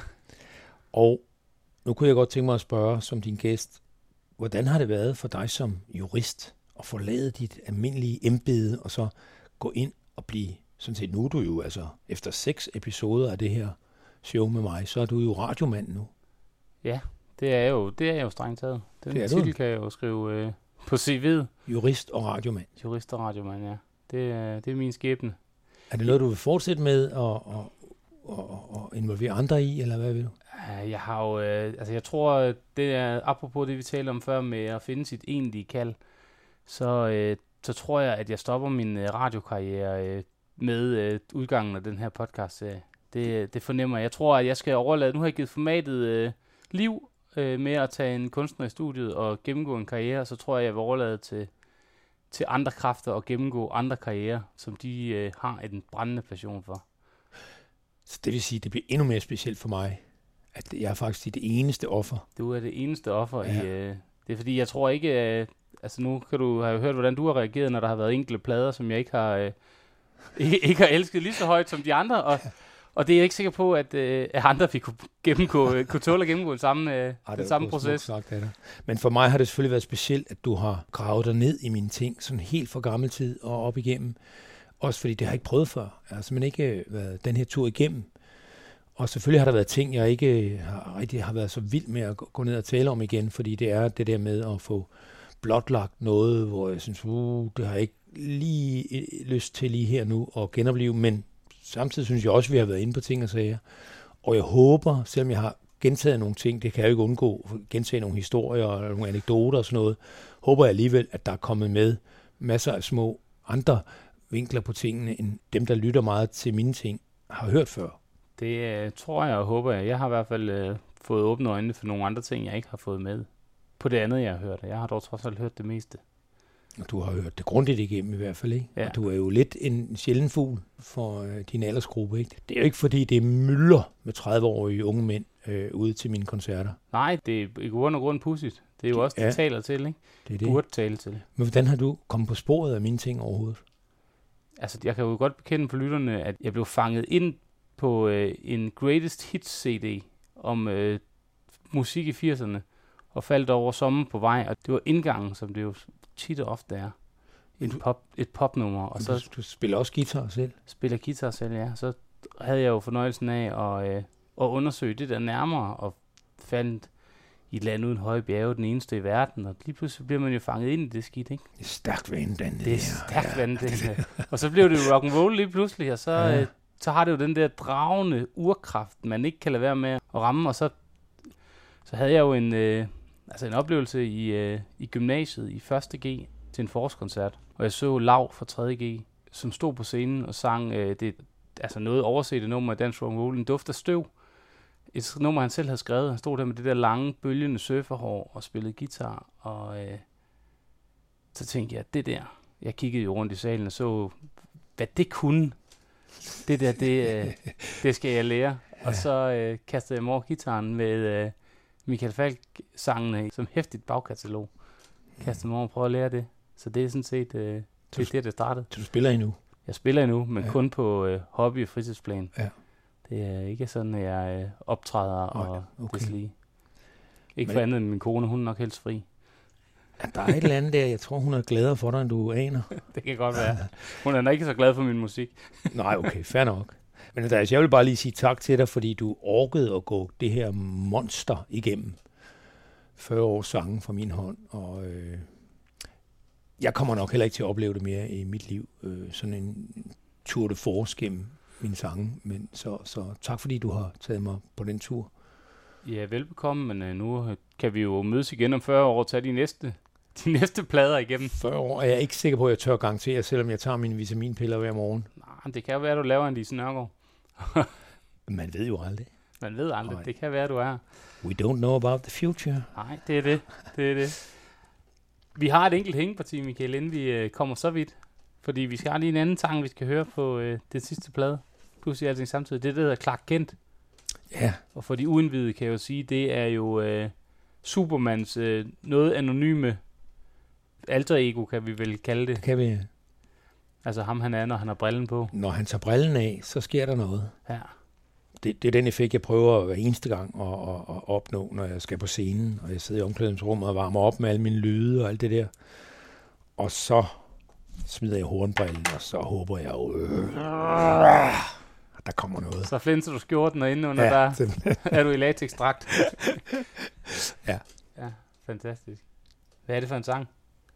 Det er en sang om at være indenfor og håbe og føle, at man egentlig hørte hjemme udenfor. Men øh, der er man ikke. Er det en følelse, du sidder med den dag i dag? Jeg, jeg synes, det er en følelse, faktisk, det her med øh, og ikke at føle mig som en del af sammenhængen, som har præget mig meget gennem mit liv. Jeg tror ikke, jeg har det så voldsomt mere, men jeg føler stadigvæk ikke helt, at jeg er en af dem på holdet. Nogle steder. Det gør jeg ikke. Er det også kvæg din baggrund? Jeg tror, det har måske meget at gøre med det der med at flytte så meget rundt som dreng i landet. Det har givet den der fornemmelse. Jeg tænker på, nu er du jo en omgængelig mand, når man sådan sidder og har dig sådan øh, på tommeltom, men jeg har tit tænkt på, når jeg har hørt navnet din kærlighedssang, tænkt, det må sgu også være svært en gang imellem. altså, når man... At være sammen med ham? Ja, når, når man kan være så altså... intens i sin tilgang til, til kærligheden og til livet i det hele taget, også på nogle af de senere albums, ikke? Altså det her... Øh... Vi kan prøve at ringe øh, min, mit livs to kvinder, mit voksenlivs to kvinder op, ikke? Og høre det. Og høre, hvad... Ja, hej, det er Michael. Vi sidder lige i noget podcast. Hvordan var jeg egentlig at være sammen med? Var det ikke lige lovligt intens til tider? og jeg ved, hvad svaret vil være. Jo, det var lige lovligt intenst. Ja, det kunne jeg næsten tænke mig. Ja. Når man kan føle så stærkt og tager ting ind, fordi det, man kan jo ikke skrive, som, som du gør, og synge, som du gør, uden at, at tingene rammer en lille smule hårdere og en lille smule øh, Klar. ubeskyttet ja. i forhold til os andre. Ja, sådan er det. Har det noget, du har mærket sådan i dit, altså i dit sociale liv og så videre, at, at du har, har du skubbet nogen fra dig, eller nogen, der ikke har kunne være i det der sådan... Øh, ej, det, jeg håber jo, at der er trods alt er så, altså selvom det er en faktor, det her, helt, helt klart er det det, fordi jeg er så øh, super sensitiv, at det nok bliver sin sag at, at skulle være sammen med mig hele tiden. Øh, men, men jeg håber, der er familieomstændigheder, som gør, at det trods alt også er rart og roligt og dejligt samtidig. I hvert fald så har det været, øh, været en fornøjelse i de her øh, seks udsendelser, hvor jeg har haft fornøjelsen. Og øh, jeg vil sige... Øh, sige tak for øh, den her gang, og slutte af med at bede dig om at smide øh, hornbrillerne, og så blive, øh, blive Superman til sidst her på nummeret Clark Kent. Og så øh, skal jeg måske... Ja, lad os lige gøre det, så lad os tage en snak om til sidst, hvordan fremtiden ser ud.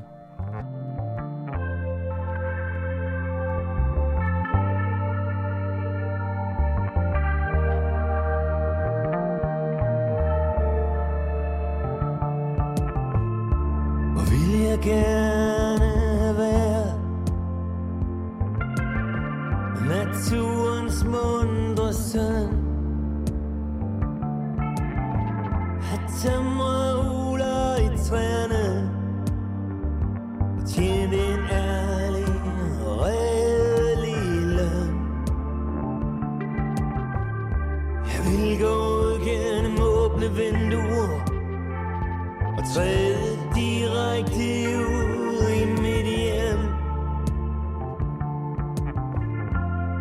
Jeg tage mulden og træde i hånd Og langsomt blive en.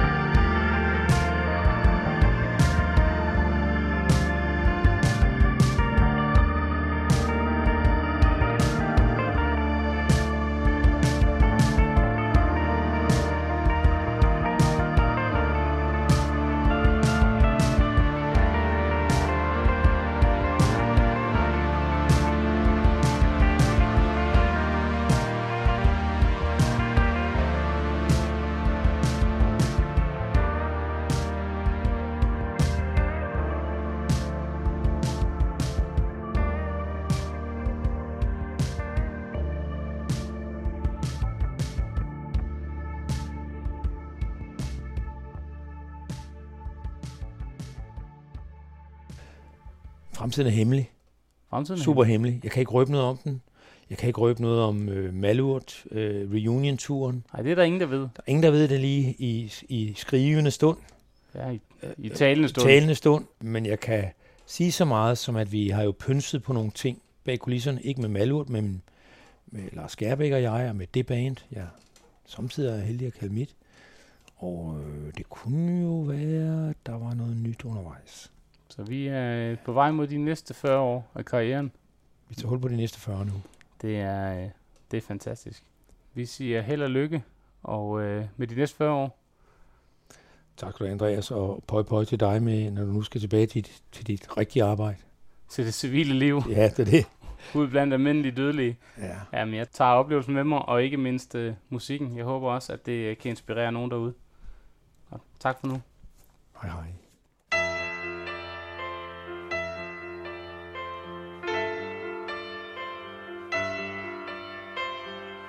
Så jeg dine drømme.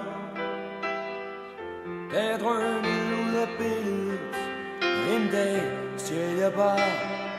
Råb og stop og forsvandt. Sad du helt alene? Med et billede og med lyden af en lukket dør. Med et håb, der var forvandlet til en illusion. Har jeg kun en rolle En ny spaghetti helt. Der tømte dine lommer og for længst var væk Da du ville sige farvel Vi ses igen Igen og igen og igen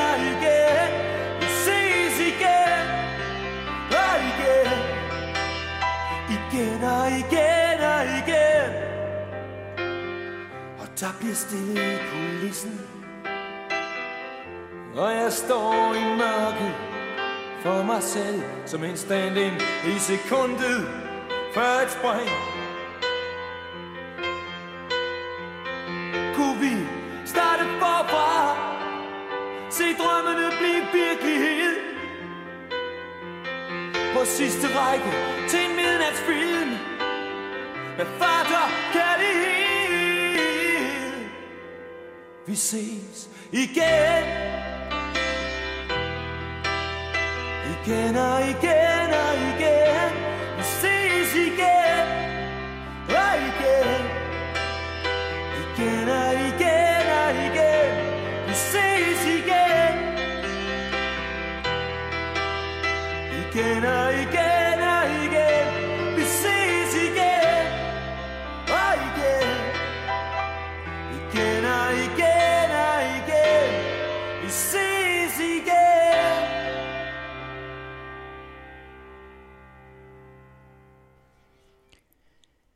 I hørte Michael Falk i samtale med Andreas Dahl.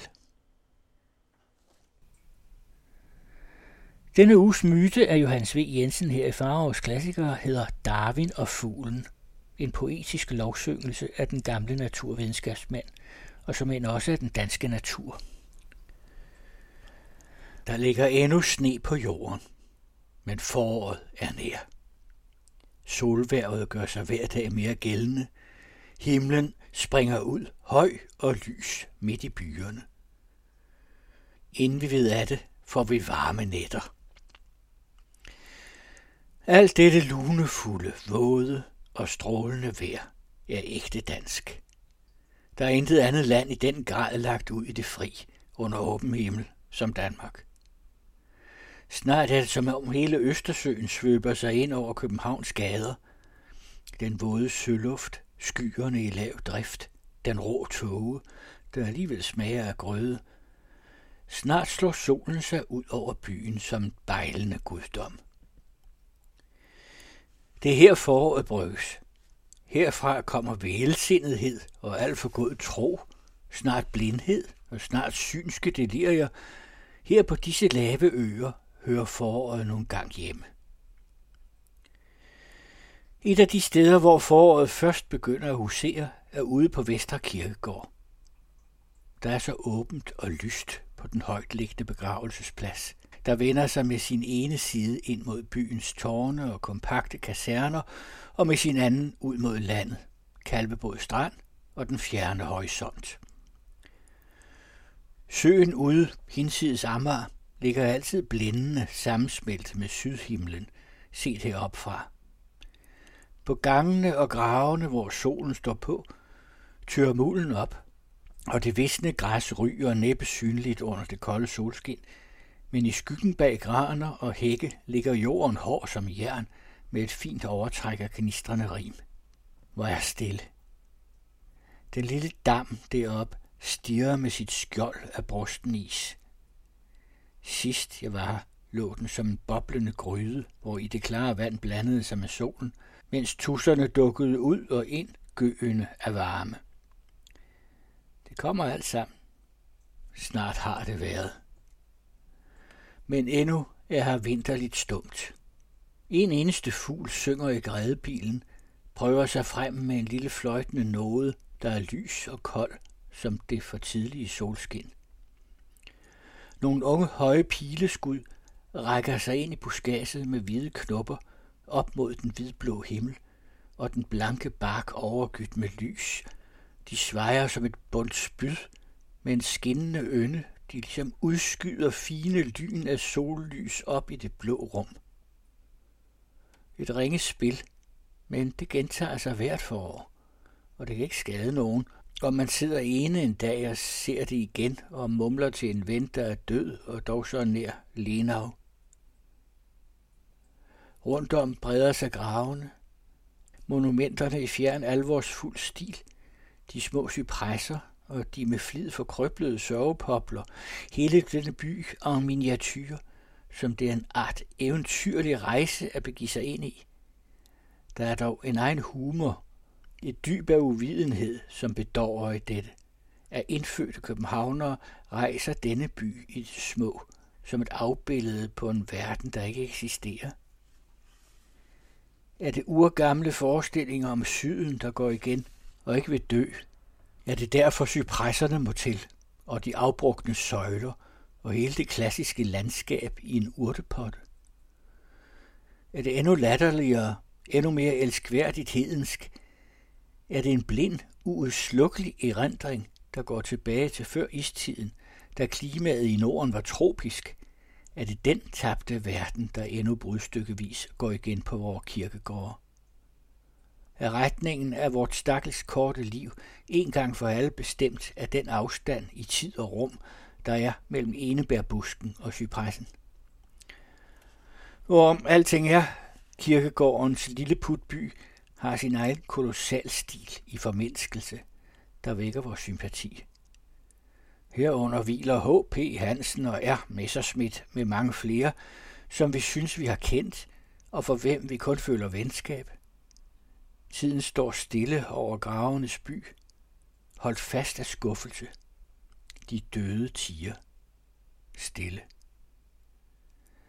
Men solen flammer i hvid majestæt på himlen, funkler, yngler. Det er som om den drøber sole fra sig, og er der sole, når man ser op til den, som Odins ring. Og varmen, der når ned fra solen gennem frostluften, fra den uhyre fjerne og over alt forstand vældige ildsfære, som vi ved og dog ikke ved svimlende ting om, denne varme er så hemmelighedsfuld, at man gyser af en gro, der er oprindelig som livet selv, og derfor sød og svimler af en lykkefølelse, der sårer tanken om, at man må dø. Det er forårets kapital, det eneste, man lægger op, og man kommer naturen nærmere, jo ældre man bliver, indtil man uden tvivl til sidst bliver et med den. Så sørgelig er tilværelsen ikke, at man taber sansen for vejr og vind, for planter og solskin og farver med alderen. Tværtimod bliver man i den henseende mere og mere forfinet efterhånden som kræfter og passioner tager af. Jeg kom til at se dette for mig i et billede, en mørk dag, da jeg trængte til at danne mig et symbol, hvor i der var skønhed og alvor, varighed. Jeg så foråret og Darwin.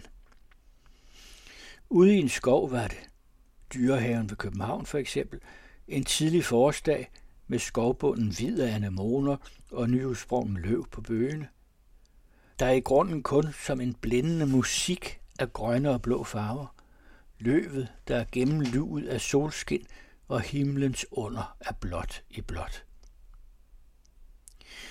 I dette hav af unge, frydefulde farver står bøgestammerne med frisk skifergrå bark som levende søjler.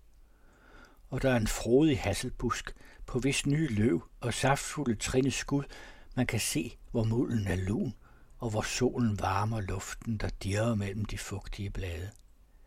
Først ser jeg ikke andet end denne samdrægtighed af farver, løvet der gror, og himlens og solens bad af lys og blåhed, hvor i det dyber sig så vorligt.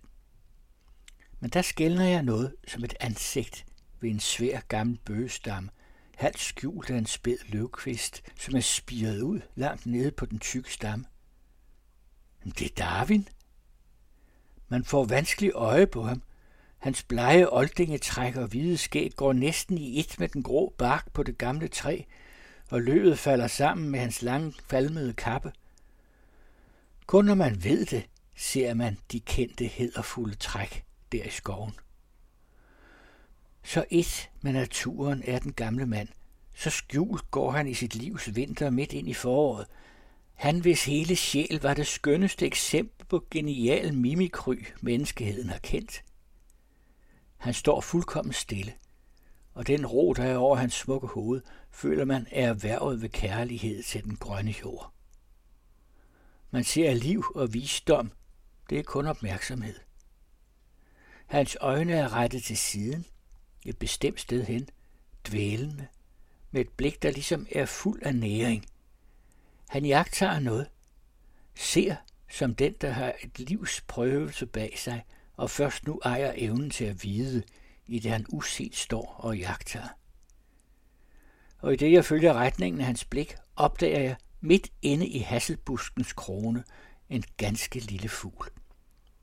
Jeg havde ellers ikke fået øje på den, stille som den sysler mellem løvet, og er en farve, der taber sig mellem skygger og blade. Den laver til rede, sidder med et langt hestehår i næbet og lægger hovedet snart om på den ene side og snart på den anden, mens den flytter sig så småt på kvisten og lægger planer for anbringelsen af hestehåret i reden, der ses halvfærdig mellem to grene. Den er så tryg, smutter så sovløs mellem blade og soltit, skønt den er ene, for den er jo, hvor den er, altid hjemme og altid fortrolig med sin lille bitte skæbne. Dagen blåner, løvet diger den varme luft. I denne vordag, fuld af sødme og ungdom, ser jeg den store kender stå varsom og gøre sig til et med fuglens tilværelse, selv ligesom udslettet af naturen, der omgiver ham. Allersten og skrøbelig, men med udødeligheden i sine milde øjne. Han ser så mosset ud, med dybe rynker i det falmede jordgrå ansigt. Han har med forlov en gammelmandsvorte ved næsen. Skægget hænger ned som en busk fin og bleget lav. Han ligner en gammel vækst. Men de blå, alvise øjne falder i farve sammen med forårshimlen. Man skal se nøje til for at skælne ham i skoven. Som man står der, leder han tanken hen på den gudsmand i eventyret, der dvælede blot en lille time i lunden for at lytte til en småfugl, der sang, og som havde været borte i tusind år, da han vågnede af sin henrykkelse. Også Darwin står og er borte, ti tusinder af år, for han ser ikke alene fuglen i busken. Han står og fatter, at det er et fjedret firben, hvis fiskeagtige forfædre engang kryb i land fra havet. Perioptalmus, står han måske og mumler, mens hans tanker er et sted i troberne, i mangovekrattet, hvor han så fisken, der går på land. Her og hos fuglen og nede i juraperioden har den gamle sammenligner og genkender sine tanker. Er han da død? Er det ikke snarere sandt, at han lever i al evighed, og altid er at finde midt inde i foråret? Sådan som Darwin tog imod tilværelsen, rørt og i dybeste ædrolighed, sådan efterlod han sig den, da han selv helt var blevet et med jorden. Foråret kommer til mig i hans navn, som solens strålevarme gennem frostluft mellem gravene. Der kommer flere myter af Johannes V. Jensen her i Farovs Klassikere i de kommende uger. Så tager vi hul på en serie programmer om det dansk-tyske grænseland.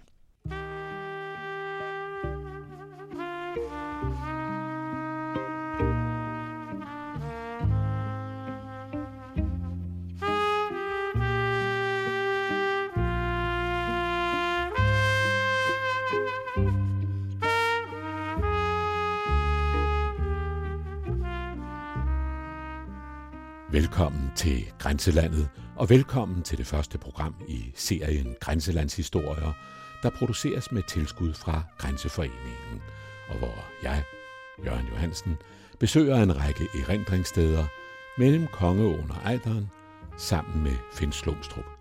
Med 1864 og datoen den 6. februar som udgangspunkt, lægger vi ud ved Dannevirke.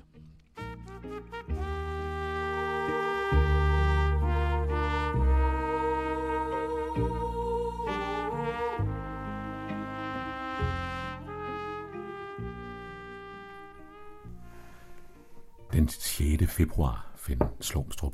Det er en øh, særlig dag i Danmarks historien, og det er jo en dag, som ikke mindst er markant, og, og som der er grund til at huske, når man står her ved Dannevirke. Ja, afgjort. Øh, altså disse mange markeringer, vi vil komme til at opleve i løbet af året, fordi nu er det 150 år siden, den berømmelige krig i 1864, den starter jo på mange måder her. Selvfølgelig har den et, et langt øh, forspil, øh, men der, hvor det bliver alvor, og vi virkelig tørner sammen, det er så her ved Dannevirke. Det var jo en speciel politisk situation, hvor vi har haft dette, at i mange, mange år var det slet ikke noget problem, at der var folk, der talte dansk, og folk, der talte tysk, og folk, der talte islandsk, og folk, der talte norsk. Det var alle sammen under den danske konge i det, der hed helstaten. Men det krakelerer jo i og med, at øh, romantikken bryder igen. Man får et helt nyt øh, billede af, hvad vil det sige at være dansk. Tidligere, der kunne man, øh, hvis man spurgte folk, om de var danskere, ja selvfølgelig var de danskere, hvordan definerede de det? Og så definerede de det i forhold til vor herre og til kongen. De var under patriarken, de var patrioter, øh, og den måde var man så national på. Det skiftede i og med det romantiske gennembrud. Øh, en nøgleperson i den her sammenhæng er jo en person som Grundtvig, øh, og da Grundtvig blev ældre, der spurgte han jo flere gange i sine skriverier sig selv om, hvornår blev jeg egentlig dansk? Og, og Grundtvig var født i 1783. Han giver tre forskellige forklaringer, men de ligger alle sammen omkring sådan 1816, 17, 18, da han altså er en voksen mand langt op i 30'erne. Der bliver han for alvor dansk. Øh, og det er så, at det pludselig ikke bare er majestaten. Grundtvig havde bestemt majestaten med hele tiden. Men det er ikke bare majestaten. Det er også kulturen, og det er først og fremmest sproget, og det er naturen, man begynder at besynge. Og pludselig sker der jo, eller ikke pludselig, men på ret kort tid sker der faktisk det, at hvor dansk og tysk havde kunnet trives sammen, bliver dansk og tysk pludselig uforenelige modsætninger. Og det bringer Danmark og den danske monark ud i nogle gevaldige problemer. Fordi vi havde jo et Danmark, der både bestod af kongeriget ned til kongeåen, og derefter var der så hertugdømmerne Slesvig og Holsten og Lauenborg, som også var den danske konges. Han var jo også medlem af det tyske forbund, fordi han var øh, hertug i Holsten. Så, så det var en meget tricky situation, der her begyndte at, at blive bygget op. Det øh, brød første gang meget voldsomt ud med krigen 1848-50. Vi plejer altid at sige treårskrigen 1848-50, men den slutter jo faktisk først i januar 1851. Og der starter det store danske selvbedrag, kan man sige, fordi vi mener, at vi der har vundet en stor krig. Og i virkeligheden kan man jo se i dag i bagklogskabens lys, at vi opererede i et meget snævert rum, ud fra hvad de omgivende stormagter ville tillade, og de var egentlig ikke interesseret i, at der skete de store forskydninger, så det var okay, at Danmark stadigvæk, den danske konge stadigvæk sad over Slesvig og Holsten. Øh, spændingerne voksede, fordi efter øh, treårskrigen startede der så fra dansk side en meget firkantet danificeringspolitik over for jo især de oprørske holstenere, for det var naturligvis i Holsten, at, at, at den tyske bevægelse, længst den efter virkelig at komme ind i det tyske forbund for alvor, at den øh, voksede op. Øh, og det vil sige, at dette at lave sådan en kraftig danificeringspolitik, det blev til en boomerang. Den tyske bevidsthed voksede og voksede. Og på, til sidst bliver de politiske spændinger ubærlige. Nu gider danskerne ikke mere have alt det bøvl, og rent faktisk mener vi jo også, at vi har banket de der germanere en gang i 1848-50, og skulle det ske, så kan vi vel gøre det en gang til. Og så bevæger vi os ud i det meget, meget farlige landskab og laver den danske forfatning om. De danske konger har i mange, mange år og århundreder skrevet under på, at Slesvig og Holsten skal være up evig ungedelt sammen. Og det har Frederik den 7. skrevet under på, øh, og det skriver også en nytiltrådt Christian den 9. under på. Og alligevel er den danske regering så i gang med at skille Holsten og Slesvig ad. Og det er man ved at sige, at nu laver vi en forfatning, der kun skal gælde for kongeriget og Slesvig. Øh, og det er faktisk et brud på internationale traktater. Det er indiskutabelt, at det er et sådan brud, og det er så det, Bismarck og så videre over i Preussen øh, observerer, gør os opmærksom på, men vi fremturer. Og så får vi så en krig, som vi militært ikke var forberedt på, og Dannevirke, der jo i virkeligheden i mange, mange hundrede år ikke havde betydet noget som helst. Fordi fra 1460, der, eller længere tilbage nu måske, der, der rykkede jo den danske grænse, kan man sige, den danske konges øh, territorium, rykkede jo helt ned til Ejderen. Så, så, så Dannevirke var ikke betydningsfuld der, kan man sige. Men nu aktiverede man, pludselig fik Dannevirke, der jo havde en kolossal, skal vi sige, mytologisk betydning. Den fik nu så også en militær betydning. Vi var ikke militært særlig godt forberedt på det, fordi skulle der komme noget militært, så skulle det nok ikke være her, mente man. Øh, det var nok mere over øst på. Vi var forberedt, men nu skulle det altså være. Man aktiverede, øh, og så mente man, at vi har så altså øh, forsvarsværker ved, ved Dannevirke, og vi har Fredericia, og det er der, vi, vi, vi kan så få behov for, besvar, for at forsvare os. Øh, og der må man nok sige, at, at kommunikationen dengang var ikke, hvad den er i dag. Så over i København sad der nok en del mennesker, der ikke rigtig havde noget kendskab til, hvordan Dannevirke egentlig så ud, hvordan den var beskaffet. Øh, men der blev altså lagt op til dansk frontalforsvar her, og øh, general de Mesa blev, blev øh, chef for dette forsvar, som så i virkeligheden stort set aldrig fandt sted. Vi skal tænke på dato. Februar, januar, februar måned, øh, efterhånden som de opbygger forsvaret, bliver de danske officerer med det meste i spidsen mere og mere chokeret over, hvor dårlig situationen egentlig er. Blandt andet er der jo det ved Dannevirke, som det lå på det tidspunkt, at, at Vesten om, der var der mudret, og det var derfor ikke fremkommeligt. Men det var jo frosset til, så det var muligvis alligevel fremkommeligt. Altså kunne man komme Vesten om og, kom, og på den måde komme bag om Dannevirke, øh, så man kunne risikere, at de danske soldater blev fanget i en slags knivtang. Det fører sig alt sammen frem til, at, at øh, generalstaben diskuterer mere og mere, er det i virkeligheden klogt at satse voldsomt på at holde det her? Og det ender jo så med, øh, at, at, at Mesa beslutter, at, at det, kan ikke, det kan ikke lade sig gøre. Vi rømmer Dannevirke. Øh, og så, da han har meddelt det til København, så afbryder han jo øh, forbindelserne for ikke at risikere at få en kontraordre, hvad han var sikker på nok, at han ville få. Øh, og så får vi så en, en øh, militær øh, begivenhed, der jo senere egentlig er blevet berømmet, og du kan i dag sagtens læse bøger, og der er mildestalt skrevet meget.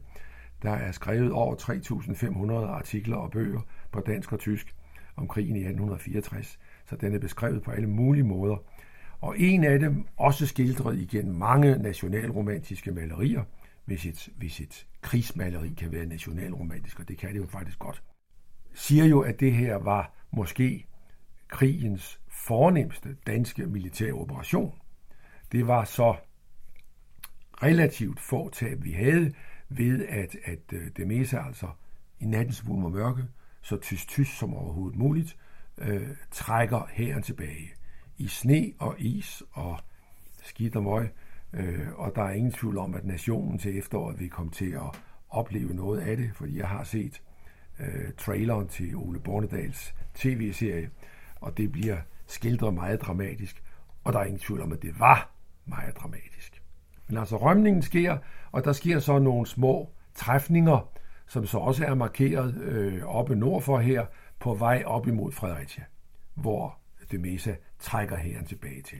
Og jo efterfølgende, som vi ved, bliver afskediget, øh, og absolut ikke med, med, med, med ære, øh, fordi han jo også har, han har, han har krydset de ordre, der lå, Dannevirke skulle forsvares dramatisk. Og det var en rystelse. Det var også en rystelse, fordi netop Dannevirke havde den mytologiske karakter, den havde. Øh, og, og, og den, den suveræne, øh, kunstneriske skildring af det her, det er jo Herman Bangs roman om Tine. øh, som jo er en genial roman, hvad det her angår, ved at der er jo ingen krig i den. Men man hører rygtet. Dannevirke er faldet. Og Herman Bang, der jo var en suveræn skribent, skildrer, hvordan de, de altså sender rystelser igennem, ikke bare op i Sønderborg omegn, men hele nationen. Det må da være løgn. Den var jo uindtagelig. Og på den måde får den denne kolossale betydning. Og det er altså her, det starter natten der mellem den 5. og 6. februar.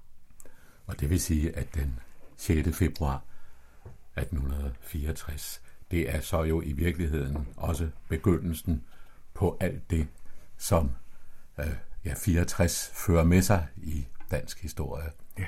øh, og i den danske samfundsmodel øh, jo i virkeligheden. Ja, det er det. Og, og det, der sker i, i, i, i 64, det er jo i virkeligheden, at, at da forsvinder de aller sidste rester af øh, nationalstaten, fordi det lander jo med, at, at, at knapperne op øh, et år senere, øh, der ligger det så klart, at vi mister Slesvig og Holsten og, og Lavnborg, øh, og Danmark bliver meget, meget lille. Vi mister, vi mister jo øh, om 35-40 procent både af vores landskab og af vores befolkning, så der er ikke ret meget tilbage, og, og hele diskussionen starter jo så også om, øh, jamen, kan det her overhovedet overleve? Er vi ikke for små nu? Øh, men, men først og fremmest jo altså også en bevægelse, der har haft konsekvenser lige op til i dag. Fordi 1864 drejer simpelthen hele den danske selvopfattelse. Det, det bliver til Danmark for danskerne på en måde, som man ikke har haft det før.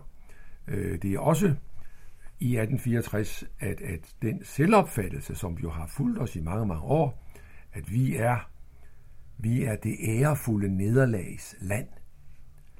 Den, den billede, øh, altså vi, vi tabte indiskutabelt, men nej, hvor havde vi dog æren i behold. Det tror jeg ikke, at soldaterne i 1864 øh, ville være enige i, for det var mildestalt ikke nogen heldemodtagelse, de fik. Øh, det var helt tydeligt, at nationen umiddelbart skammede sig, øh, og soldaterne fik faktisk en, en, en miserabel behandling øh, af det officielle Danmark, da, da, de, da de var forbi. Men senere blev det jo så til, men det var noget helt andet end den tabre landsoldat i treårskrigen og ånden fra 48 og alt det der. Det var det helt bestemt. Og i senere historieskrivning, ja, der er så treårskrigen og 1864 jo også blevet produkter af det, nogen så har kaldt en dansk borgerkrig i virkeligheden. Ja, øh, jeg mener ikke, der er tvivl om, at, at, at, at i hvert fald øh, den første krig, øh, det var en dansk borgerkrig. Øh, det må man sige. Det, øh, der var naturligvis lidt forstærkning udefra, men ikke meget. Men i den anden krig, der står jo Preussen og Østrig øh, side by side over for Danmark. Og så kan man selvfølgelig ikke kalde det en borgerkrig, men det betyder jo også, at det så er en helt, helt anden modstand, Danmark møder, end den man mødte i treårskrigen. Og det er jo en af de store, store øh, fejlvurderinger, at man måske ikke var klar over den, hvad det her var, man var oppe imod.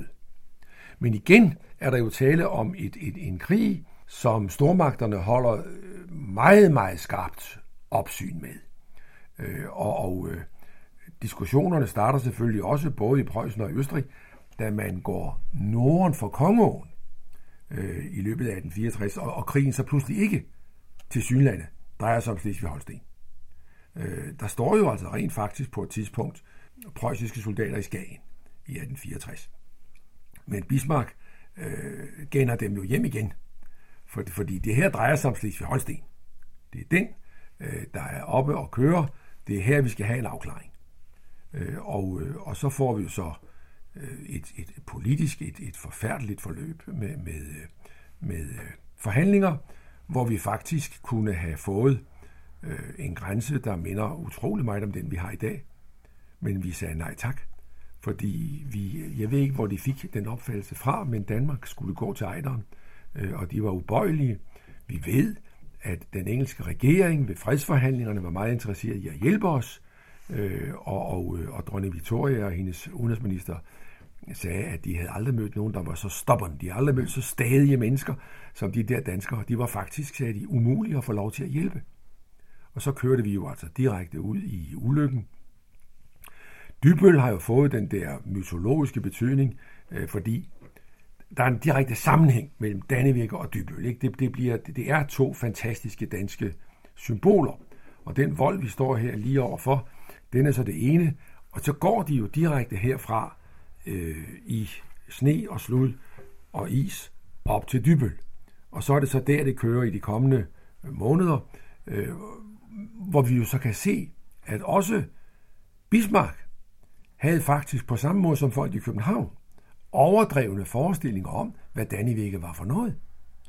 Så i stedet for at gå efter den danske her og bare smadre den, så graver de sig jo ned, og vi får den der lange periode, eller så var den altså ikke længere, men vi får nogle måneder, hvor, hvor, hvor prøjserne og østrigerne lige så langsomt graver sig op imod Dybøl, og så ligger de så over på den anden side af min bund, øh, og beskyder tværs over min bund over på Dybøl Banke, øh, og, og det bliver jo til, man snakker meget om stormen på Dybøl, men det hører jo også med, at, at, at i, i, øh, i Sønderborg var der dengang sådan nogen som 570 huse, og de 490 af dem, de var beskadiget. Sønderborg blev bombet sønder og sammen, og brød brand, ikke sandt, og møllen blev bombet sønder og sammen. Så da vi når frem til den 18. april, og stormen finder sted, der er der stort set kun grus tilbage. Og, og prøjserne kan køre lige igennem, og, og selve det berømte slag var jo kun fire timer. Man kan måske med en vis ret sige, at hvis porten i Dannevirke, om jeg så må sige, var et billede på kontakten mellem Norden og Europa, så bliver 1864 også et billede på Danmarks inddragelse i det europæiske rum og i en øh, storpolitisk europæisk øh, diskussion i virkeligheden.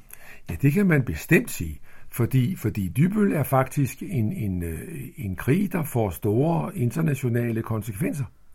Hele starten på samlingen af det store tyske rige starter jo her. Øh, hvis man tager til Berlin og går ned og ser på sejrsøjlen, på Siegesøjle, så står der jo Dybbel 1864 nederst. Det starter på Dybbel, og derefter går det så videre med, med Østrig i 1866 og den fransk-tyske krig i 1870-71. Og med de tre øh, trin, så er øh, Preussen der, hvor der virkelig nu er basis for at, at samle øh, hele det tyske rige øh, under Preussens lederskab. Så man kan sige, at, at Dybøl øh, og porten til Dannevirke hernede altså starter i en historie, øh, der dels er en dansk nederlagshistorie, men også bliver en tysk triumfhistorie, der gradvist forvandler sig til en kolossal nederlagshistorie, der i virkeligheden først slutter i 1945.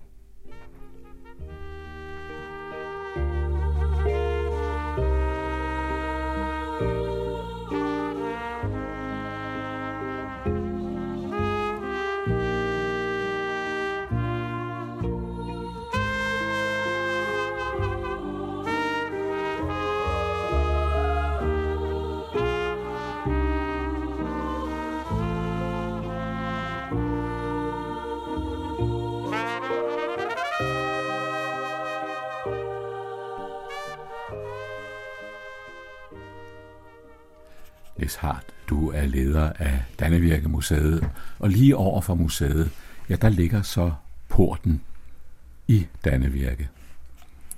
Ja, Danmarks port til Europa, eller Europas port til Norden, om man så vil. Det er meget interessant, at vi har gjort det her fund, fordi det er første gang, at man overhovedet har kunnet finde en åbning i øh, hovedvolden, det vil sige det centrale afsnit af Dannevirkevolden.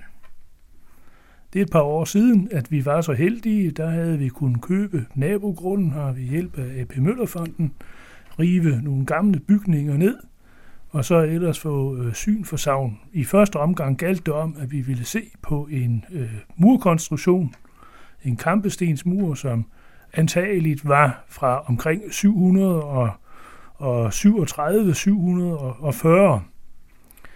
Det viste sig, at denne her øh, kampestensmur var i en meget, meget fin stand, Og det var vi altså meget, meget glade for. Det var noget, øh, de slesvig-holstenske fredningsmyndigheder skulle øh, finde ud af, fordi vi havde planer om at bruge stykke af muren i vores museumsformidling, altså simpelthen gøre den synlig for publikum, fordi man kan ikke se i muren noget som helst sted.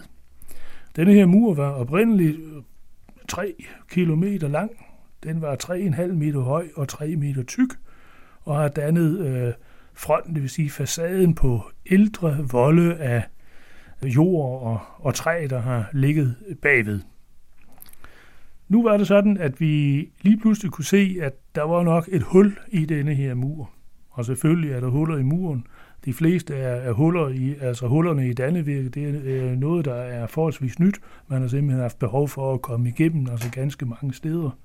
Men her viste det sig så, jamen her var der så tale om et konstrueret hul i muren. Det vil sige et sted, hvor man havde haft anlagt en port. Og det var jo så meget, meget spændende. Og ikke mindst fordi det så sidenhen viste sig, at vi også havde øh, chance for at øh, kunne datere nogle af de her ældre volde, der lå bag ved denne her stenmur. Og nu er vi altså så tilbage til omkring tiden 500 efter Kristi fødsel. Det var i 2010, man fandt øh, selve åbningen. Men man vidste vel godt, altså fra skriftlige kilder og så videre, at der formodentlig var en. Ja, der var en port, men der ja. var ikke nogen, der vidste, hvor den var. Og det her sted hedder jo så selvfølgelig det Østre Kalegat, hvad der betyder så meget som det østlige forkullede øh, hul, eller gennemgang i øh, volden. Men der er også noget, som hedder Vestre Kalegat. Det ligger så ude ved Kurborg. Det ligger godt og vel to kilometer altså længere mod, mod vest. Så et af de her steder kunne man jo godt tænke sig, at der havde været en, en, en port i volden. Men nu var der altså her. Og det er vi selvfølgelig meget glade for, for de ligger jo lige altså 30 meter ud for øh, Sydslesvigs Foreningsmuseum øh, her. Men de skriftlige kilder, de var altså ikke så præcise, som man kunne, og man så må sige, her må det være. Nej, der er jo ikke ret mange skriftlige kilder, og dem, som har beskæftiget sig med det i første omgang, de sad jo også for os viser så langt væk. Første gang Dannevirke bliver omtalt i skriftlige kilder, det er i nogle frankiske rigsanaler, og det er i år 808. Og der øh, nævnes der så også blandt andet, ikke, at der kun er en eneste port, som enten altså ja, fodgængere eller ryttere til hest, eller, eller, eller man kunne komme igennem der med, med vogn. Ja, for hvis du skulle forestille dig den trafik, der har været så igennem porten her lige over på den anden side, øh, hvad, hvad har det først og fremmest været for en trafik? Jamen det har jo simpelthen været alt trafik. Alt trafik, der skulle øh, enten altså fra, fra nord mod syd, eller fra syd mod nord, altså op igennem Jylland, jamen de skulle altså krydse Dannevirke på, på det her sted. Altså høj som lav, ikke? Den, den uselste tigger, ikke? En, alle øh, kriger, altså kongens mænd, kongen selv, øh, kongens fjender, og, og selvfølgelig også øh, de første munke, der kom her for at, at kristne danerne. Og det vil sige, at det har stort set været, ja, det har været al trafik fra Europa ind i Norden, der skulle passere stedet her, ja, og omvendt. Og, ja, lige akkurat. Og det giver jo stedet en fantastisk, også symbolsk betydning. Absolut. Og vi kan altså påvise, at man jo så har brugt den her port i over 500 år. Så ser det ud til, at man har, har lukket den, formentlig i forbindelse med, at man jo så byggede en ny mur op på stedet, nemlig altså Valdemars gevaldige teglstensmur, som blev bygget eller påbegyndt omkring 1170 efter Kristi fødsel. Fordi øh, i forbindelse med udgravningen af porten har vi nemlig også fundet denne murs begyndelse. Den ligger lige akkurat en 7-10 meter fra den gamle port. Og inde i det her opfyld, vi, vi jo så har, har fjernet i den gamle port, jamen der ligger der lige akkurat altså ubrugte sten fra det her murbyggeri hvis man skulle prøve at sætte ord på betydningen af sådan en øh, passage i en ellers forholdsvis effektiv forsvarsmur. At hvad, hvad er det for påvirkninger, hvad er det for impulser, der på den måde har været afhængige af porten? Jamen det er jo altså så at sige sømstedet. Ikke? Du må forestille dig, det er her, altså vores oldnordiske kultur fik kontakt til alle øh, strømninger, der foregik i Europa. Det skulle altså igennem det her lille nåleøje. Så jamen det er jo altså, det er simpelthen så enestående. Ikke? Det, det kan næsten ikke beskrives. Nej, hvis du gør et forsøg alligevel. Jamen skal jeg komme, komme nærmere på det. Som, som, som sagt, ikke, så siger jeg jo, at øh, det var her, ikke? Man, man, man, man skulle starte, hvis man overhovedet skulle ind i, i, øh, i det danske rige. Ikke? Det var her, man, man mødte, hvis man nu kom ned, ned fra Europa, en, en helt anderledes øh, fremmed kultur. Og øh, det var også her, man selvfølgelig skulle tage kontakt til en anden verden. Ja, det skulle man selvfølgelig også, når man bevægede sig den, den anden vej. Og det væsentligste ved sådan en port, det er jo så også, at man, man kan se, at man jo ikke bare kan nøjes med at sætte en, en skillelinje, en, en grænse, som stopper et eller andet op, som ligesom skal forhindre noget på den ene eller den anden måde. Det er altså lige så vigtigt, at man også åbner sig. Ikke? At man også er udadvendt, og at man er modtagelig for, for nyt. Det er ganske, ganske vigtigt, og det synes jeg, at det symboliserer denne port jo. Har man i forbindelse med udgravningerne fundet spor efter trafikken, efter de mennesker, der så igennem jo rigtig mange århundreder har færdes igennem porten? Ja, vi har jo øh, sporene af den gamle vej, der gik igennem porten. Porten som sådan har vi ikke fundet nogen spor af. Så vi ved ikke rigtigt, hvordan man har lukket vejen, når der opstod øh, behov for det. Men ellers har vi jo øh, fundet øh, vognspor, altså aftryk af, af hjul i øh, sandlagene, der, der ligger inde i, i porten. Og vi har frem for alt også fundet lidt øh, bygningsmaterialer. Der er altså teglsten, og der er noget frødsten, og der er noget væssesten og sådan noget. Der er også et, et øh, beslag øh, fra en, en spade, altså ting og sager, som har med byggeri at gøre. Ellers har vi altså desværre ikke rigtig fundet noget. Der er mange, som kommer og, og spørger sig, men har I ikke fundet nogle mønter? Skulle man ikke betale 12? Er der ikke nogen, der har tabt det ene og det andet? Næh, man kan ikke rigtig sammenligne sådan et, et, et hul i volden med en boplads. Altså, vi kan desværre ikke altså, fremvise sådan en fundmængde, som man kan i tilsvarende hul over i, i Hedeby for eksempel. Det skal man altså heller ikke øh, forvente. Så er der andre, som siger, jamen så må der være nogle våben, man har da slåsset hernede, og især ved en sådan port har man da kæmpet bragt. Ikke når det var sådan, at Dannevirke blev angrebet. Jo, jo. Vi kan da også se, at der er nogle brandlag inde i, i porten, som øh, sikkert altså, er, må stå i forbindelse med et, med et angreb på porten. Ikke? Men man må også forestille sig, at alt det, der ligesom øh, gik tabt, det har man jo samlet op. Man har jo ikke lavet noget ligge altså hjelme og skjolde og, og svær og hvad der ellers var, det har dem, som sejrede, det har de selvfølgelig samlet op og taget med sig igen. Og så ved jeg ikke, om man kunne forestille sig, at netop der så mange trafikanter er kommet denne her vej, altså kunne skabe en forventning om, at man måske i omegnen kunne finde spor efter herberg og indlogeringsmuligheder eller noget i den stil det er nok meget, meget svært. Vi har selvfølgelig nogle bebyggelser her, men selv på de der bebyggelser er det jo meget svært at, at, at se, altså hvad har bebyggelserne egentlig tjent til, ikke? Hvad, ja, var det landbefolkning, der boede der, eller var det øh, folk, som hovedsageligt havde med, med handel og, og anden omsætning at gøre, var, var det håndværkere, ikke? Man finder jo spor af, af ganske mange ting på, på øh, bopladserne. Så altså, vi kan desværre ikke sige, at vi har fundet noget, der, der tyder på, ikke, at man kunne ja, man kunne indlogere sig her. Det, på samme måde, så kan vi også sige, at vi har heller ikke fundet spor efter øh, kaserner, kasteller og, og lignende, som man kunne forestille sig, at krigerne opholdt sig i, ikke? Når, når, når det var sådan, at, at øh, Danmark var i, i krig hernede ved, ved Dannevirke. Det er der bare ikke. Men jeg tror, altså meget hænger også sammen med, at man jo ikke var her altså permanent. Ikke? Når, når nu krigerne skulle ned, jamen, så kom de jo hertil. med, med deres skibe, og de har sikkert haft teltet med, og så har de ellers altså, slået teltlejre op her inde ved, ved volden, og når de så var færdige, jamen, så er de sejlet hjem igen. Og det er jo ikke noget, som så ligesom har, har krævet, at der blev bygget et eller andet stort. Øh, hvornår sagde du, at øh, porten, om jeg så må sige, igen kom ud af, af brug? Vi vil tro, at det skete i forbindelse med, at Valdemarsmuren blev bygget.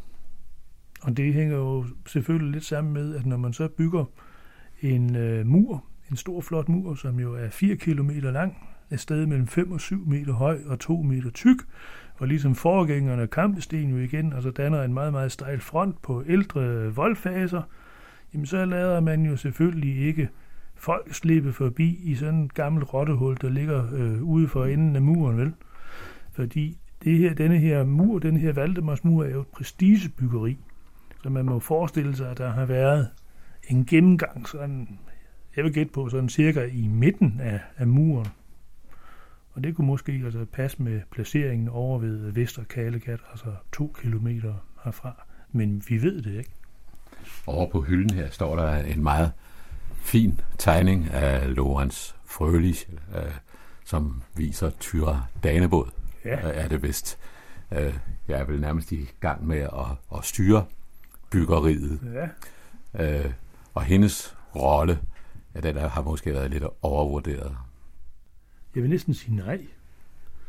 Hendes rolle som altså direkte bygherre er nok overvurderet. Men hun har jo haft en immens betydning for selve øh, forståelsen af, hvad Dannevirke er, altså danernes værk. Og øh, det er jo en rolle, som allerede er, er bekendt på øh, Valdemar den Stores tid. Ikke? Der kan vi jo så altså, øh, se, at jo øh, Saxo Grammaticus og også historikeren Svend Ankelsen, at de jo øh, nævner Tyre Danebod og også øh, omtaler hende som, som bygherren af, af Dannevirke. Så det vidste man, eller det var en, en sandhed i, i middelalderen. Men ellers så, altså, så tror jeg selvfølgelig ikke på det.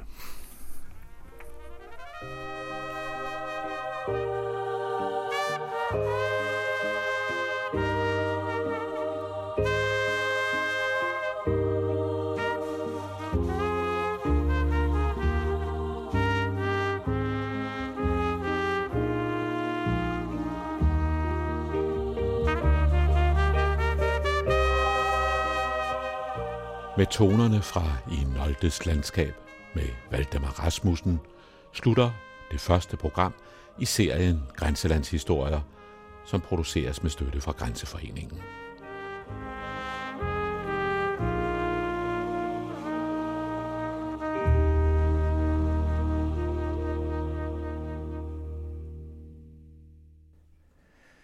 Det var det første program i en serie Grænselandshistorier, som redigeres af Jørgen Johansen. I udsendelsen medvirkede Finn Slumstrup og Niels Hart, der er leder af Dannevirkemuseet. Og vi bliver lidt i dialekternes rige. Dialekterne har trange tider i vore dage, men der findes stadigvæk nogen, heldigvis, der kan tale dialekt. Uwe Dahl, der senere i livet blev seminarielektør i Ribe, kan tale sønderjysk, og han kan fortælle – og her handler det om hans skoletid i landsbyen Tombøl i Sønderjylland. Så jeg vil gerne fortælle noget om den gang, jeg gik i skole nede i Tombøl. Det var en landsbyskole med en fjers børn og to lærere. Nu ved I måske ikke, hvor Tombøl det ligger hen, men det ligger nede ved Gråsten. Altså mellem Offenrå og Gråsten, vil jeg sige. Den skole gik jeg i fra 1946 til 51. Og han sagde, det er den bedste skole, jeg nogensinde har gavn i. Og jeg ved, hvad jeg snakker om, for jeg har lavet andet hele mit liv i at gå i skole. Hvorfor var tombolskolen så god?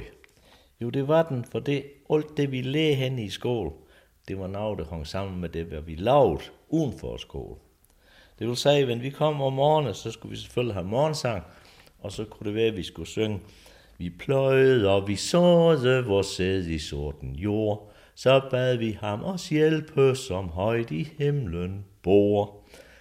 Og det passede jo rigtigt, for nu har vi lige fået det kvorn så i uge og mark, og så tændte vi, nu kunne vi her jo godt komme med en moleren, for så et kvorn det kunne begynde at spige frem. Så om sommer, der mødte vi i skål 20 minutter af 7 om morgenen.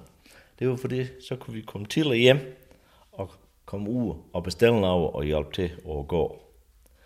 Så vendte vi mødte der kl. 20 minutter af 7, så sang vi Nu titter til hinanden, de farve blomster små, de muntre fugle kalde på hver andre. Nu alle jordens børn deres øjne opslå og sneglen med hus på ryg vil vandre. Og se, sådan var det jo. For wenn er nu ren op ad gar og op til skole, så kunne jeg høre Ulf fagligt sang op i et træ. Og snegl, den var jo og vej inde i Sigrev, så den kunne komme væk fra sol, og alle der så de små blommer, de støj. Så det passede jo sammen det hele. Men hvis jeg skulle hjem om eftermiddagen fra skole, så sang vi gerne, Se det sommer har sol over engen, honningbien vil fylde sin kurv, og der pusles ved bordet og sengen, af den mindste sisken og spor. Og sådan passede det igen sammen, for vi var alle sammen sådan små bier, der skulle stræve og hjem fra skole og han af at spise, og så skulle vi have det dårlige tøj over, og så skulle vi ud og bestille noget. For det var altid noget, der skulle laves. Så skulle vi hente noget hø, så skulle vi hakke noget råge, så skulle vi måge ned ved svin, så skulle vi fage spindelvæv ned, ned i stål. Jeg kan høre min far, når hver gang jeg mødte ham, så så han gerne, Uwe, kan du ikke lige spænde for og køre op og gøre det og det? Så sådan var det. I regning, der har vi jo en trumpegård i regnebog. Den hed Landsbyskolens regnebog. Alt, hvad der stod i den, det var noget, vi kunne bruge. Det var noget med brøg og snes og dusin og æg og kø og høns. Så hvis vi så skulle handle med kanine, så kunne vi jo ordne bruge det, vi har lært af i regning, med at regne ud, hvad det skulle koste, og hvor meget vi kunne tjene over. Så jeg har, jeg har en hel stak kanine, men jeg har ingen kaninbuk. Så men jeg så skulle have unge i min hunde, så skulle jeg gerne om til Valborg Jacobsen. Hun bor jo i Mølgaard. Hun har en stor fransk verre, sådan en kanin med sådan en lang øre, der hænger ned. Og det blev hun så sådan ind i bud til, til buk, og så cyklede jeg hjem igen. Men det nu var unge i hund, så kostede 25 øre, og hvis det ikke var unge i en, så kostede det noget. Så kan jeg også en gang, jeg kom hjem, og så spurgte de, Nå, hvor har du været hen, Uwe? Jeg sagde, jeg har været om ved Voldborg, for min kanin, der skulle til buks. Ja, så de, tror du så, det er kommet unge en? Ja, så jeg, det er helt sikker, for han, den besvimt to gange. Og så i den historie, den skulle jeg tit fortælle, når vi har i fremme, så vil de gerne høre, om jeg har været til buks med min kanin, og at han, den har besvimt to gange. Så i regningen der, der fik jeg engang en åbenbaring. Og det skal siges, det er den eneste åbenbaring, jeg nogensinde der har. Men det var i 5. klasse, der skulle vi til at lære noget med procenter.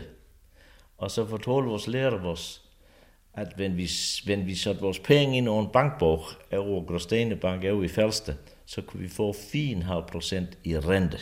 Så det har jeg alle hørt om før, til en kunne tjene penge uden og arbejde. Så det kan nok være, at da jeg kom hjem fra skole, så fik jeg samlet sammen alt, hvad jeg har liggende af penge i min sparebøsse og andre steder og spurgte min mormor, hun kunne give et. Og så cyklede jeg over første over Grostenebank til Lille Mitte, og så tog vi op, og så har jeg 75 kroner og 27 øre, tror jeg, der var. Og de blev så skrevet ind i en bankbog, og tænkte, nu kan jeg tjene 3-4 kroner hvert år, uden at ryge en finger. Så det er sådan set alle kommet over. Jeg vil nok sige, hvis jeg kan få en krone over bank, så vil jeg hellere det, end jeg vil give en uge. I løsen, der har vi en galt i bog. Det var mange gode historier i, og de handlede meget om, øh, hvordan mennesker skulle være ved hinanden, og hvordan mennesker skulle være over for dyr og over for børn. Og øh, i, nu måtte vi godt snakke, øh, det skal jeg lige fortælle, vi måtte godt snakke sønderjysk i skole. Og Og det kunne tit være lidt svært for at lære det, for de kom jo op fra det gamle land, som vi så. Så kan jeg huske en gang, vi var kommet til det bogstav, det hed Y. Og så spurgte jeg lærte, er det nogen, der kan sige et ord, som begynder med Y? Nu var det jo ikke noget, der hed Ymer dengang, så det kunne vi ikke bruge. Men så var det Katrine. Hun rådte fingre op, og så sagde hun, ja, det kan jeg savte dig. Nu så lad mig høre, Katrine. Ja, så hun, Yndebogs. Og så det var jo ikke helt galt, hvad Katrine det havde fundet nu. Og så det var jeg lærte jo faktisk nødt til at, at acceptere, at Yndebogs det begyndte med Y. Men så kunne lære godt få nogle problemer med. Så en historie er alle glemme fra den bog. Det var, det var om en dreng og hans far. De gik og arbejdede ude og mark. Det var et svært arbejde, de var i gang med, og så så jeg dreng far, men vi nu kommer op i den anden ende af mark, så tog vi ikke lavet så fint, for det er det ingen, der kan se. Øh, bare er det lige, hvad vi har lavet. Men så kan jeg far og sin dreng, og så så han, jo, min dreng, der igen, det kan se det. Og så prægte han sådan opad. Og så gør de lige så fint op i den ene en som i den anden en. Men nu skal jeg lige fortælle, at forrige år, der skulle jeg male et uhæng og mit, ved mit tag. Nu er jeg så et hus med et galt bredt uhæng over. Og det skulle jeg i gang med at male, og jeg begyndte selvfølgelig ude ved vejse, og en arbejder kunne se, når jeg er i gang. Og alle, der har prøvet at male uhæng, de ved, det er et, et galt, galt kævt arbejde. Fordi du får vej i nagt, for du skal stå og kigge op hele tiden, og maling, den drøber den ned i øjen, og den løfter den ned af, af, af arm og op, op, op af arm. Så det er kævet kævt arbejde. Så står jeg og tændt, uh, hvis du nu kommer bag ved hus, det er nemlig sådan en buske stående op ved hus, der tog du ikke lavt så fint. Men jeg kan fortælle jer en ting, da jeg kom om ved bag, og jeg skulle male det om, så gør jeg det lige så fint, som jeg har gjort det for ved hus. For det, ham det op, han holdt nok øje med det. Så derfor, er folk de skal ansætte folk i deres tjeneste, så skal de spørge, hvorfor en løsebog er du her i skole. Så kan han få noget ved. Se, i klasse, der skulle der være ro og orden. Og det var jo for det, i den skole, der gik det jo med årgange sammen i samme klasse. I stor klasse, der gik 5., 6. og 7. årgang, der gik sammen. Så man lærte han, der skulle til at have diktat med 7 årgang, så det er jo ikke noget, de så der snakker jo i femte årgang. Så derfor vidste vi, at det skulle være ro, og den ro og den lydighed, den var jo betinget af de omstændigheder, vi var under. Den lærer har ham så galt op til. Han hed Buch, og han var kommet lidt sild i gang med at blive lærer. Han havde nemlig først været ved bynde, og været karl og en gå, og så var han kølåsk med et par hest, og så har han fået det en ben af. Så han har i træben. Og øh, ham han tror, det var galt klog. Det han var allerbedst til, det var at få balance i alt her i verden, så det kom til at hænge sammen. Jeg kan huske, da vi kom i stor klasse, så har vi, det har vi verdensatlas i stor klasse. Og det tog han så ned, og så skulle vi jo kigge på alle de lande, der var i verden. Og det var jo kæmpe store England, og det var Norge, og det var Sverige, og det var Tyskland. Og så skulle vi jo have øje og Danmark. Men Danmark, det kunne vi slet ikke se og det kort. For det var bare sådan en lille brun plet midt over kort. Der har været så mange over på pæk på Danmark med pækpind, så det var kun bare en plet tilbage derop. Og det er den med vores. Ulla, vi kan huske, vi så det kigge over anden. Norge var større end Danmark, og Sverige var større end Danmark. Ja, det var ja, snart ingen land, det var større end vores. Men se, så var det vores lærer, Buch, han, han så i. Ja, og så ligger der en stor ø heroppe. Så peger han op over Atlas. Denne ø, den hedder Grønland. Og den er en del af det danske rige. Og det er verdens største ø. Se, så kan det nok være, da vi gik hjem fra skål, til vi rettede det ryg. Verdens største ø. Så kunne de bare komme. Så kan jeg huske, vi fik hvad så et lille atlas. I så et atlas, der er det jo sådan nogle kort af, hvad det er for nogle ting i jord, guld og sølv og så videre. Og koffer og kul og jern. Så vi så de årene og kigge, nej, de har godt nok mange diamanter nede i Sydafrika, og meget koldt ude i England. Og så kigge, hvad det, hvad vi har i Danmark. Og det var ingen sted, til vi kunne finde af, at Danmark har en i jord. Det var ærgerligt. For tænk, hvis det nu havde været guld i jord, så kunne han bare tage en spej, og så kunne han grave en ud, og så kunne han kunne ind have gravet en ordentlig klump guld op. Men vi har et navn. Men så var det lærer Buch, han så, ja, i Danmark har vi jo ikke det røde guld, som man så i. Men i Danmark har vi det hvide guld. Og så fortalte han vores om Lolland Falster og Fyn, at der kunne de dyrke sukkerroer, og så kunne vi lave sukker. Og det danske sukker, det var det bedste i hele verden. Og der var ingen, der var så dygtig til at lave det som danskerne. Se, så kan det jo nok være, vi rettede det ryg igen, da vi gik hjem fra skole. Så se, så var Buch hele vejen igennem, at han kunne få balance og orden i sager for os. Det med, som vi kalder i dag, øh, øh, metodik, det var jo et sådan helt moderne i landsbyskole. Så nu var det sådan, at Lærer Buch, han har ikke noget kateter, han sat ved. For han har jo det her træben, og det var jo ikke plads til et, et kateter. Derfor så han taget en sort spistuebog eller køkkenbog ind i, i klasse, og det er sådan, han så ved det. Og alle dem, der har svært ved at følge med, de satte så i sådan en rundkreds op ved det bog, det ved Buch, så kan han lige sådan nå æve og hjælpe dem lidt til ret. Og det er så så Per Bache, og det er så Tompe Pete, og det er så Petrin og Per Jøj og Christensborn og hans fispose. De så det op ved Buch, så han lige kunne holde lidt øje med, hvad de nu laver. Så uh, det med hans fispose, det, det kom til at han, Hans, han har jo altid meget brød, mandestykke brød med i skole. Og, for, og de bagte selv brød ud den gård, hvor han kom fra. Nu var det sådan, at, at vores brød dengang, det var pakket ind jo, vi har ingen madkasse. Det var pakket ind enten i en avis jo. Og det for kunne altid se, hvor, hvor de kom fra. Og dem, der kom ud fra gård, de har jo indpakket i Heimdal. Og dem, der kom fra, fra øh, arbejde hjem, de har jo pakket ind i Sønderjyden. Det var en socialdemokratisk avis jo. Og sådan var det også her.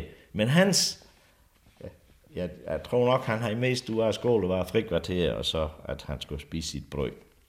En ordentlig madpakke han med. Og Hans, han har udviklet sådan en speciel teknik. Han tager over med han. Og nogle bestemt måde, de fire fingre, lå han ovenover, der tommelfingeren ned under, og så kører han sådan frem og tilbage fra den ene side til den anden, og, og i løbet af ingen øh, tid, så har han spist sit brød. Og, og, pålæg, skal måske have også det var jo mest gursukke og, og margarine, eller fedt og salt, vi har jo over brød dengang. Og Hans, han skulle have mange for at blive sat. Så kunne det jo nok ske, at så et brød det, som det var hjemlov, det kunne trønne lidt i liv, som vi sagde jo sønderjysk. Og så skulle han jo samtidig løjde en uge under den ene baller. Og hvis han så gør det, når han så det op ved lære buch, så kunne det jo nok blive temmelig tæt luft op ved, ved, ved Buches sprog. Og derfor har jeg Buch liggende i, i sin skuffle deroppe en kasten tændstikke. Og når den luft den blev ham for stram, så tog han lige og strøg en tændstik, og så kørte han en rej rundt, og så fik han brændt alt over af det der gas af. Sådan var det. Og Tom Peter, han skulle slet have været i skole, i vores skole. Han skulle have været hen et andet sted, men han fik noget lov til at blive der. Og det var vist, fordi hans far og mor her i mor jo, og det ved nok uge men mor jo, så kan mor lade sig gøre. Og Peter, han, han var, han var temmelig langt tilbage. Men han, han var galt stolt af, at han har en onkel over i Amerika. Ham snakker han meget om. Og så sagde han, ja, så han, og nu skal vi også snart over og besøge min onkel i Amerika, og så vil vi så tillade dig, så vi kan være derovre til middag. Den største dag i Tombol det var, when vi skulle skåludflugt. Det var gerne hen i uh, juni måned. Lige før sommerferie, så skulle vi jo skåludflugt. Og det foregik jo den måde, at vi kørte jo med hestekøretøj. Det vil sige, alle byne i Tumble, de, de kom med, hvad de har af jombe og fejtung og jagtvund og fejvund og så videre, hvad de nu har. Og så skulle Buch, vores lærer, så finde ud af, hvem det kunne køre med ven. Og den dag de så kom, det var enten et buen selv eller hans forkarl, så var hest jo i deres fineste seltøj. Nå har en der højlav med sølvbeslag. Og deres hest, eh, hest manke var flette, og det var sådan blom i, så de så rigtig fint ud. Og den fine køpisk var med, større sat op for ved kusk, og så blev vi sådan lejet over øh, de her vunden, og så gik der dag. Og det var tre steder, vi kunne tage hen over skoleudflugt. Det var enten til Varnesvig, eller til Ballebro, eller til Sønderhavn nede ved Flensborg Fjord. Det er sådan en 12-15 km hen til de steder, det, og når du kører med hestvogn, så tager det en stor til halvanden og komme derhen.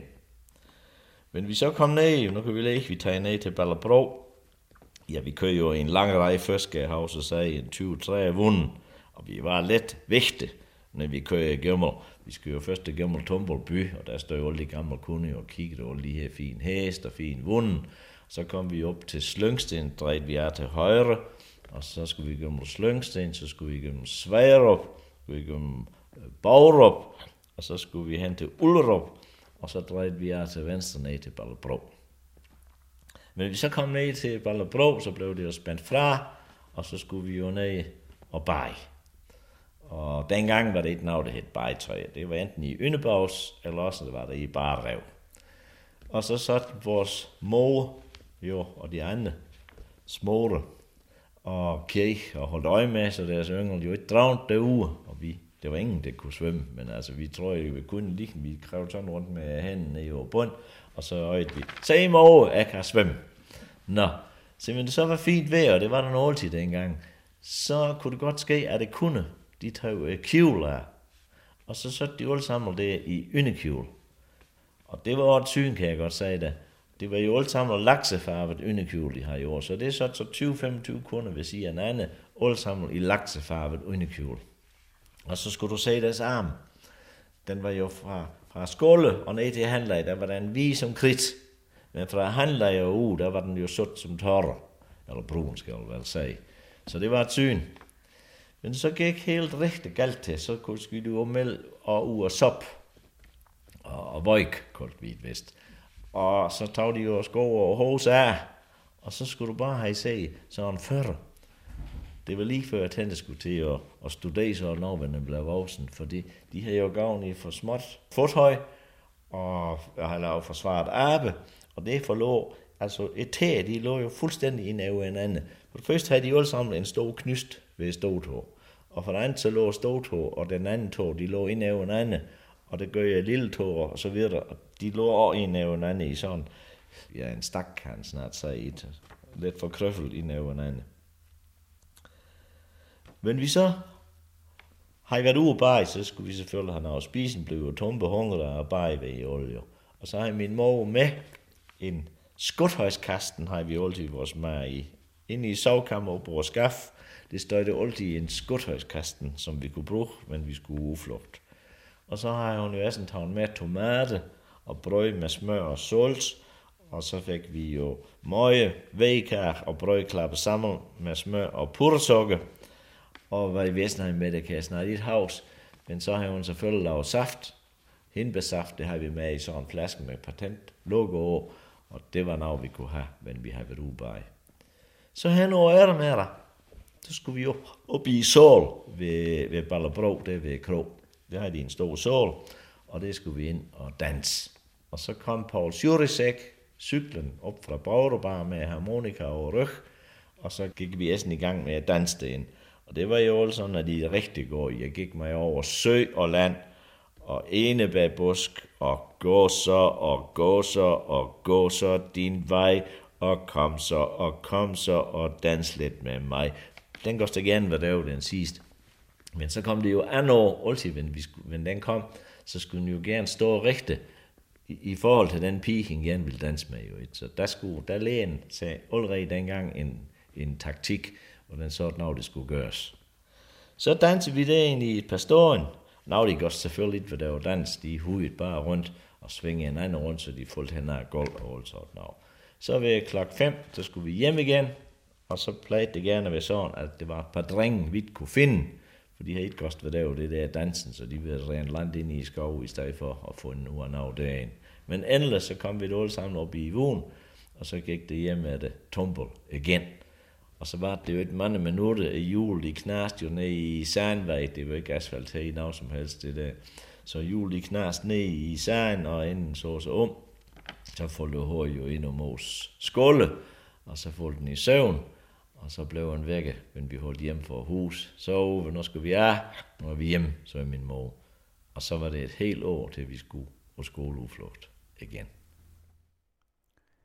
Uwe Dahl tager også ud i foreninger og fortæller på Sønderjysk, og desuden er han forfatter til en række artikler og bøger, især om Ribe. Det var Bodil Grohe, der havde besøgt ham. Den anden radio. I dybden. I bredden. I højden. Public Service Radio. Om kultur og samfund.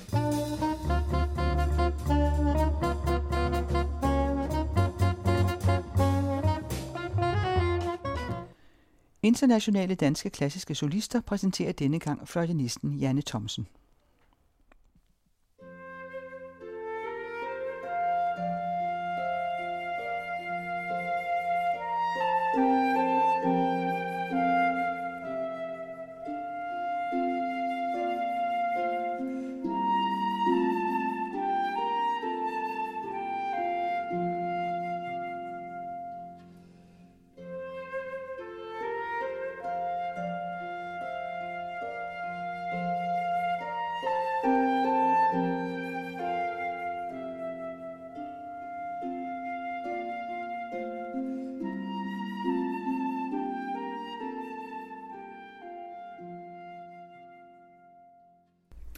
Hvad skete der, da du som barn fik en tværfløjte i hånden? Var det det, du gerne ville, eller var det helt tilfældigt, at det blev en tværfløjte og ikke en blokfløjte, som de fleste andre børn jo får, når de er små? Altså det var, man kan sige, en tilfældighed var det i hvert fald ikke. Tilfældigt har det været, at min, mine forældre sendte mig på musikskolen som fireårig, hvor jeg så spillede blokfløjte. Så det havde jeg ikke sådan så stor lidenskab for, men det var meget hyggeligt. Men så fik jeg øje på tværfløjten. Om det har været en tilfældighed, det ved jeg ikke. Der kom en garde, Holstebro Garde, der var vældig stor på det tidspunkt. Jeg tror faktisk, der var 100 medlemmer, de kom marcherende, og der så jeg den fløjte og forelskede mig i den. Så var problemet sådan set, at, at øhm, jeg var omkring de seks år, jeg havde ikke nogen fortænder. så jeg fik lov til at, at møde Erik Hansen, som, som øhm, underviste på fløjte, og han sagde, inden, inden for en uge, jeg kunne få en tone frem, så var det sådan set okay, for han synes egentlig, jeg var lidt lille. Og jeg kunne godt se i dag, altså i dag har man tværfløjter, der bliver sådan bøjet rundt, så man ikke skal strække armene og hænderne helt ud til siden for at nå. Det havde man ikke dengang. Um, og jeg kunne ikke få en lyd ud, altså jeg græd. Og, og det er jo det egentlig lidt sjovt, for det man kan se, at karakteren har måske været lidt dengang, for jeg er sådan rimelig sted. Altså, men der kæmpede jeg virkelig med det, og græd mange tårer og sådan noget, og fik lov at blive det. Så du fik undervisning der som barn, men så kom der jo en dag, hvor du blev for alvor fanget ind, og hvor du ikke bare nødvendigvis kun skulle øve dig, men hvor fløjten kom til at betyde så meget for dig, at du blev nødt til at finde en virkelig god lærer. Og ja. hvad skete der så der? Jamen jeg havde faktisk nyt utroligt godt af det her musikmiljø, der var i Holstebro. Det var jo helt utroligt. Det var først her, hvor MGK startede, det i år faktisk 40 år siden. Um, og vi boede nærmest op på musikskolen, så det var sådan heldigt. Men så skete der egentlig det, at Vanna Nicolé på et tidspunkt kom over og havde hørt mig der, og han sagde, har hun selv fundet på det, og sådan noget med frasering og nuancer og forskellige ting. Og, og han, han synes så, det var, det var første gang, at der er nogen, der ligesom sagde et eller andet om, at hun skal ligesom ud over landets grænse, eller at hun skal ned og spille for Katalonien. Der har jeg været omkring sådan 13-14 år. Og så på et tidspunkt, så sagde min lærer selv, at nu synes hun egentlig, at jeg skal udfordres lidt mere. Altså jeg boede nede på biblioteket, musikbiblioteket, det var så dejligt, de var gode til at skaffe mange plader, der hørte jeg rigtig meget. Um, og der havde jeg så øh, hørt om Tove Lund Christiansen, og, um, og så havde jeg lyst til at prøve at, at studere sammen. Og så var det lidt sjovt, jeg gik i 9. klasse dengang. ja, og så kom jeg derover, der var faktisk lidt langt fra, fra Holstebro til København på det tidspunkt, og jeg fik lov til at komme i praktik i Radio og jeg sad faktisk en hel uge. jeg fik lov at sidde ved siden af fløjterne, og jeg var så meget generet. Ikke? Alt går meget hurtigere, og folk var ligesom meget mere veltalende. Ikke? Og, øhm, og jeg sådan ville nu altså godt have lov til at spille for ham, og det var sådan, ja, ja, og sådan lidt. Ikke? Altså, han er jo en travl mand. Og det var så først på den sidste dag, at jeg fik lov til at spille, og så var han også sådan lidt holdt op aktiv. lidt. Og så, øhm, ja, så fik jeg lov til at studere hos ham, og så kom jeg så på gymnasiet og rejste frem og tilbage. Ikke hver uge, men hver anden uge. Og så var jeg faktisk hos ham i næsten tre år, indtil jeg kom ind på konservatoriet i London. Og, og hvor jeg også, også vandt den der danske del af Ja, det er lige den, du kan fortælle lidt om, hvordan ja. det overhovedet blev meldt til den, da du vandt den danske del af Eurovisionskonkurrencen. Hvordan, hvordan blev du overhovedet meldt til? Jeg tror nok, jeg har hørt det fra Tue, men så har det også været noget, som man har vist på musikskolen, fordi det var faktisk ret flot det år, at øh, af de seks finalister, der var vi faktisk to fra øh, Holstebro Musikskole. Og meget sjovt, at den anden finalist, som var med, Thomas Søndergaard, jo, som, som har en fantastisk karriere for tiden ikke, som dirigent, Så vi to var over. Men var det så uh, Tove Lund Konstansen, der foreslog dig at melde dig til den konkurrence? Det tror jeg egentlig nok, det har været. Og jeg kan huske, at jurymedlemmer, det er sådan lidt sjovt, fordi det er folk, jeg har stødt på siden. Det er blandt andet Michael Schønvand, jeg har spillet meget sammen med Amalie Maling. Michael kender jeg rigtig godt. Og uh, Morten Søjden uh, sad i juryen, og Elisabeth Vestenholz så vidt jeg husker. Det var sådan ligesom dem, der så valgte mig til, at det, det blev mig, men jeg var utrolig overrasket, fordi som sagt, det var meget langt fra København. Men du vandt altså konkurrencen her i Danmark, og ja. hvad skete der så? Så var der den internationale del, som faktisk også gik rigtig godt. Altså jeg spillede faktisk, tror jeg, fint efter mit eget sådan, øhm, og jeg snakkede med nogle jurymedlemmer og sådan noget, og, og det var lidt med, også med repertoirevalg og sådan noget. Jeg spillede Carl Nielsens fløjtekoncert, jeg tror, den havde været svært at komme igennem med. Men det havde været meget tæt på, altså jeg var i finalen. Hvor foregik ja. det hele? Det foregik i København. Det vil sige, jeg vil ikke sige, det er kedeligt, men det er sådan lidt, altså hvis det nu er sådan Eurovision, ikke, det kunne jo godt have været et eller andet spændende sted, sådan, altså ikke så nært på, når man nu er, det ikke er ens eget land. Du er en af de meget få danske musikere, der har studeret på det berømte Pariser Konservatorium. Er det så den franske musik og den franske fløjtetradition, der gjorde, at du søgte ind der? Ja, det var sådan lidt, at man snakker om den franske fløjteskole, selvom jeg dog må sige, at for mig har jeg virkelig min helt øh, den fantastiske øh, og mest vigtige uddannelse har nok været den, jeg havde i London hos William Bennett i fire år. Fordi han har netop arvet meget af den skole, som er ligesom når vi ser de impressionistiske billeder, vi kan ligesom frembringe alle de forskellige farver. Jeg var meget betaget af, af farvernes sprog, af hvordan tonerne kunne, kunne ændres, og man kunne få en mangfoldighed ind i, ind i klangen. Og det er slet ikke noget, man i dag tager for givet. Altså, der er jo mange, der spiller sådan... Altså, fløjten kan være mange forskellige ting i dag. Altså, der er mange, der er blevet sådan lidt udbasoneret, så der bliver meget sådan messingblæseragtigt, fordi mange tænker på, at vi skal spille kraftigt, vi skal spille kraftigt, ikke? Men det der, det var meget noget med de mere fine nuancer. Det, det synes jeg egentlig, jeg fik meget i London. Det, som var i Paris, som var rigtig godt for mig, det var også to lærere, som var virkelig exceptionelle på deres måde. Øh, Maurice Burg, hvor det faktisk mest foregik et eller andet samtale ude i kosmos et sted, men altså det var mere om inerti af fysikkens love øh, og fantastisk spændende undervisning. Og da han så forlod konservatoriet, fordi han flyttede til Genève, så var det Alain Marion, som jeg fortsatte hos, det. jeg havde også masterclasses Rompal. Det var en helt anden skole, hvor det drejede sig om at man spiller meget på instinktet. Det, musikken, den ler, den græder, den, den ja, er sjov, den bobler. Altså, det var den der, de begge to fra Marseille, Anna Marion og Jean-Pierre Rombal. Så det var noget helt andet. Men det er jo igen øh, en teknik, man er nødt til at have et fuldstændig fundamentalt teknisk grundlag for at overhovedet kunne spille på talentet, eller på øh, idéerne, og ja. gråd og latter og så videre. Ikke? Der vil jeg altså sige, der var England nok sådan den, den lidt den barske skole, fordi det var sjovt, da jeg så havde vundet den danske del af Eurovision, fordi det er så kendt en konkurrence, og det er den jo også, øh, fordi det er sådan BBC og sådan noget. Da jeg kom til London og studerede, studerede, der vidste alle faktisk, hvem jeg var, fordi alle ser den der. Så du kom til London, før du kom til Paris? Ja, det var det, jeg startede med. Det var min, min uh, bacheloruddannelse på fire år der. Og der blev meget sådan pillet ned og skulle starte fra bunden så det var benhårdt faktisk. Men utrolig spændende og en dejlig by at være i. Jeg brugte også byen meget til at øhm, gå på jazzklubber eller at, at gå på museer. Jeg studerede også øh, kunsthistorie øh, på Chelsea School of Art ved siden af. Det var virkelig en periode, hvor jeg øvede mig nonstop. Plus at jeg så startede på at lave internationale konkurrencer, hvad der jo også er meget ja. ensporet, må man sige. Altså man er meget enig om det der og helt fordybet i musikken. Min idé var, at jeg ville finde verdens bedste fløjtelærer, hvor var han henne, var i London. Men så lige at komme ind, der var, vi var faktisk kun tre, der kom ind. Altså det nåleøje, det er mm. ret svært at komme ind, så det var utroligt, at det passede sammen. Så jeg boede faktisk hos min mor og hendes mand, hvad der egentlig også var fint, fordi jeg havde ikke boet sammen med min mor. Mine forældre blev skilt, da jeg var 14. Så jeg, da jeg startede i London, var jeg nok 18 eller 19 år cirka. Så der har ligesom været alligevel nogle ret vigtige år, når man er teenager.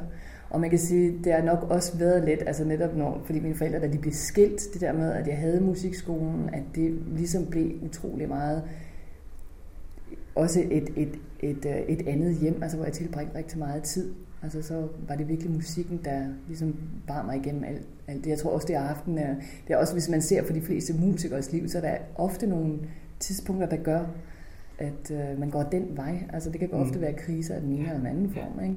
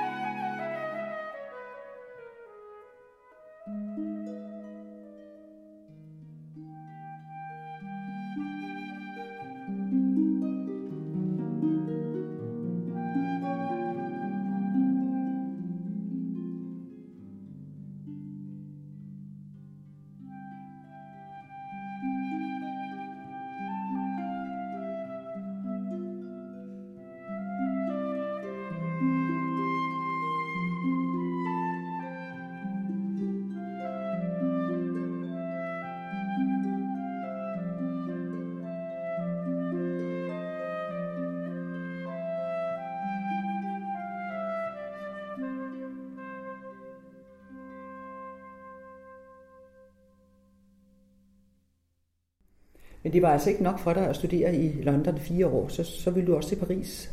Ja, det, det ville jeg, fordi jeg nu har ligesom været meget omkring det at få alt basisfundamentet virkelig øh, solidt grundlagt, synes jeg, hos William Bennett og en fantastisk lærer. Jeg havde haft kammermusik hos, hos Amadeus kvartetten. Altså, hallo, det var virkelig fantastisk. Altså, så spændende at sidde med den der kvartet. Der var så kun tre medlemmer tilbage, men, og hver af dem, der havde så utrolig forskellige personligheder, at man kan næsten ikke forestille sig, hvordan de egentlig kan spille sammen. Altså, det var helt utroligt. Meget bevægende.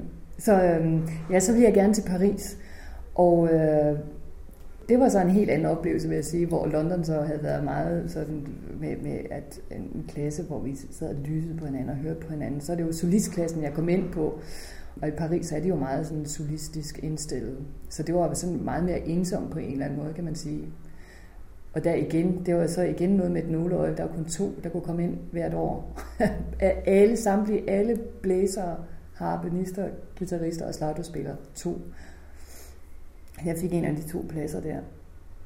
Um, nu talte du selv før om skoler, fordi i mange, mange år har det jo stået sådan, at det var den franske fløjteskole, var ligesom den udslagsgivende. Ikke? Det, der betød mest netop også på grund af Jean-Pierre Rampal, som var så fantastisk. Ikke?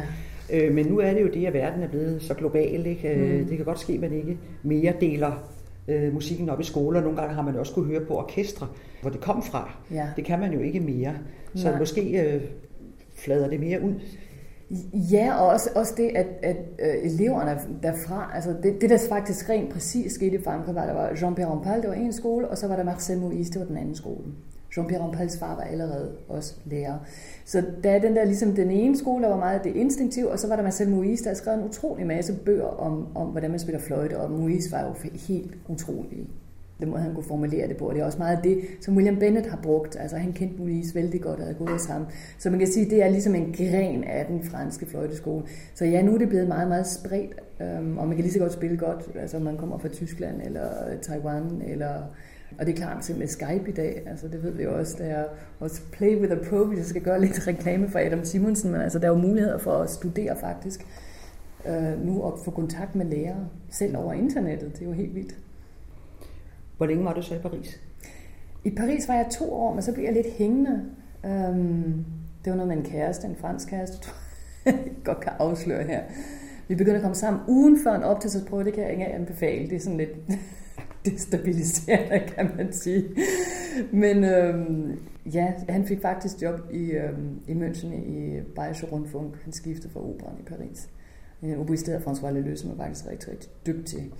Og det var så, så havde vi faktisk øh, bopæl både i Paris og i München derefter. Og under alle omstændigheder, jo, sådan, mine skattepapirer fandt jeg sådan en, ja, en liste over, hvor jeg havde skrevet ned, hvor jeg skulle hvad, og hvornår en kalender og sådan noget. Altså, altså jeg var jo ikke hjemme rigtig på noget tidspunkt dengang. Altså, og der var heller ikke sådan rigtig, altså specielt i München, der var ikke sådan hængt billeder op på væggene og sådan noget. Det var sådan, ja. Mm. Nu har du også deltaget i mange internationale konkurrencer og vundet mange af dem. Hvor, hvorfor har det været vigtigt at melde sig til de konkurrencer? Jeg ved ikke, om det er sådan, at kommet sådan rent instinktivt fra, fra at have deltaget i Eurovisionen, at det var sådan ligesom et eller andet, jeg fik med herfra, at det var ligesom det, man gjorde. Men altså, jeg må sige, jeg synes, det var vældig hårdt, altså specielt i de yngre år. Jeg har også været sådan lidt og jeg har haft nogle unge journalister, der har spurgt mig, hvordan, og med naver, og med pres, og sådan noget, hvordan gør du, og hvordan har du det, og sådan noget. Og jeg kan huske de der unge år, at det var faktisk egentlig ret barsk, fordi det er jo kun, når du går igennem de runder der, så er det altså bare kun dig, der står på scenen. Du er helt alene, og det er kun dig, der kan klare de sker der. Så det er jo ikke noget med, altså følelserne skal jo stadigvæk kunne, kunne strømme, og man skal ikke være anspændt, og teknikken skal sidde, og det, det er jo faktisk at stille sig selv i en umulig situation. Men det er i hvert fald helt sikkert noget, som, som har gjort mig meget solid. Og nogle gange så skal man jo også bare spille. Altså man kan jo ikke rigtig vide det, også når vi går på scenen. Altså en bil kan også løbe tør for benzin, og du kan komme for sent, og du ikke nå at varme op. Altså det har jeg jo også prøvet, ikke? Altså, man kan generelt mere, end man tror. Mm. Men det med konkurrencen er selvfølgelig, at man dels så, skal, så præsterer man normalt sådan alt i repertoireet, lige fra det allertidligste musik til uh, nutidens musik. Og så øhm, har det også været vigtigt i henhold til koncerter og networking og møde kollegaer. Nogle gange har det også været kammermusikkonkurrencer, blandt andet vandt vi den i Paris med min harpenist Jana Boskova. Så det er lidt, og det er lidt noget andet at gå i, i en kammermusikkonkurrence, mm. ikke? fordi der er man ligesom to om det. Men der har vel også været noget prestige i at vinde dem, ikke? Det betyder vel noget? Jo, jo helt klart. Altså det er jo blevet sådan lidt barsk i dag, tror jeg egentlig, at selv hvis man vinder alle mulige konkurrencer, så skal man ikke sådan tage for givet, at det hele det bare sådan kommer af sig selv. Men jeg er virkelig ked af at læse i dagens aviser her for tiden, at, at uh, øh, UIO, som dengang jeg var i, det hed EF-orkestret, altså det europæiske ungdomsorkester, tusind år nedlæggelse herfra. Ja, det er Claudio Abados orkester. Ja, som jeg spillede jo med Claudio Abado dengang. Og det, det har betydet, ikke? så det har været, for mig har det været en kombination altså af, af de internationale priser, at de folk, man møder der, er, er at have siddet i det orkester. I dag, når jeg kigger ud af vinduet, over på den anden side af gaden, en af det vindue der, der sidder faktisk et ægtepar, som jeg har været i det der øh, ungdomsorkester med med Abardo, dengang fra Belgien og fra Italien. Det er helt utroligt. Altså, altså det der networking, de der forbindelser, det er sådan noget, der virkelig har sit eget liv efterfølgende, og som har betydet meget for, at, at jeg også har haft en karriere i udlandet, faktisk mm. mest i udlandet, mere i mm. udlandet end i Danmark. Ja, og du bor jo i München og har boet der længe. Ja. Er det et valg at netop ikke at bo i Danmark? München er blevet et valg efter, at, at jeg havde ligesom Paris og München at vælge imellem, også fordi jeg er mor til en datter på, på næsten ni år. Der synes jeg klart, at München havde de fordele, altså for at hun kunne have en god opvækst. Og så kan jeg rigtig godt lide München og Tyskland i det hele taget på grund af kulturen, og Paris har sådan set udviklet sig på en måde, som er jo rimelig hektisk. Og ja. Man kan sige, altså tidligere, hvor jeg har en hverdag, hvor der også ligesom er skolegang og sådan noget involveret, så er jeg jo mere øh, på stedet. Og det vil sige, at så skulle jeg også have været rigtig meget i Paris, og det var jeg jo ikke vant til dengang, der rejste jeg jo hele tiden. Så.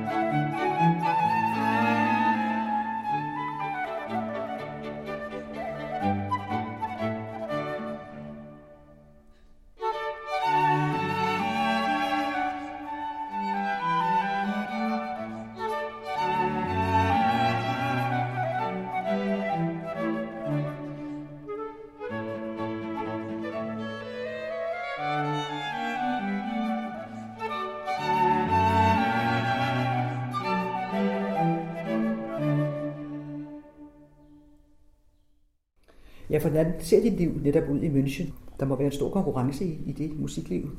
der foregår i sådan en, en berømt musikby.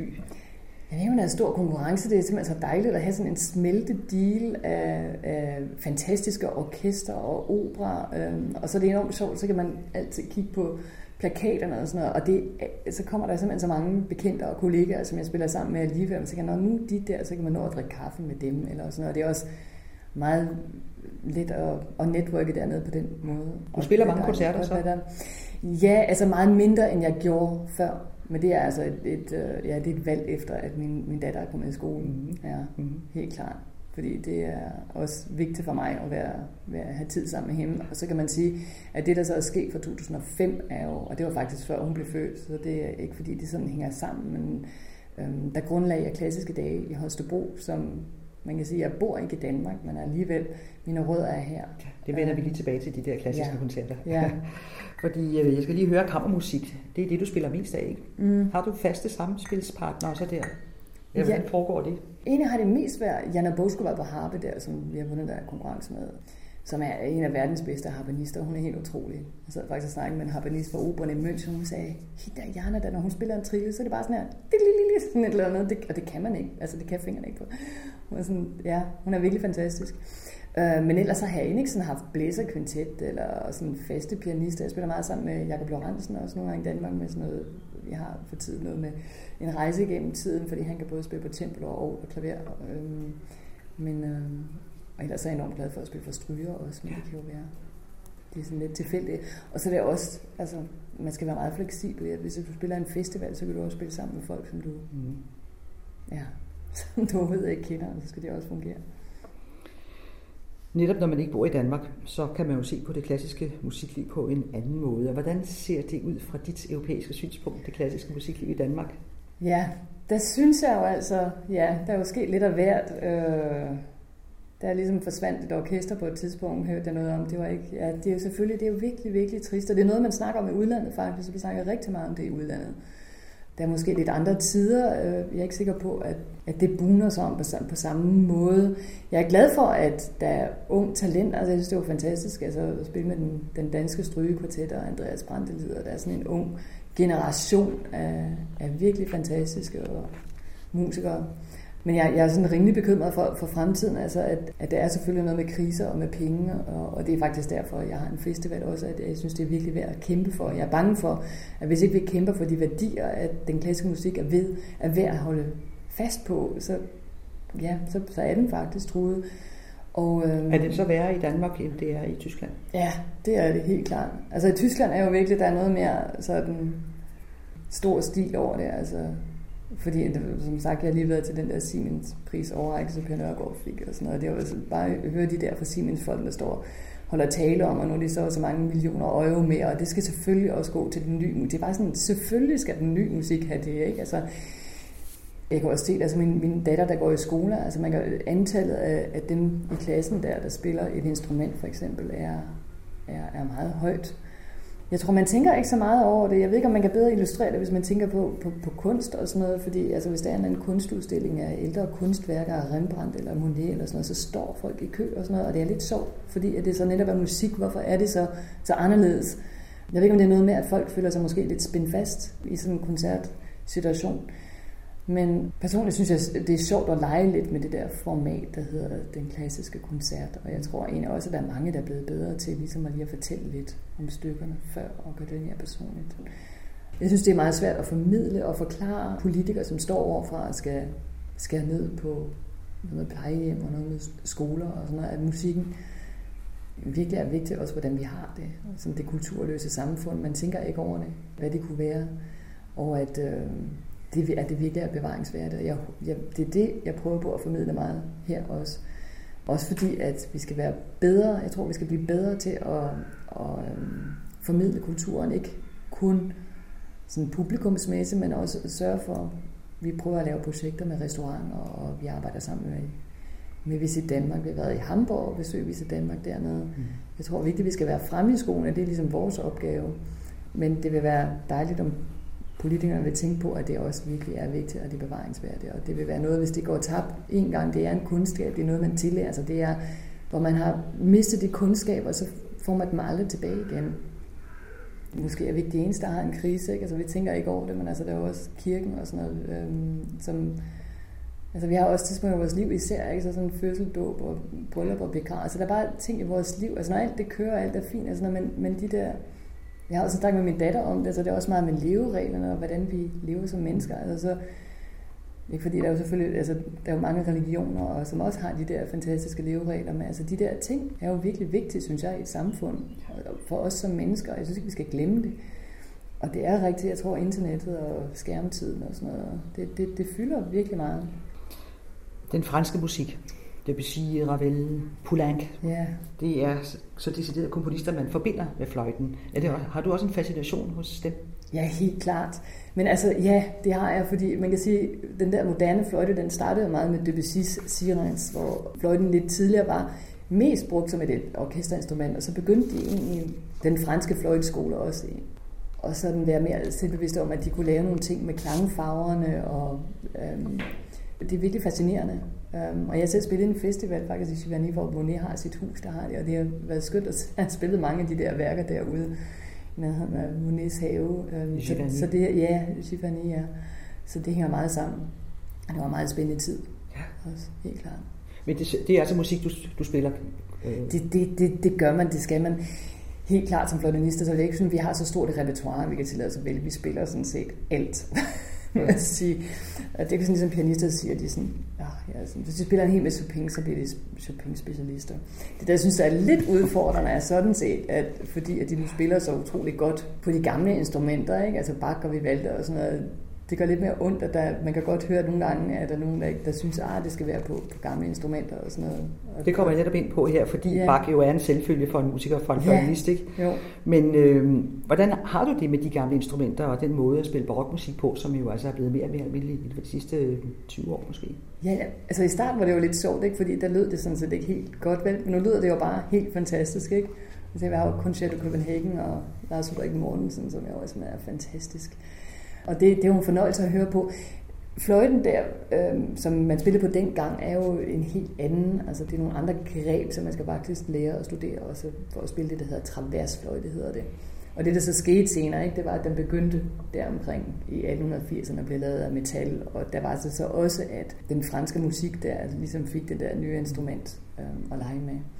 Jeg har faktisk tækket og bedt min øh, instrumentmager, som sidder over i Boston, ikke godt kan vi lave i det mindste et et hovedstykke af træ. og man, han kan faktisk godt lave en træfløjte, men, men han er meget, meget travlt.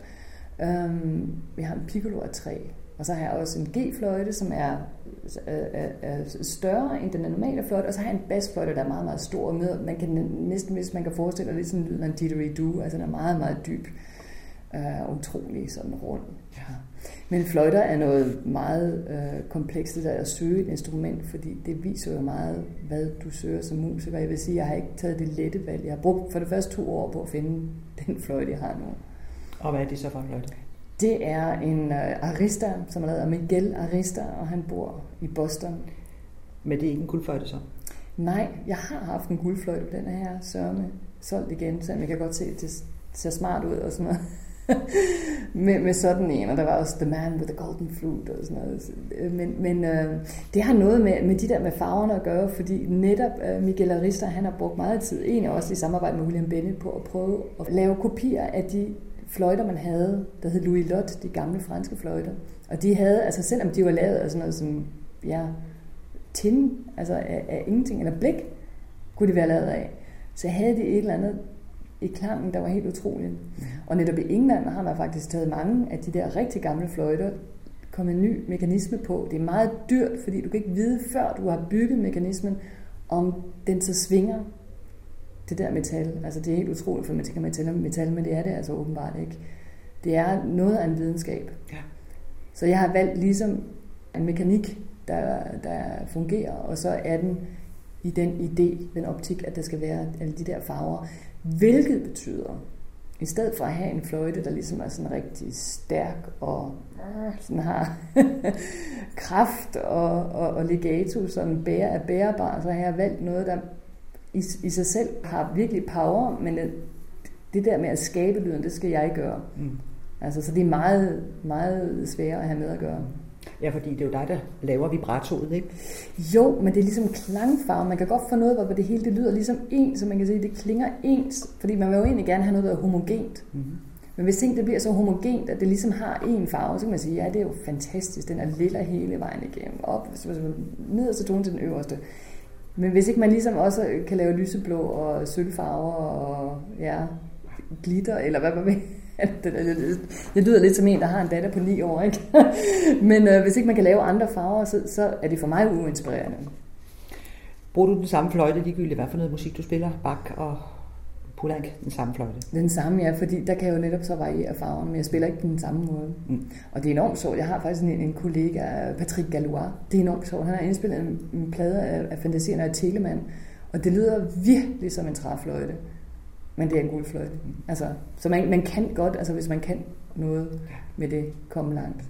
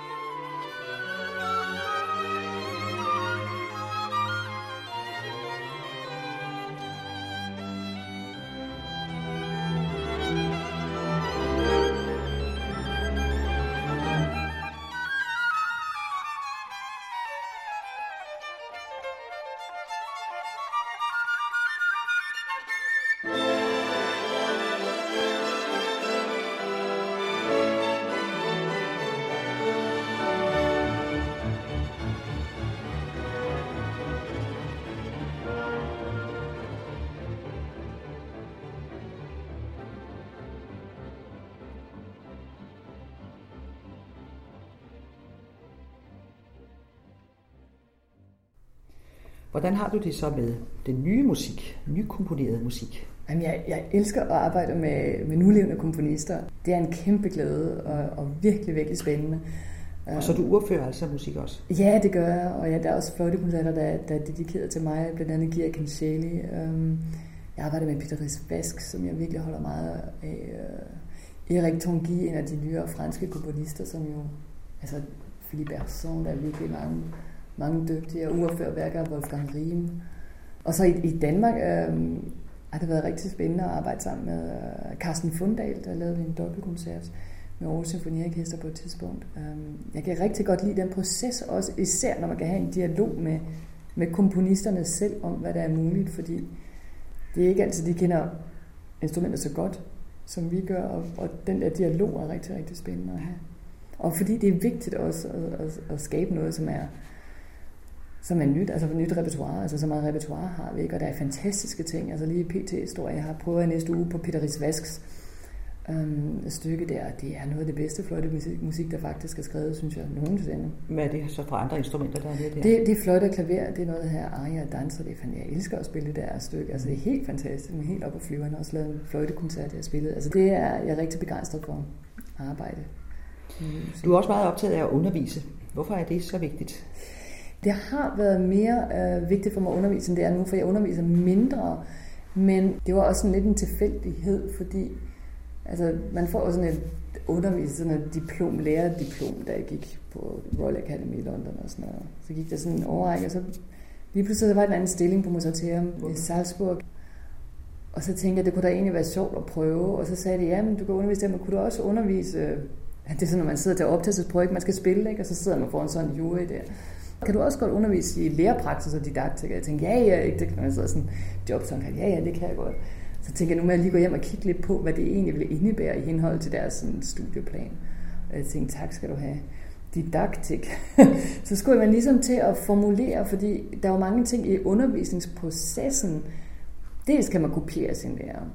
Så har jeg været heldig at gå til William Bennett, som er utrolig stor, altså er utrolig stor pædagog, der er god til at formulere ting, og netop efter Moises øh, bøger. Men det der med at kunne sætte ord på, ikke? fordi det er jo lang tid siden, at jeg har lært at sige, sige da, da, da, da, da, da, i min fløjte. Ikke? Og så jeg tænkte, hvad er det, der sker? Så skulle jeg ligesom til at finde ud af, hvor er det nu tungen, den, det, hvilket sted er det lige mellem tænderne der, og hvor, så, ja, hvor er det, det er hen? Jeg skulle virkelig formulere det. Fordi det var til de unge, der så igen skulle undervise de helt små. Og det har været virkelig, virkelig spændende. Det liv, du har nu, det fylder jo en hel masse, eller det hele, kan man måske sige. Er det sådan, det gerne skulle fortsætte, eller har du nogle andre tanker om fremtiden? Jeg kan egentlig godt lide at lege med musikken. Jeg ved ikke, om det er, fordi jeg er sådan en den der generation af Lego-klodse børn. Ikke? Hvad var det, Lego blev grundlagt? Var det 68 eller sådan noget lignende? Ikke? Men at bygge, øh, ja, og, og skabe musik, der sker på forskellige måder. Altså det kan være med dans, altså for eksempel så har jeg samarbejde med en, der laver noget koreografi til musik. Um, og lige for tiden er jeg også i gang med et projekt med en film, der skal laves om Jens Søndergaard, og så måske noget, der skal komponeres til hans billeder, og det er igen noget, som jeg kender til. Altså, han havde hus i Stenbjerg, der ligger ude af Vesterhavet, um, hvor jeg tilbragt rigtig lang tid. Altså, jeg kan godt lide de ting, som på en eller anden måde er meget nære, og som jeg føler noget for, og som jeg synes, det er en, en, en sjov måde at få musikken til at leve på. Altså Måske, fløjte og dans? Nej, det, er fløjte, det vil være så også fløjte og film, altså det vil så være et nyt værk, der ja. skal skrives, ikke? og så fløjte og kunst, for eksempel, ikke? med Jens Søndergaards malerier, som er fantastiske, måske lidt undervurderet endda, egentlig. Så. Mm-hmm. Ja, og egentlig faktisk, ja, så er jeg meget, meget glad for at skabe, skabe ny musik, og, og skabe en musik, der lever også, øh, ikke kun i koncertsalen, men udenfor. Så jeg tror, det, ja, det tror jeg, det skal fortsætte. Klassiske dage i Holstebro, det er din opfindelse, og nu er du lige tilbage for at holde nogle møder her i Holstebro. Ja. Så du må godt fortælle lidt om den årligt tilbagevendende festival, som du har sat i søen for en del år siden efterhånden. Ja, det, det gjorde jeg i 2005, øhm, og det var ud for den optik, at det ville være skønt at have et sted, tænker jeg. Hvorfor ikke min hjemby, som jo faktisk har gjort så meget for kulturen, jeg er vokset op her. Øhm, og så var der også, der stod en koncertsal, Knudsen, som er et skønt sted. Folk husker det fra afdansningsbal dernede på Knudsen, og det er en skøn koncertsal nede i Midtby, nede i Gågaden. Så min idé med klassiske dage var sådan set, der er ligesom sådan to øh, linjer. Den ene, det var at bringe en international elite af venner og bekendte øh, til landet. Og der så siden, kan man sige, så kommet flere danskere med, altså efter den danske kvartet. Så det er ligesom, og, og så en international elite, det er det ene. Og det andet øh, spor er så ligesom øh, at lave interaktive børn- og unge projekter. Og det er jo sådan alt lige fra, at uh, Sigurd Barrett han har 400 skolebørn på scenen, igen sammen med klassiske dages solister og elever fra musikskolen og orkester efterskolen. Det er projekter nede i byen, som har med, igen med ballet at gøre. Vi har det Kongelige Teaters Balletskole i byen, der er Dansk Talentakademi, og Black Box øh, uh, Dance Theater har vi også her. Og, det, så det, og så er der Orkester Midtvest, som er et symfoniorkester, som arbejder regionalt. Så det er ligesom er blevet en smeltedeal af masterclasses og alle de her ungdomstiltag, øh, plus koncerter på internationalt niveau. Og så har jeg lært helt utrolig meget i, i den her proces, fordi det har også været noget med, hvordan man formidler det sådan rent PR-mæssigt. Og mm. Der kommer jo støtte, økonomisk støtte fra byen så? Ja, det gør vi, fordi uden den kunne vi ikke øh, eksistere, fordi det er også noget med, når vi skal søge penge fra fonde. Altså hvis ikke fonden ser, at man har opbakning fra byen, så har man heller ikke opbakning fra fondene. Jeg er en meget dygtig person, Marie-Louise Høgh, der sidder og laver vores fundraising. Og så har jeg en producer, der hedder Uffe Munkgaard og PR, Thomas Marxe. Så det er sådan et rigtig godt team, vi har nu, synes jeg. Øhm, og så har vi en bestyrelse også, øh, selvfølgelig. Hvis jeg havde været 13 år og havde siddet her på MGK i Holstebro, og William Bennett kom, så, da jeg var 13 år her, altså det ville jo have været, det ville have ændret mit liv faktisk, altså på en eller anden måde. Ikke? Fordi de ting, som man får at vide der, det er, det skete så ikke dengang for mig. Jeg har ligesom søgt efter det selv, men altså jeg synes, det er, det er en fornøjelse at kunne bringe det til, til unge mennesker her.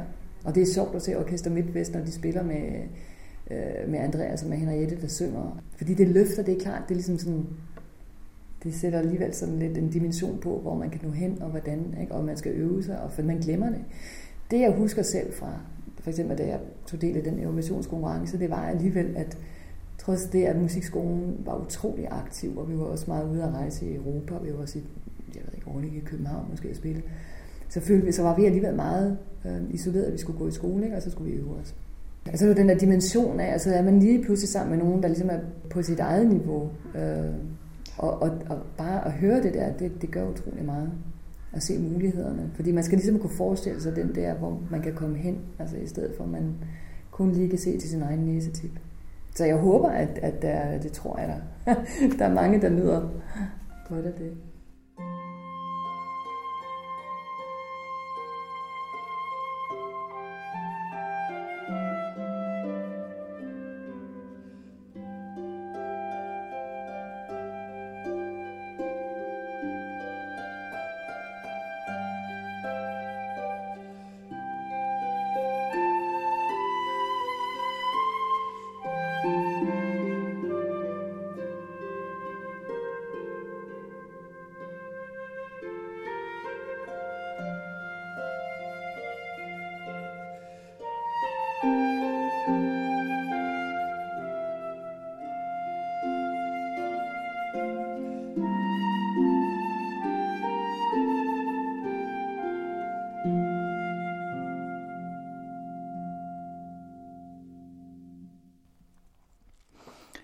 Det var Janne Thomsen, der spillede musikken i udsendelsen, og først og sidst var det fra Glucks De Salige Ånderstands, sammen med harpenisten Jana Buskova, som også spillede med i Togen Letter af Karl Nielsen.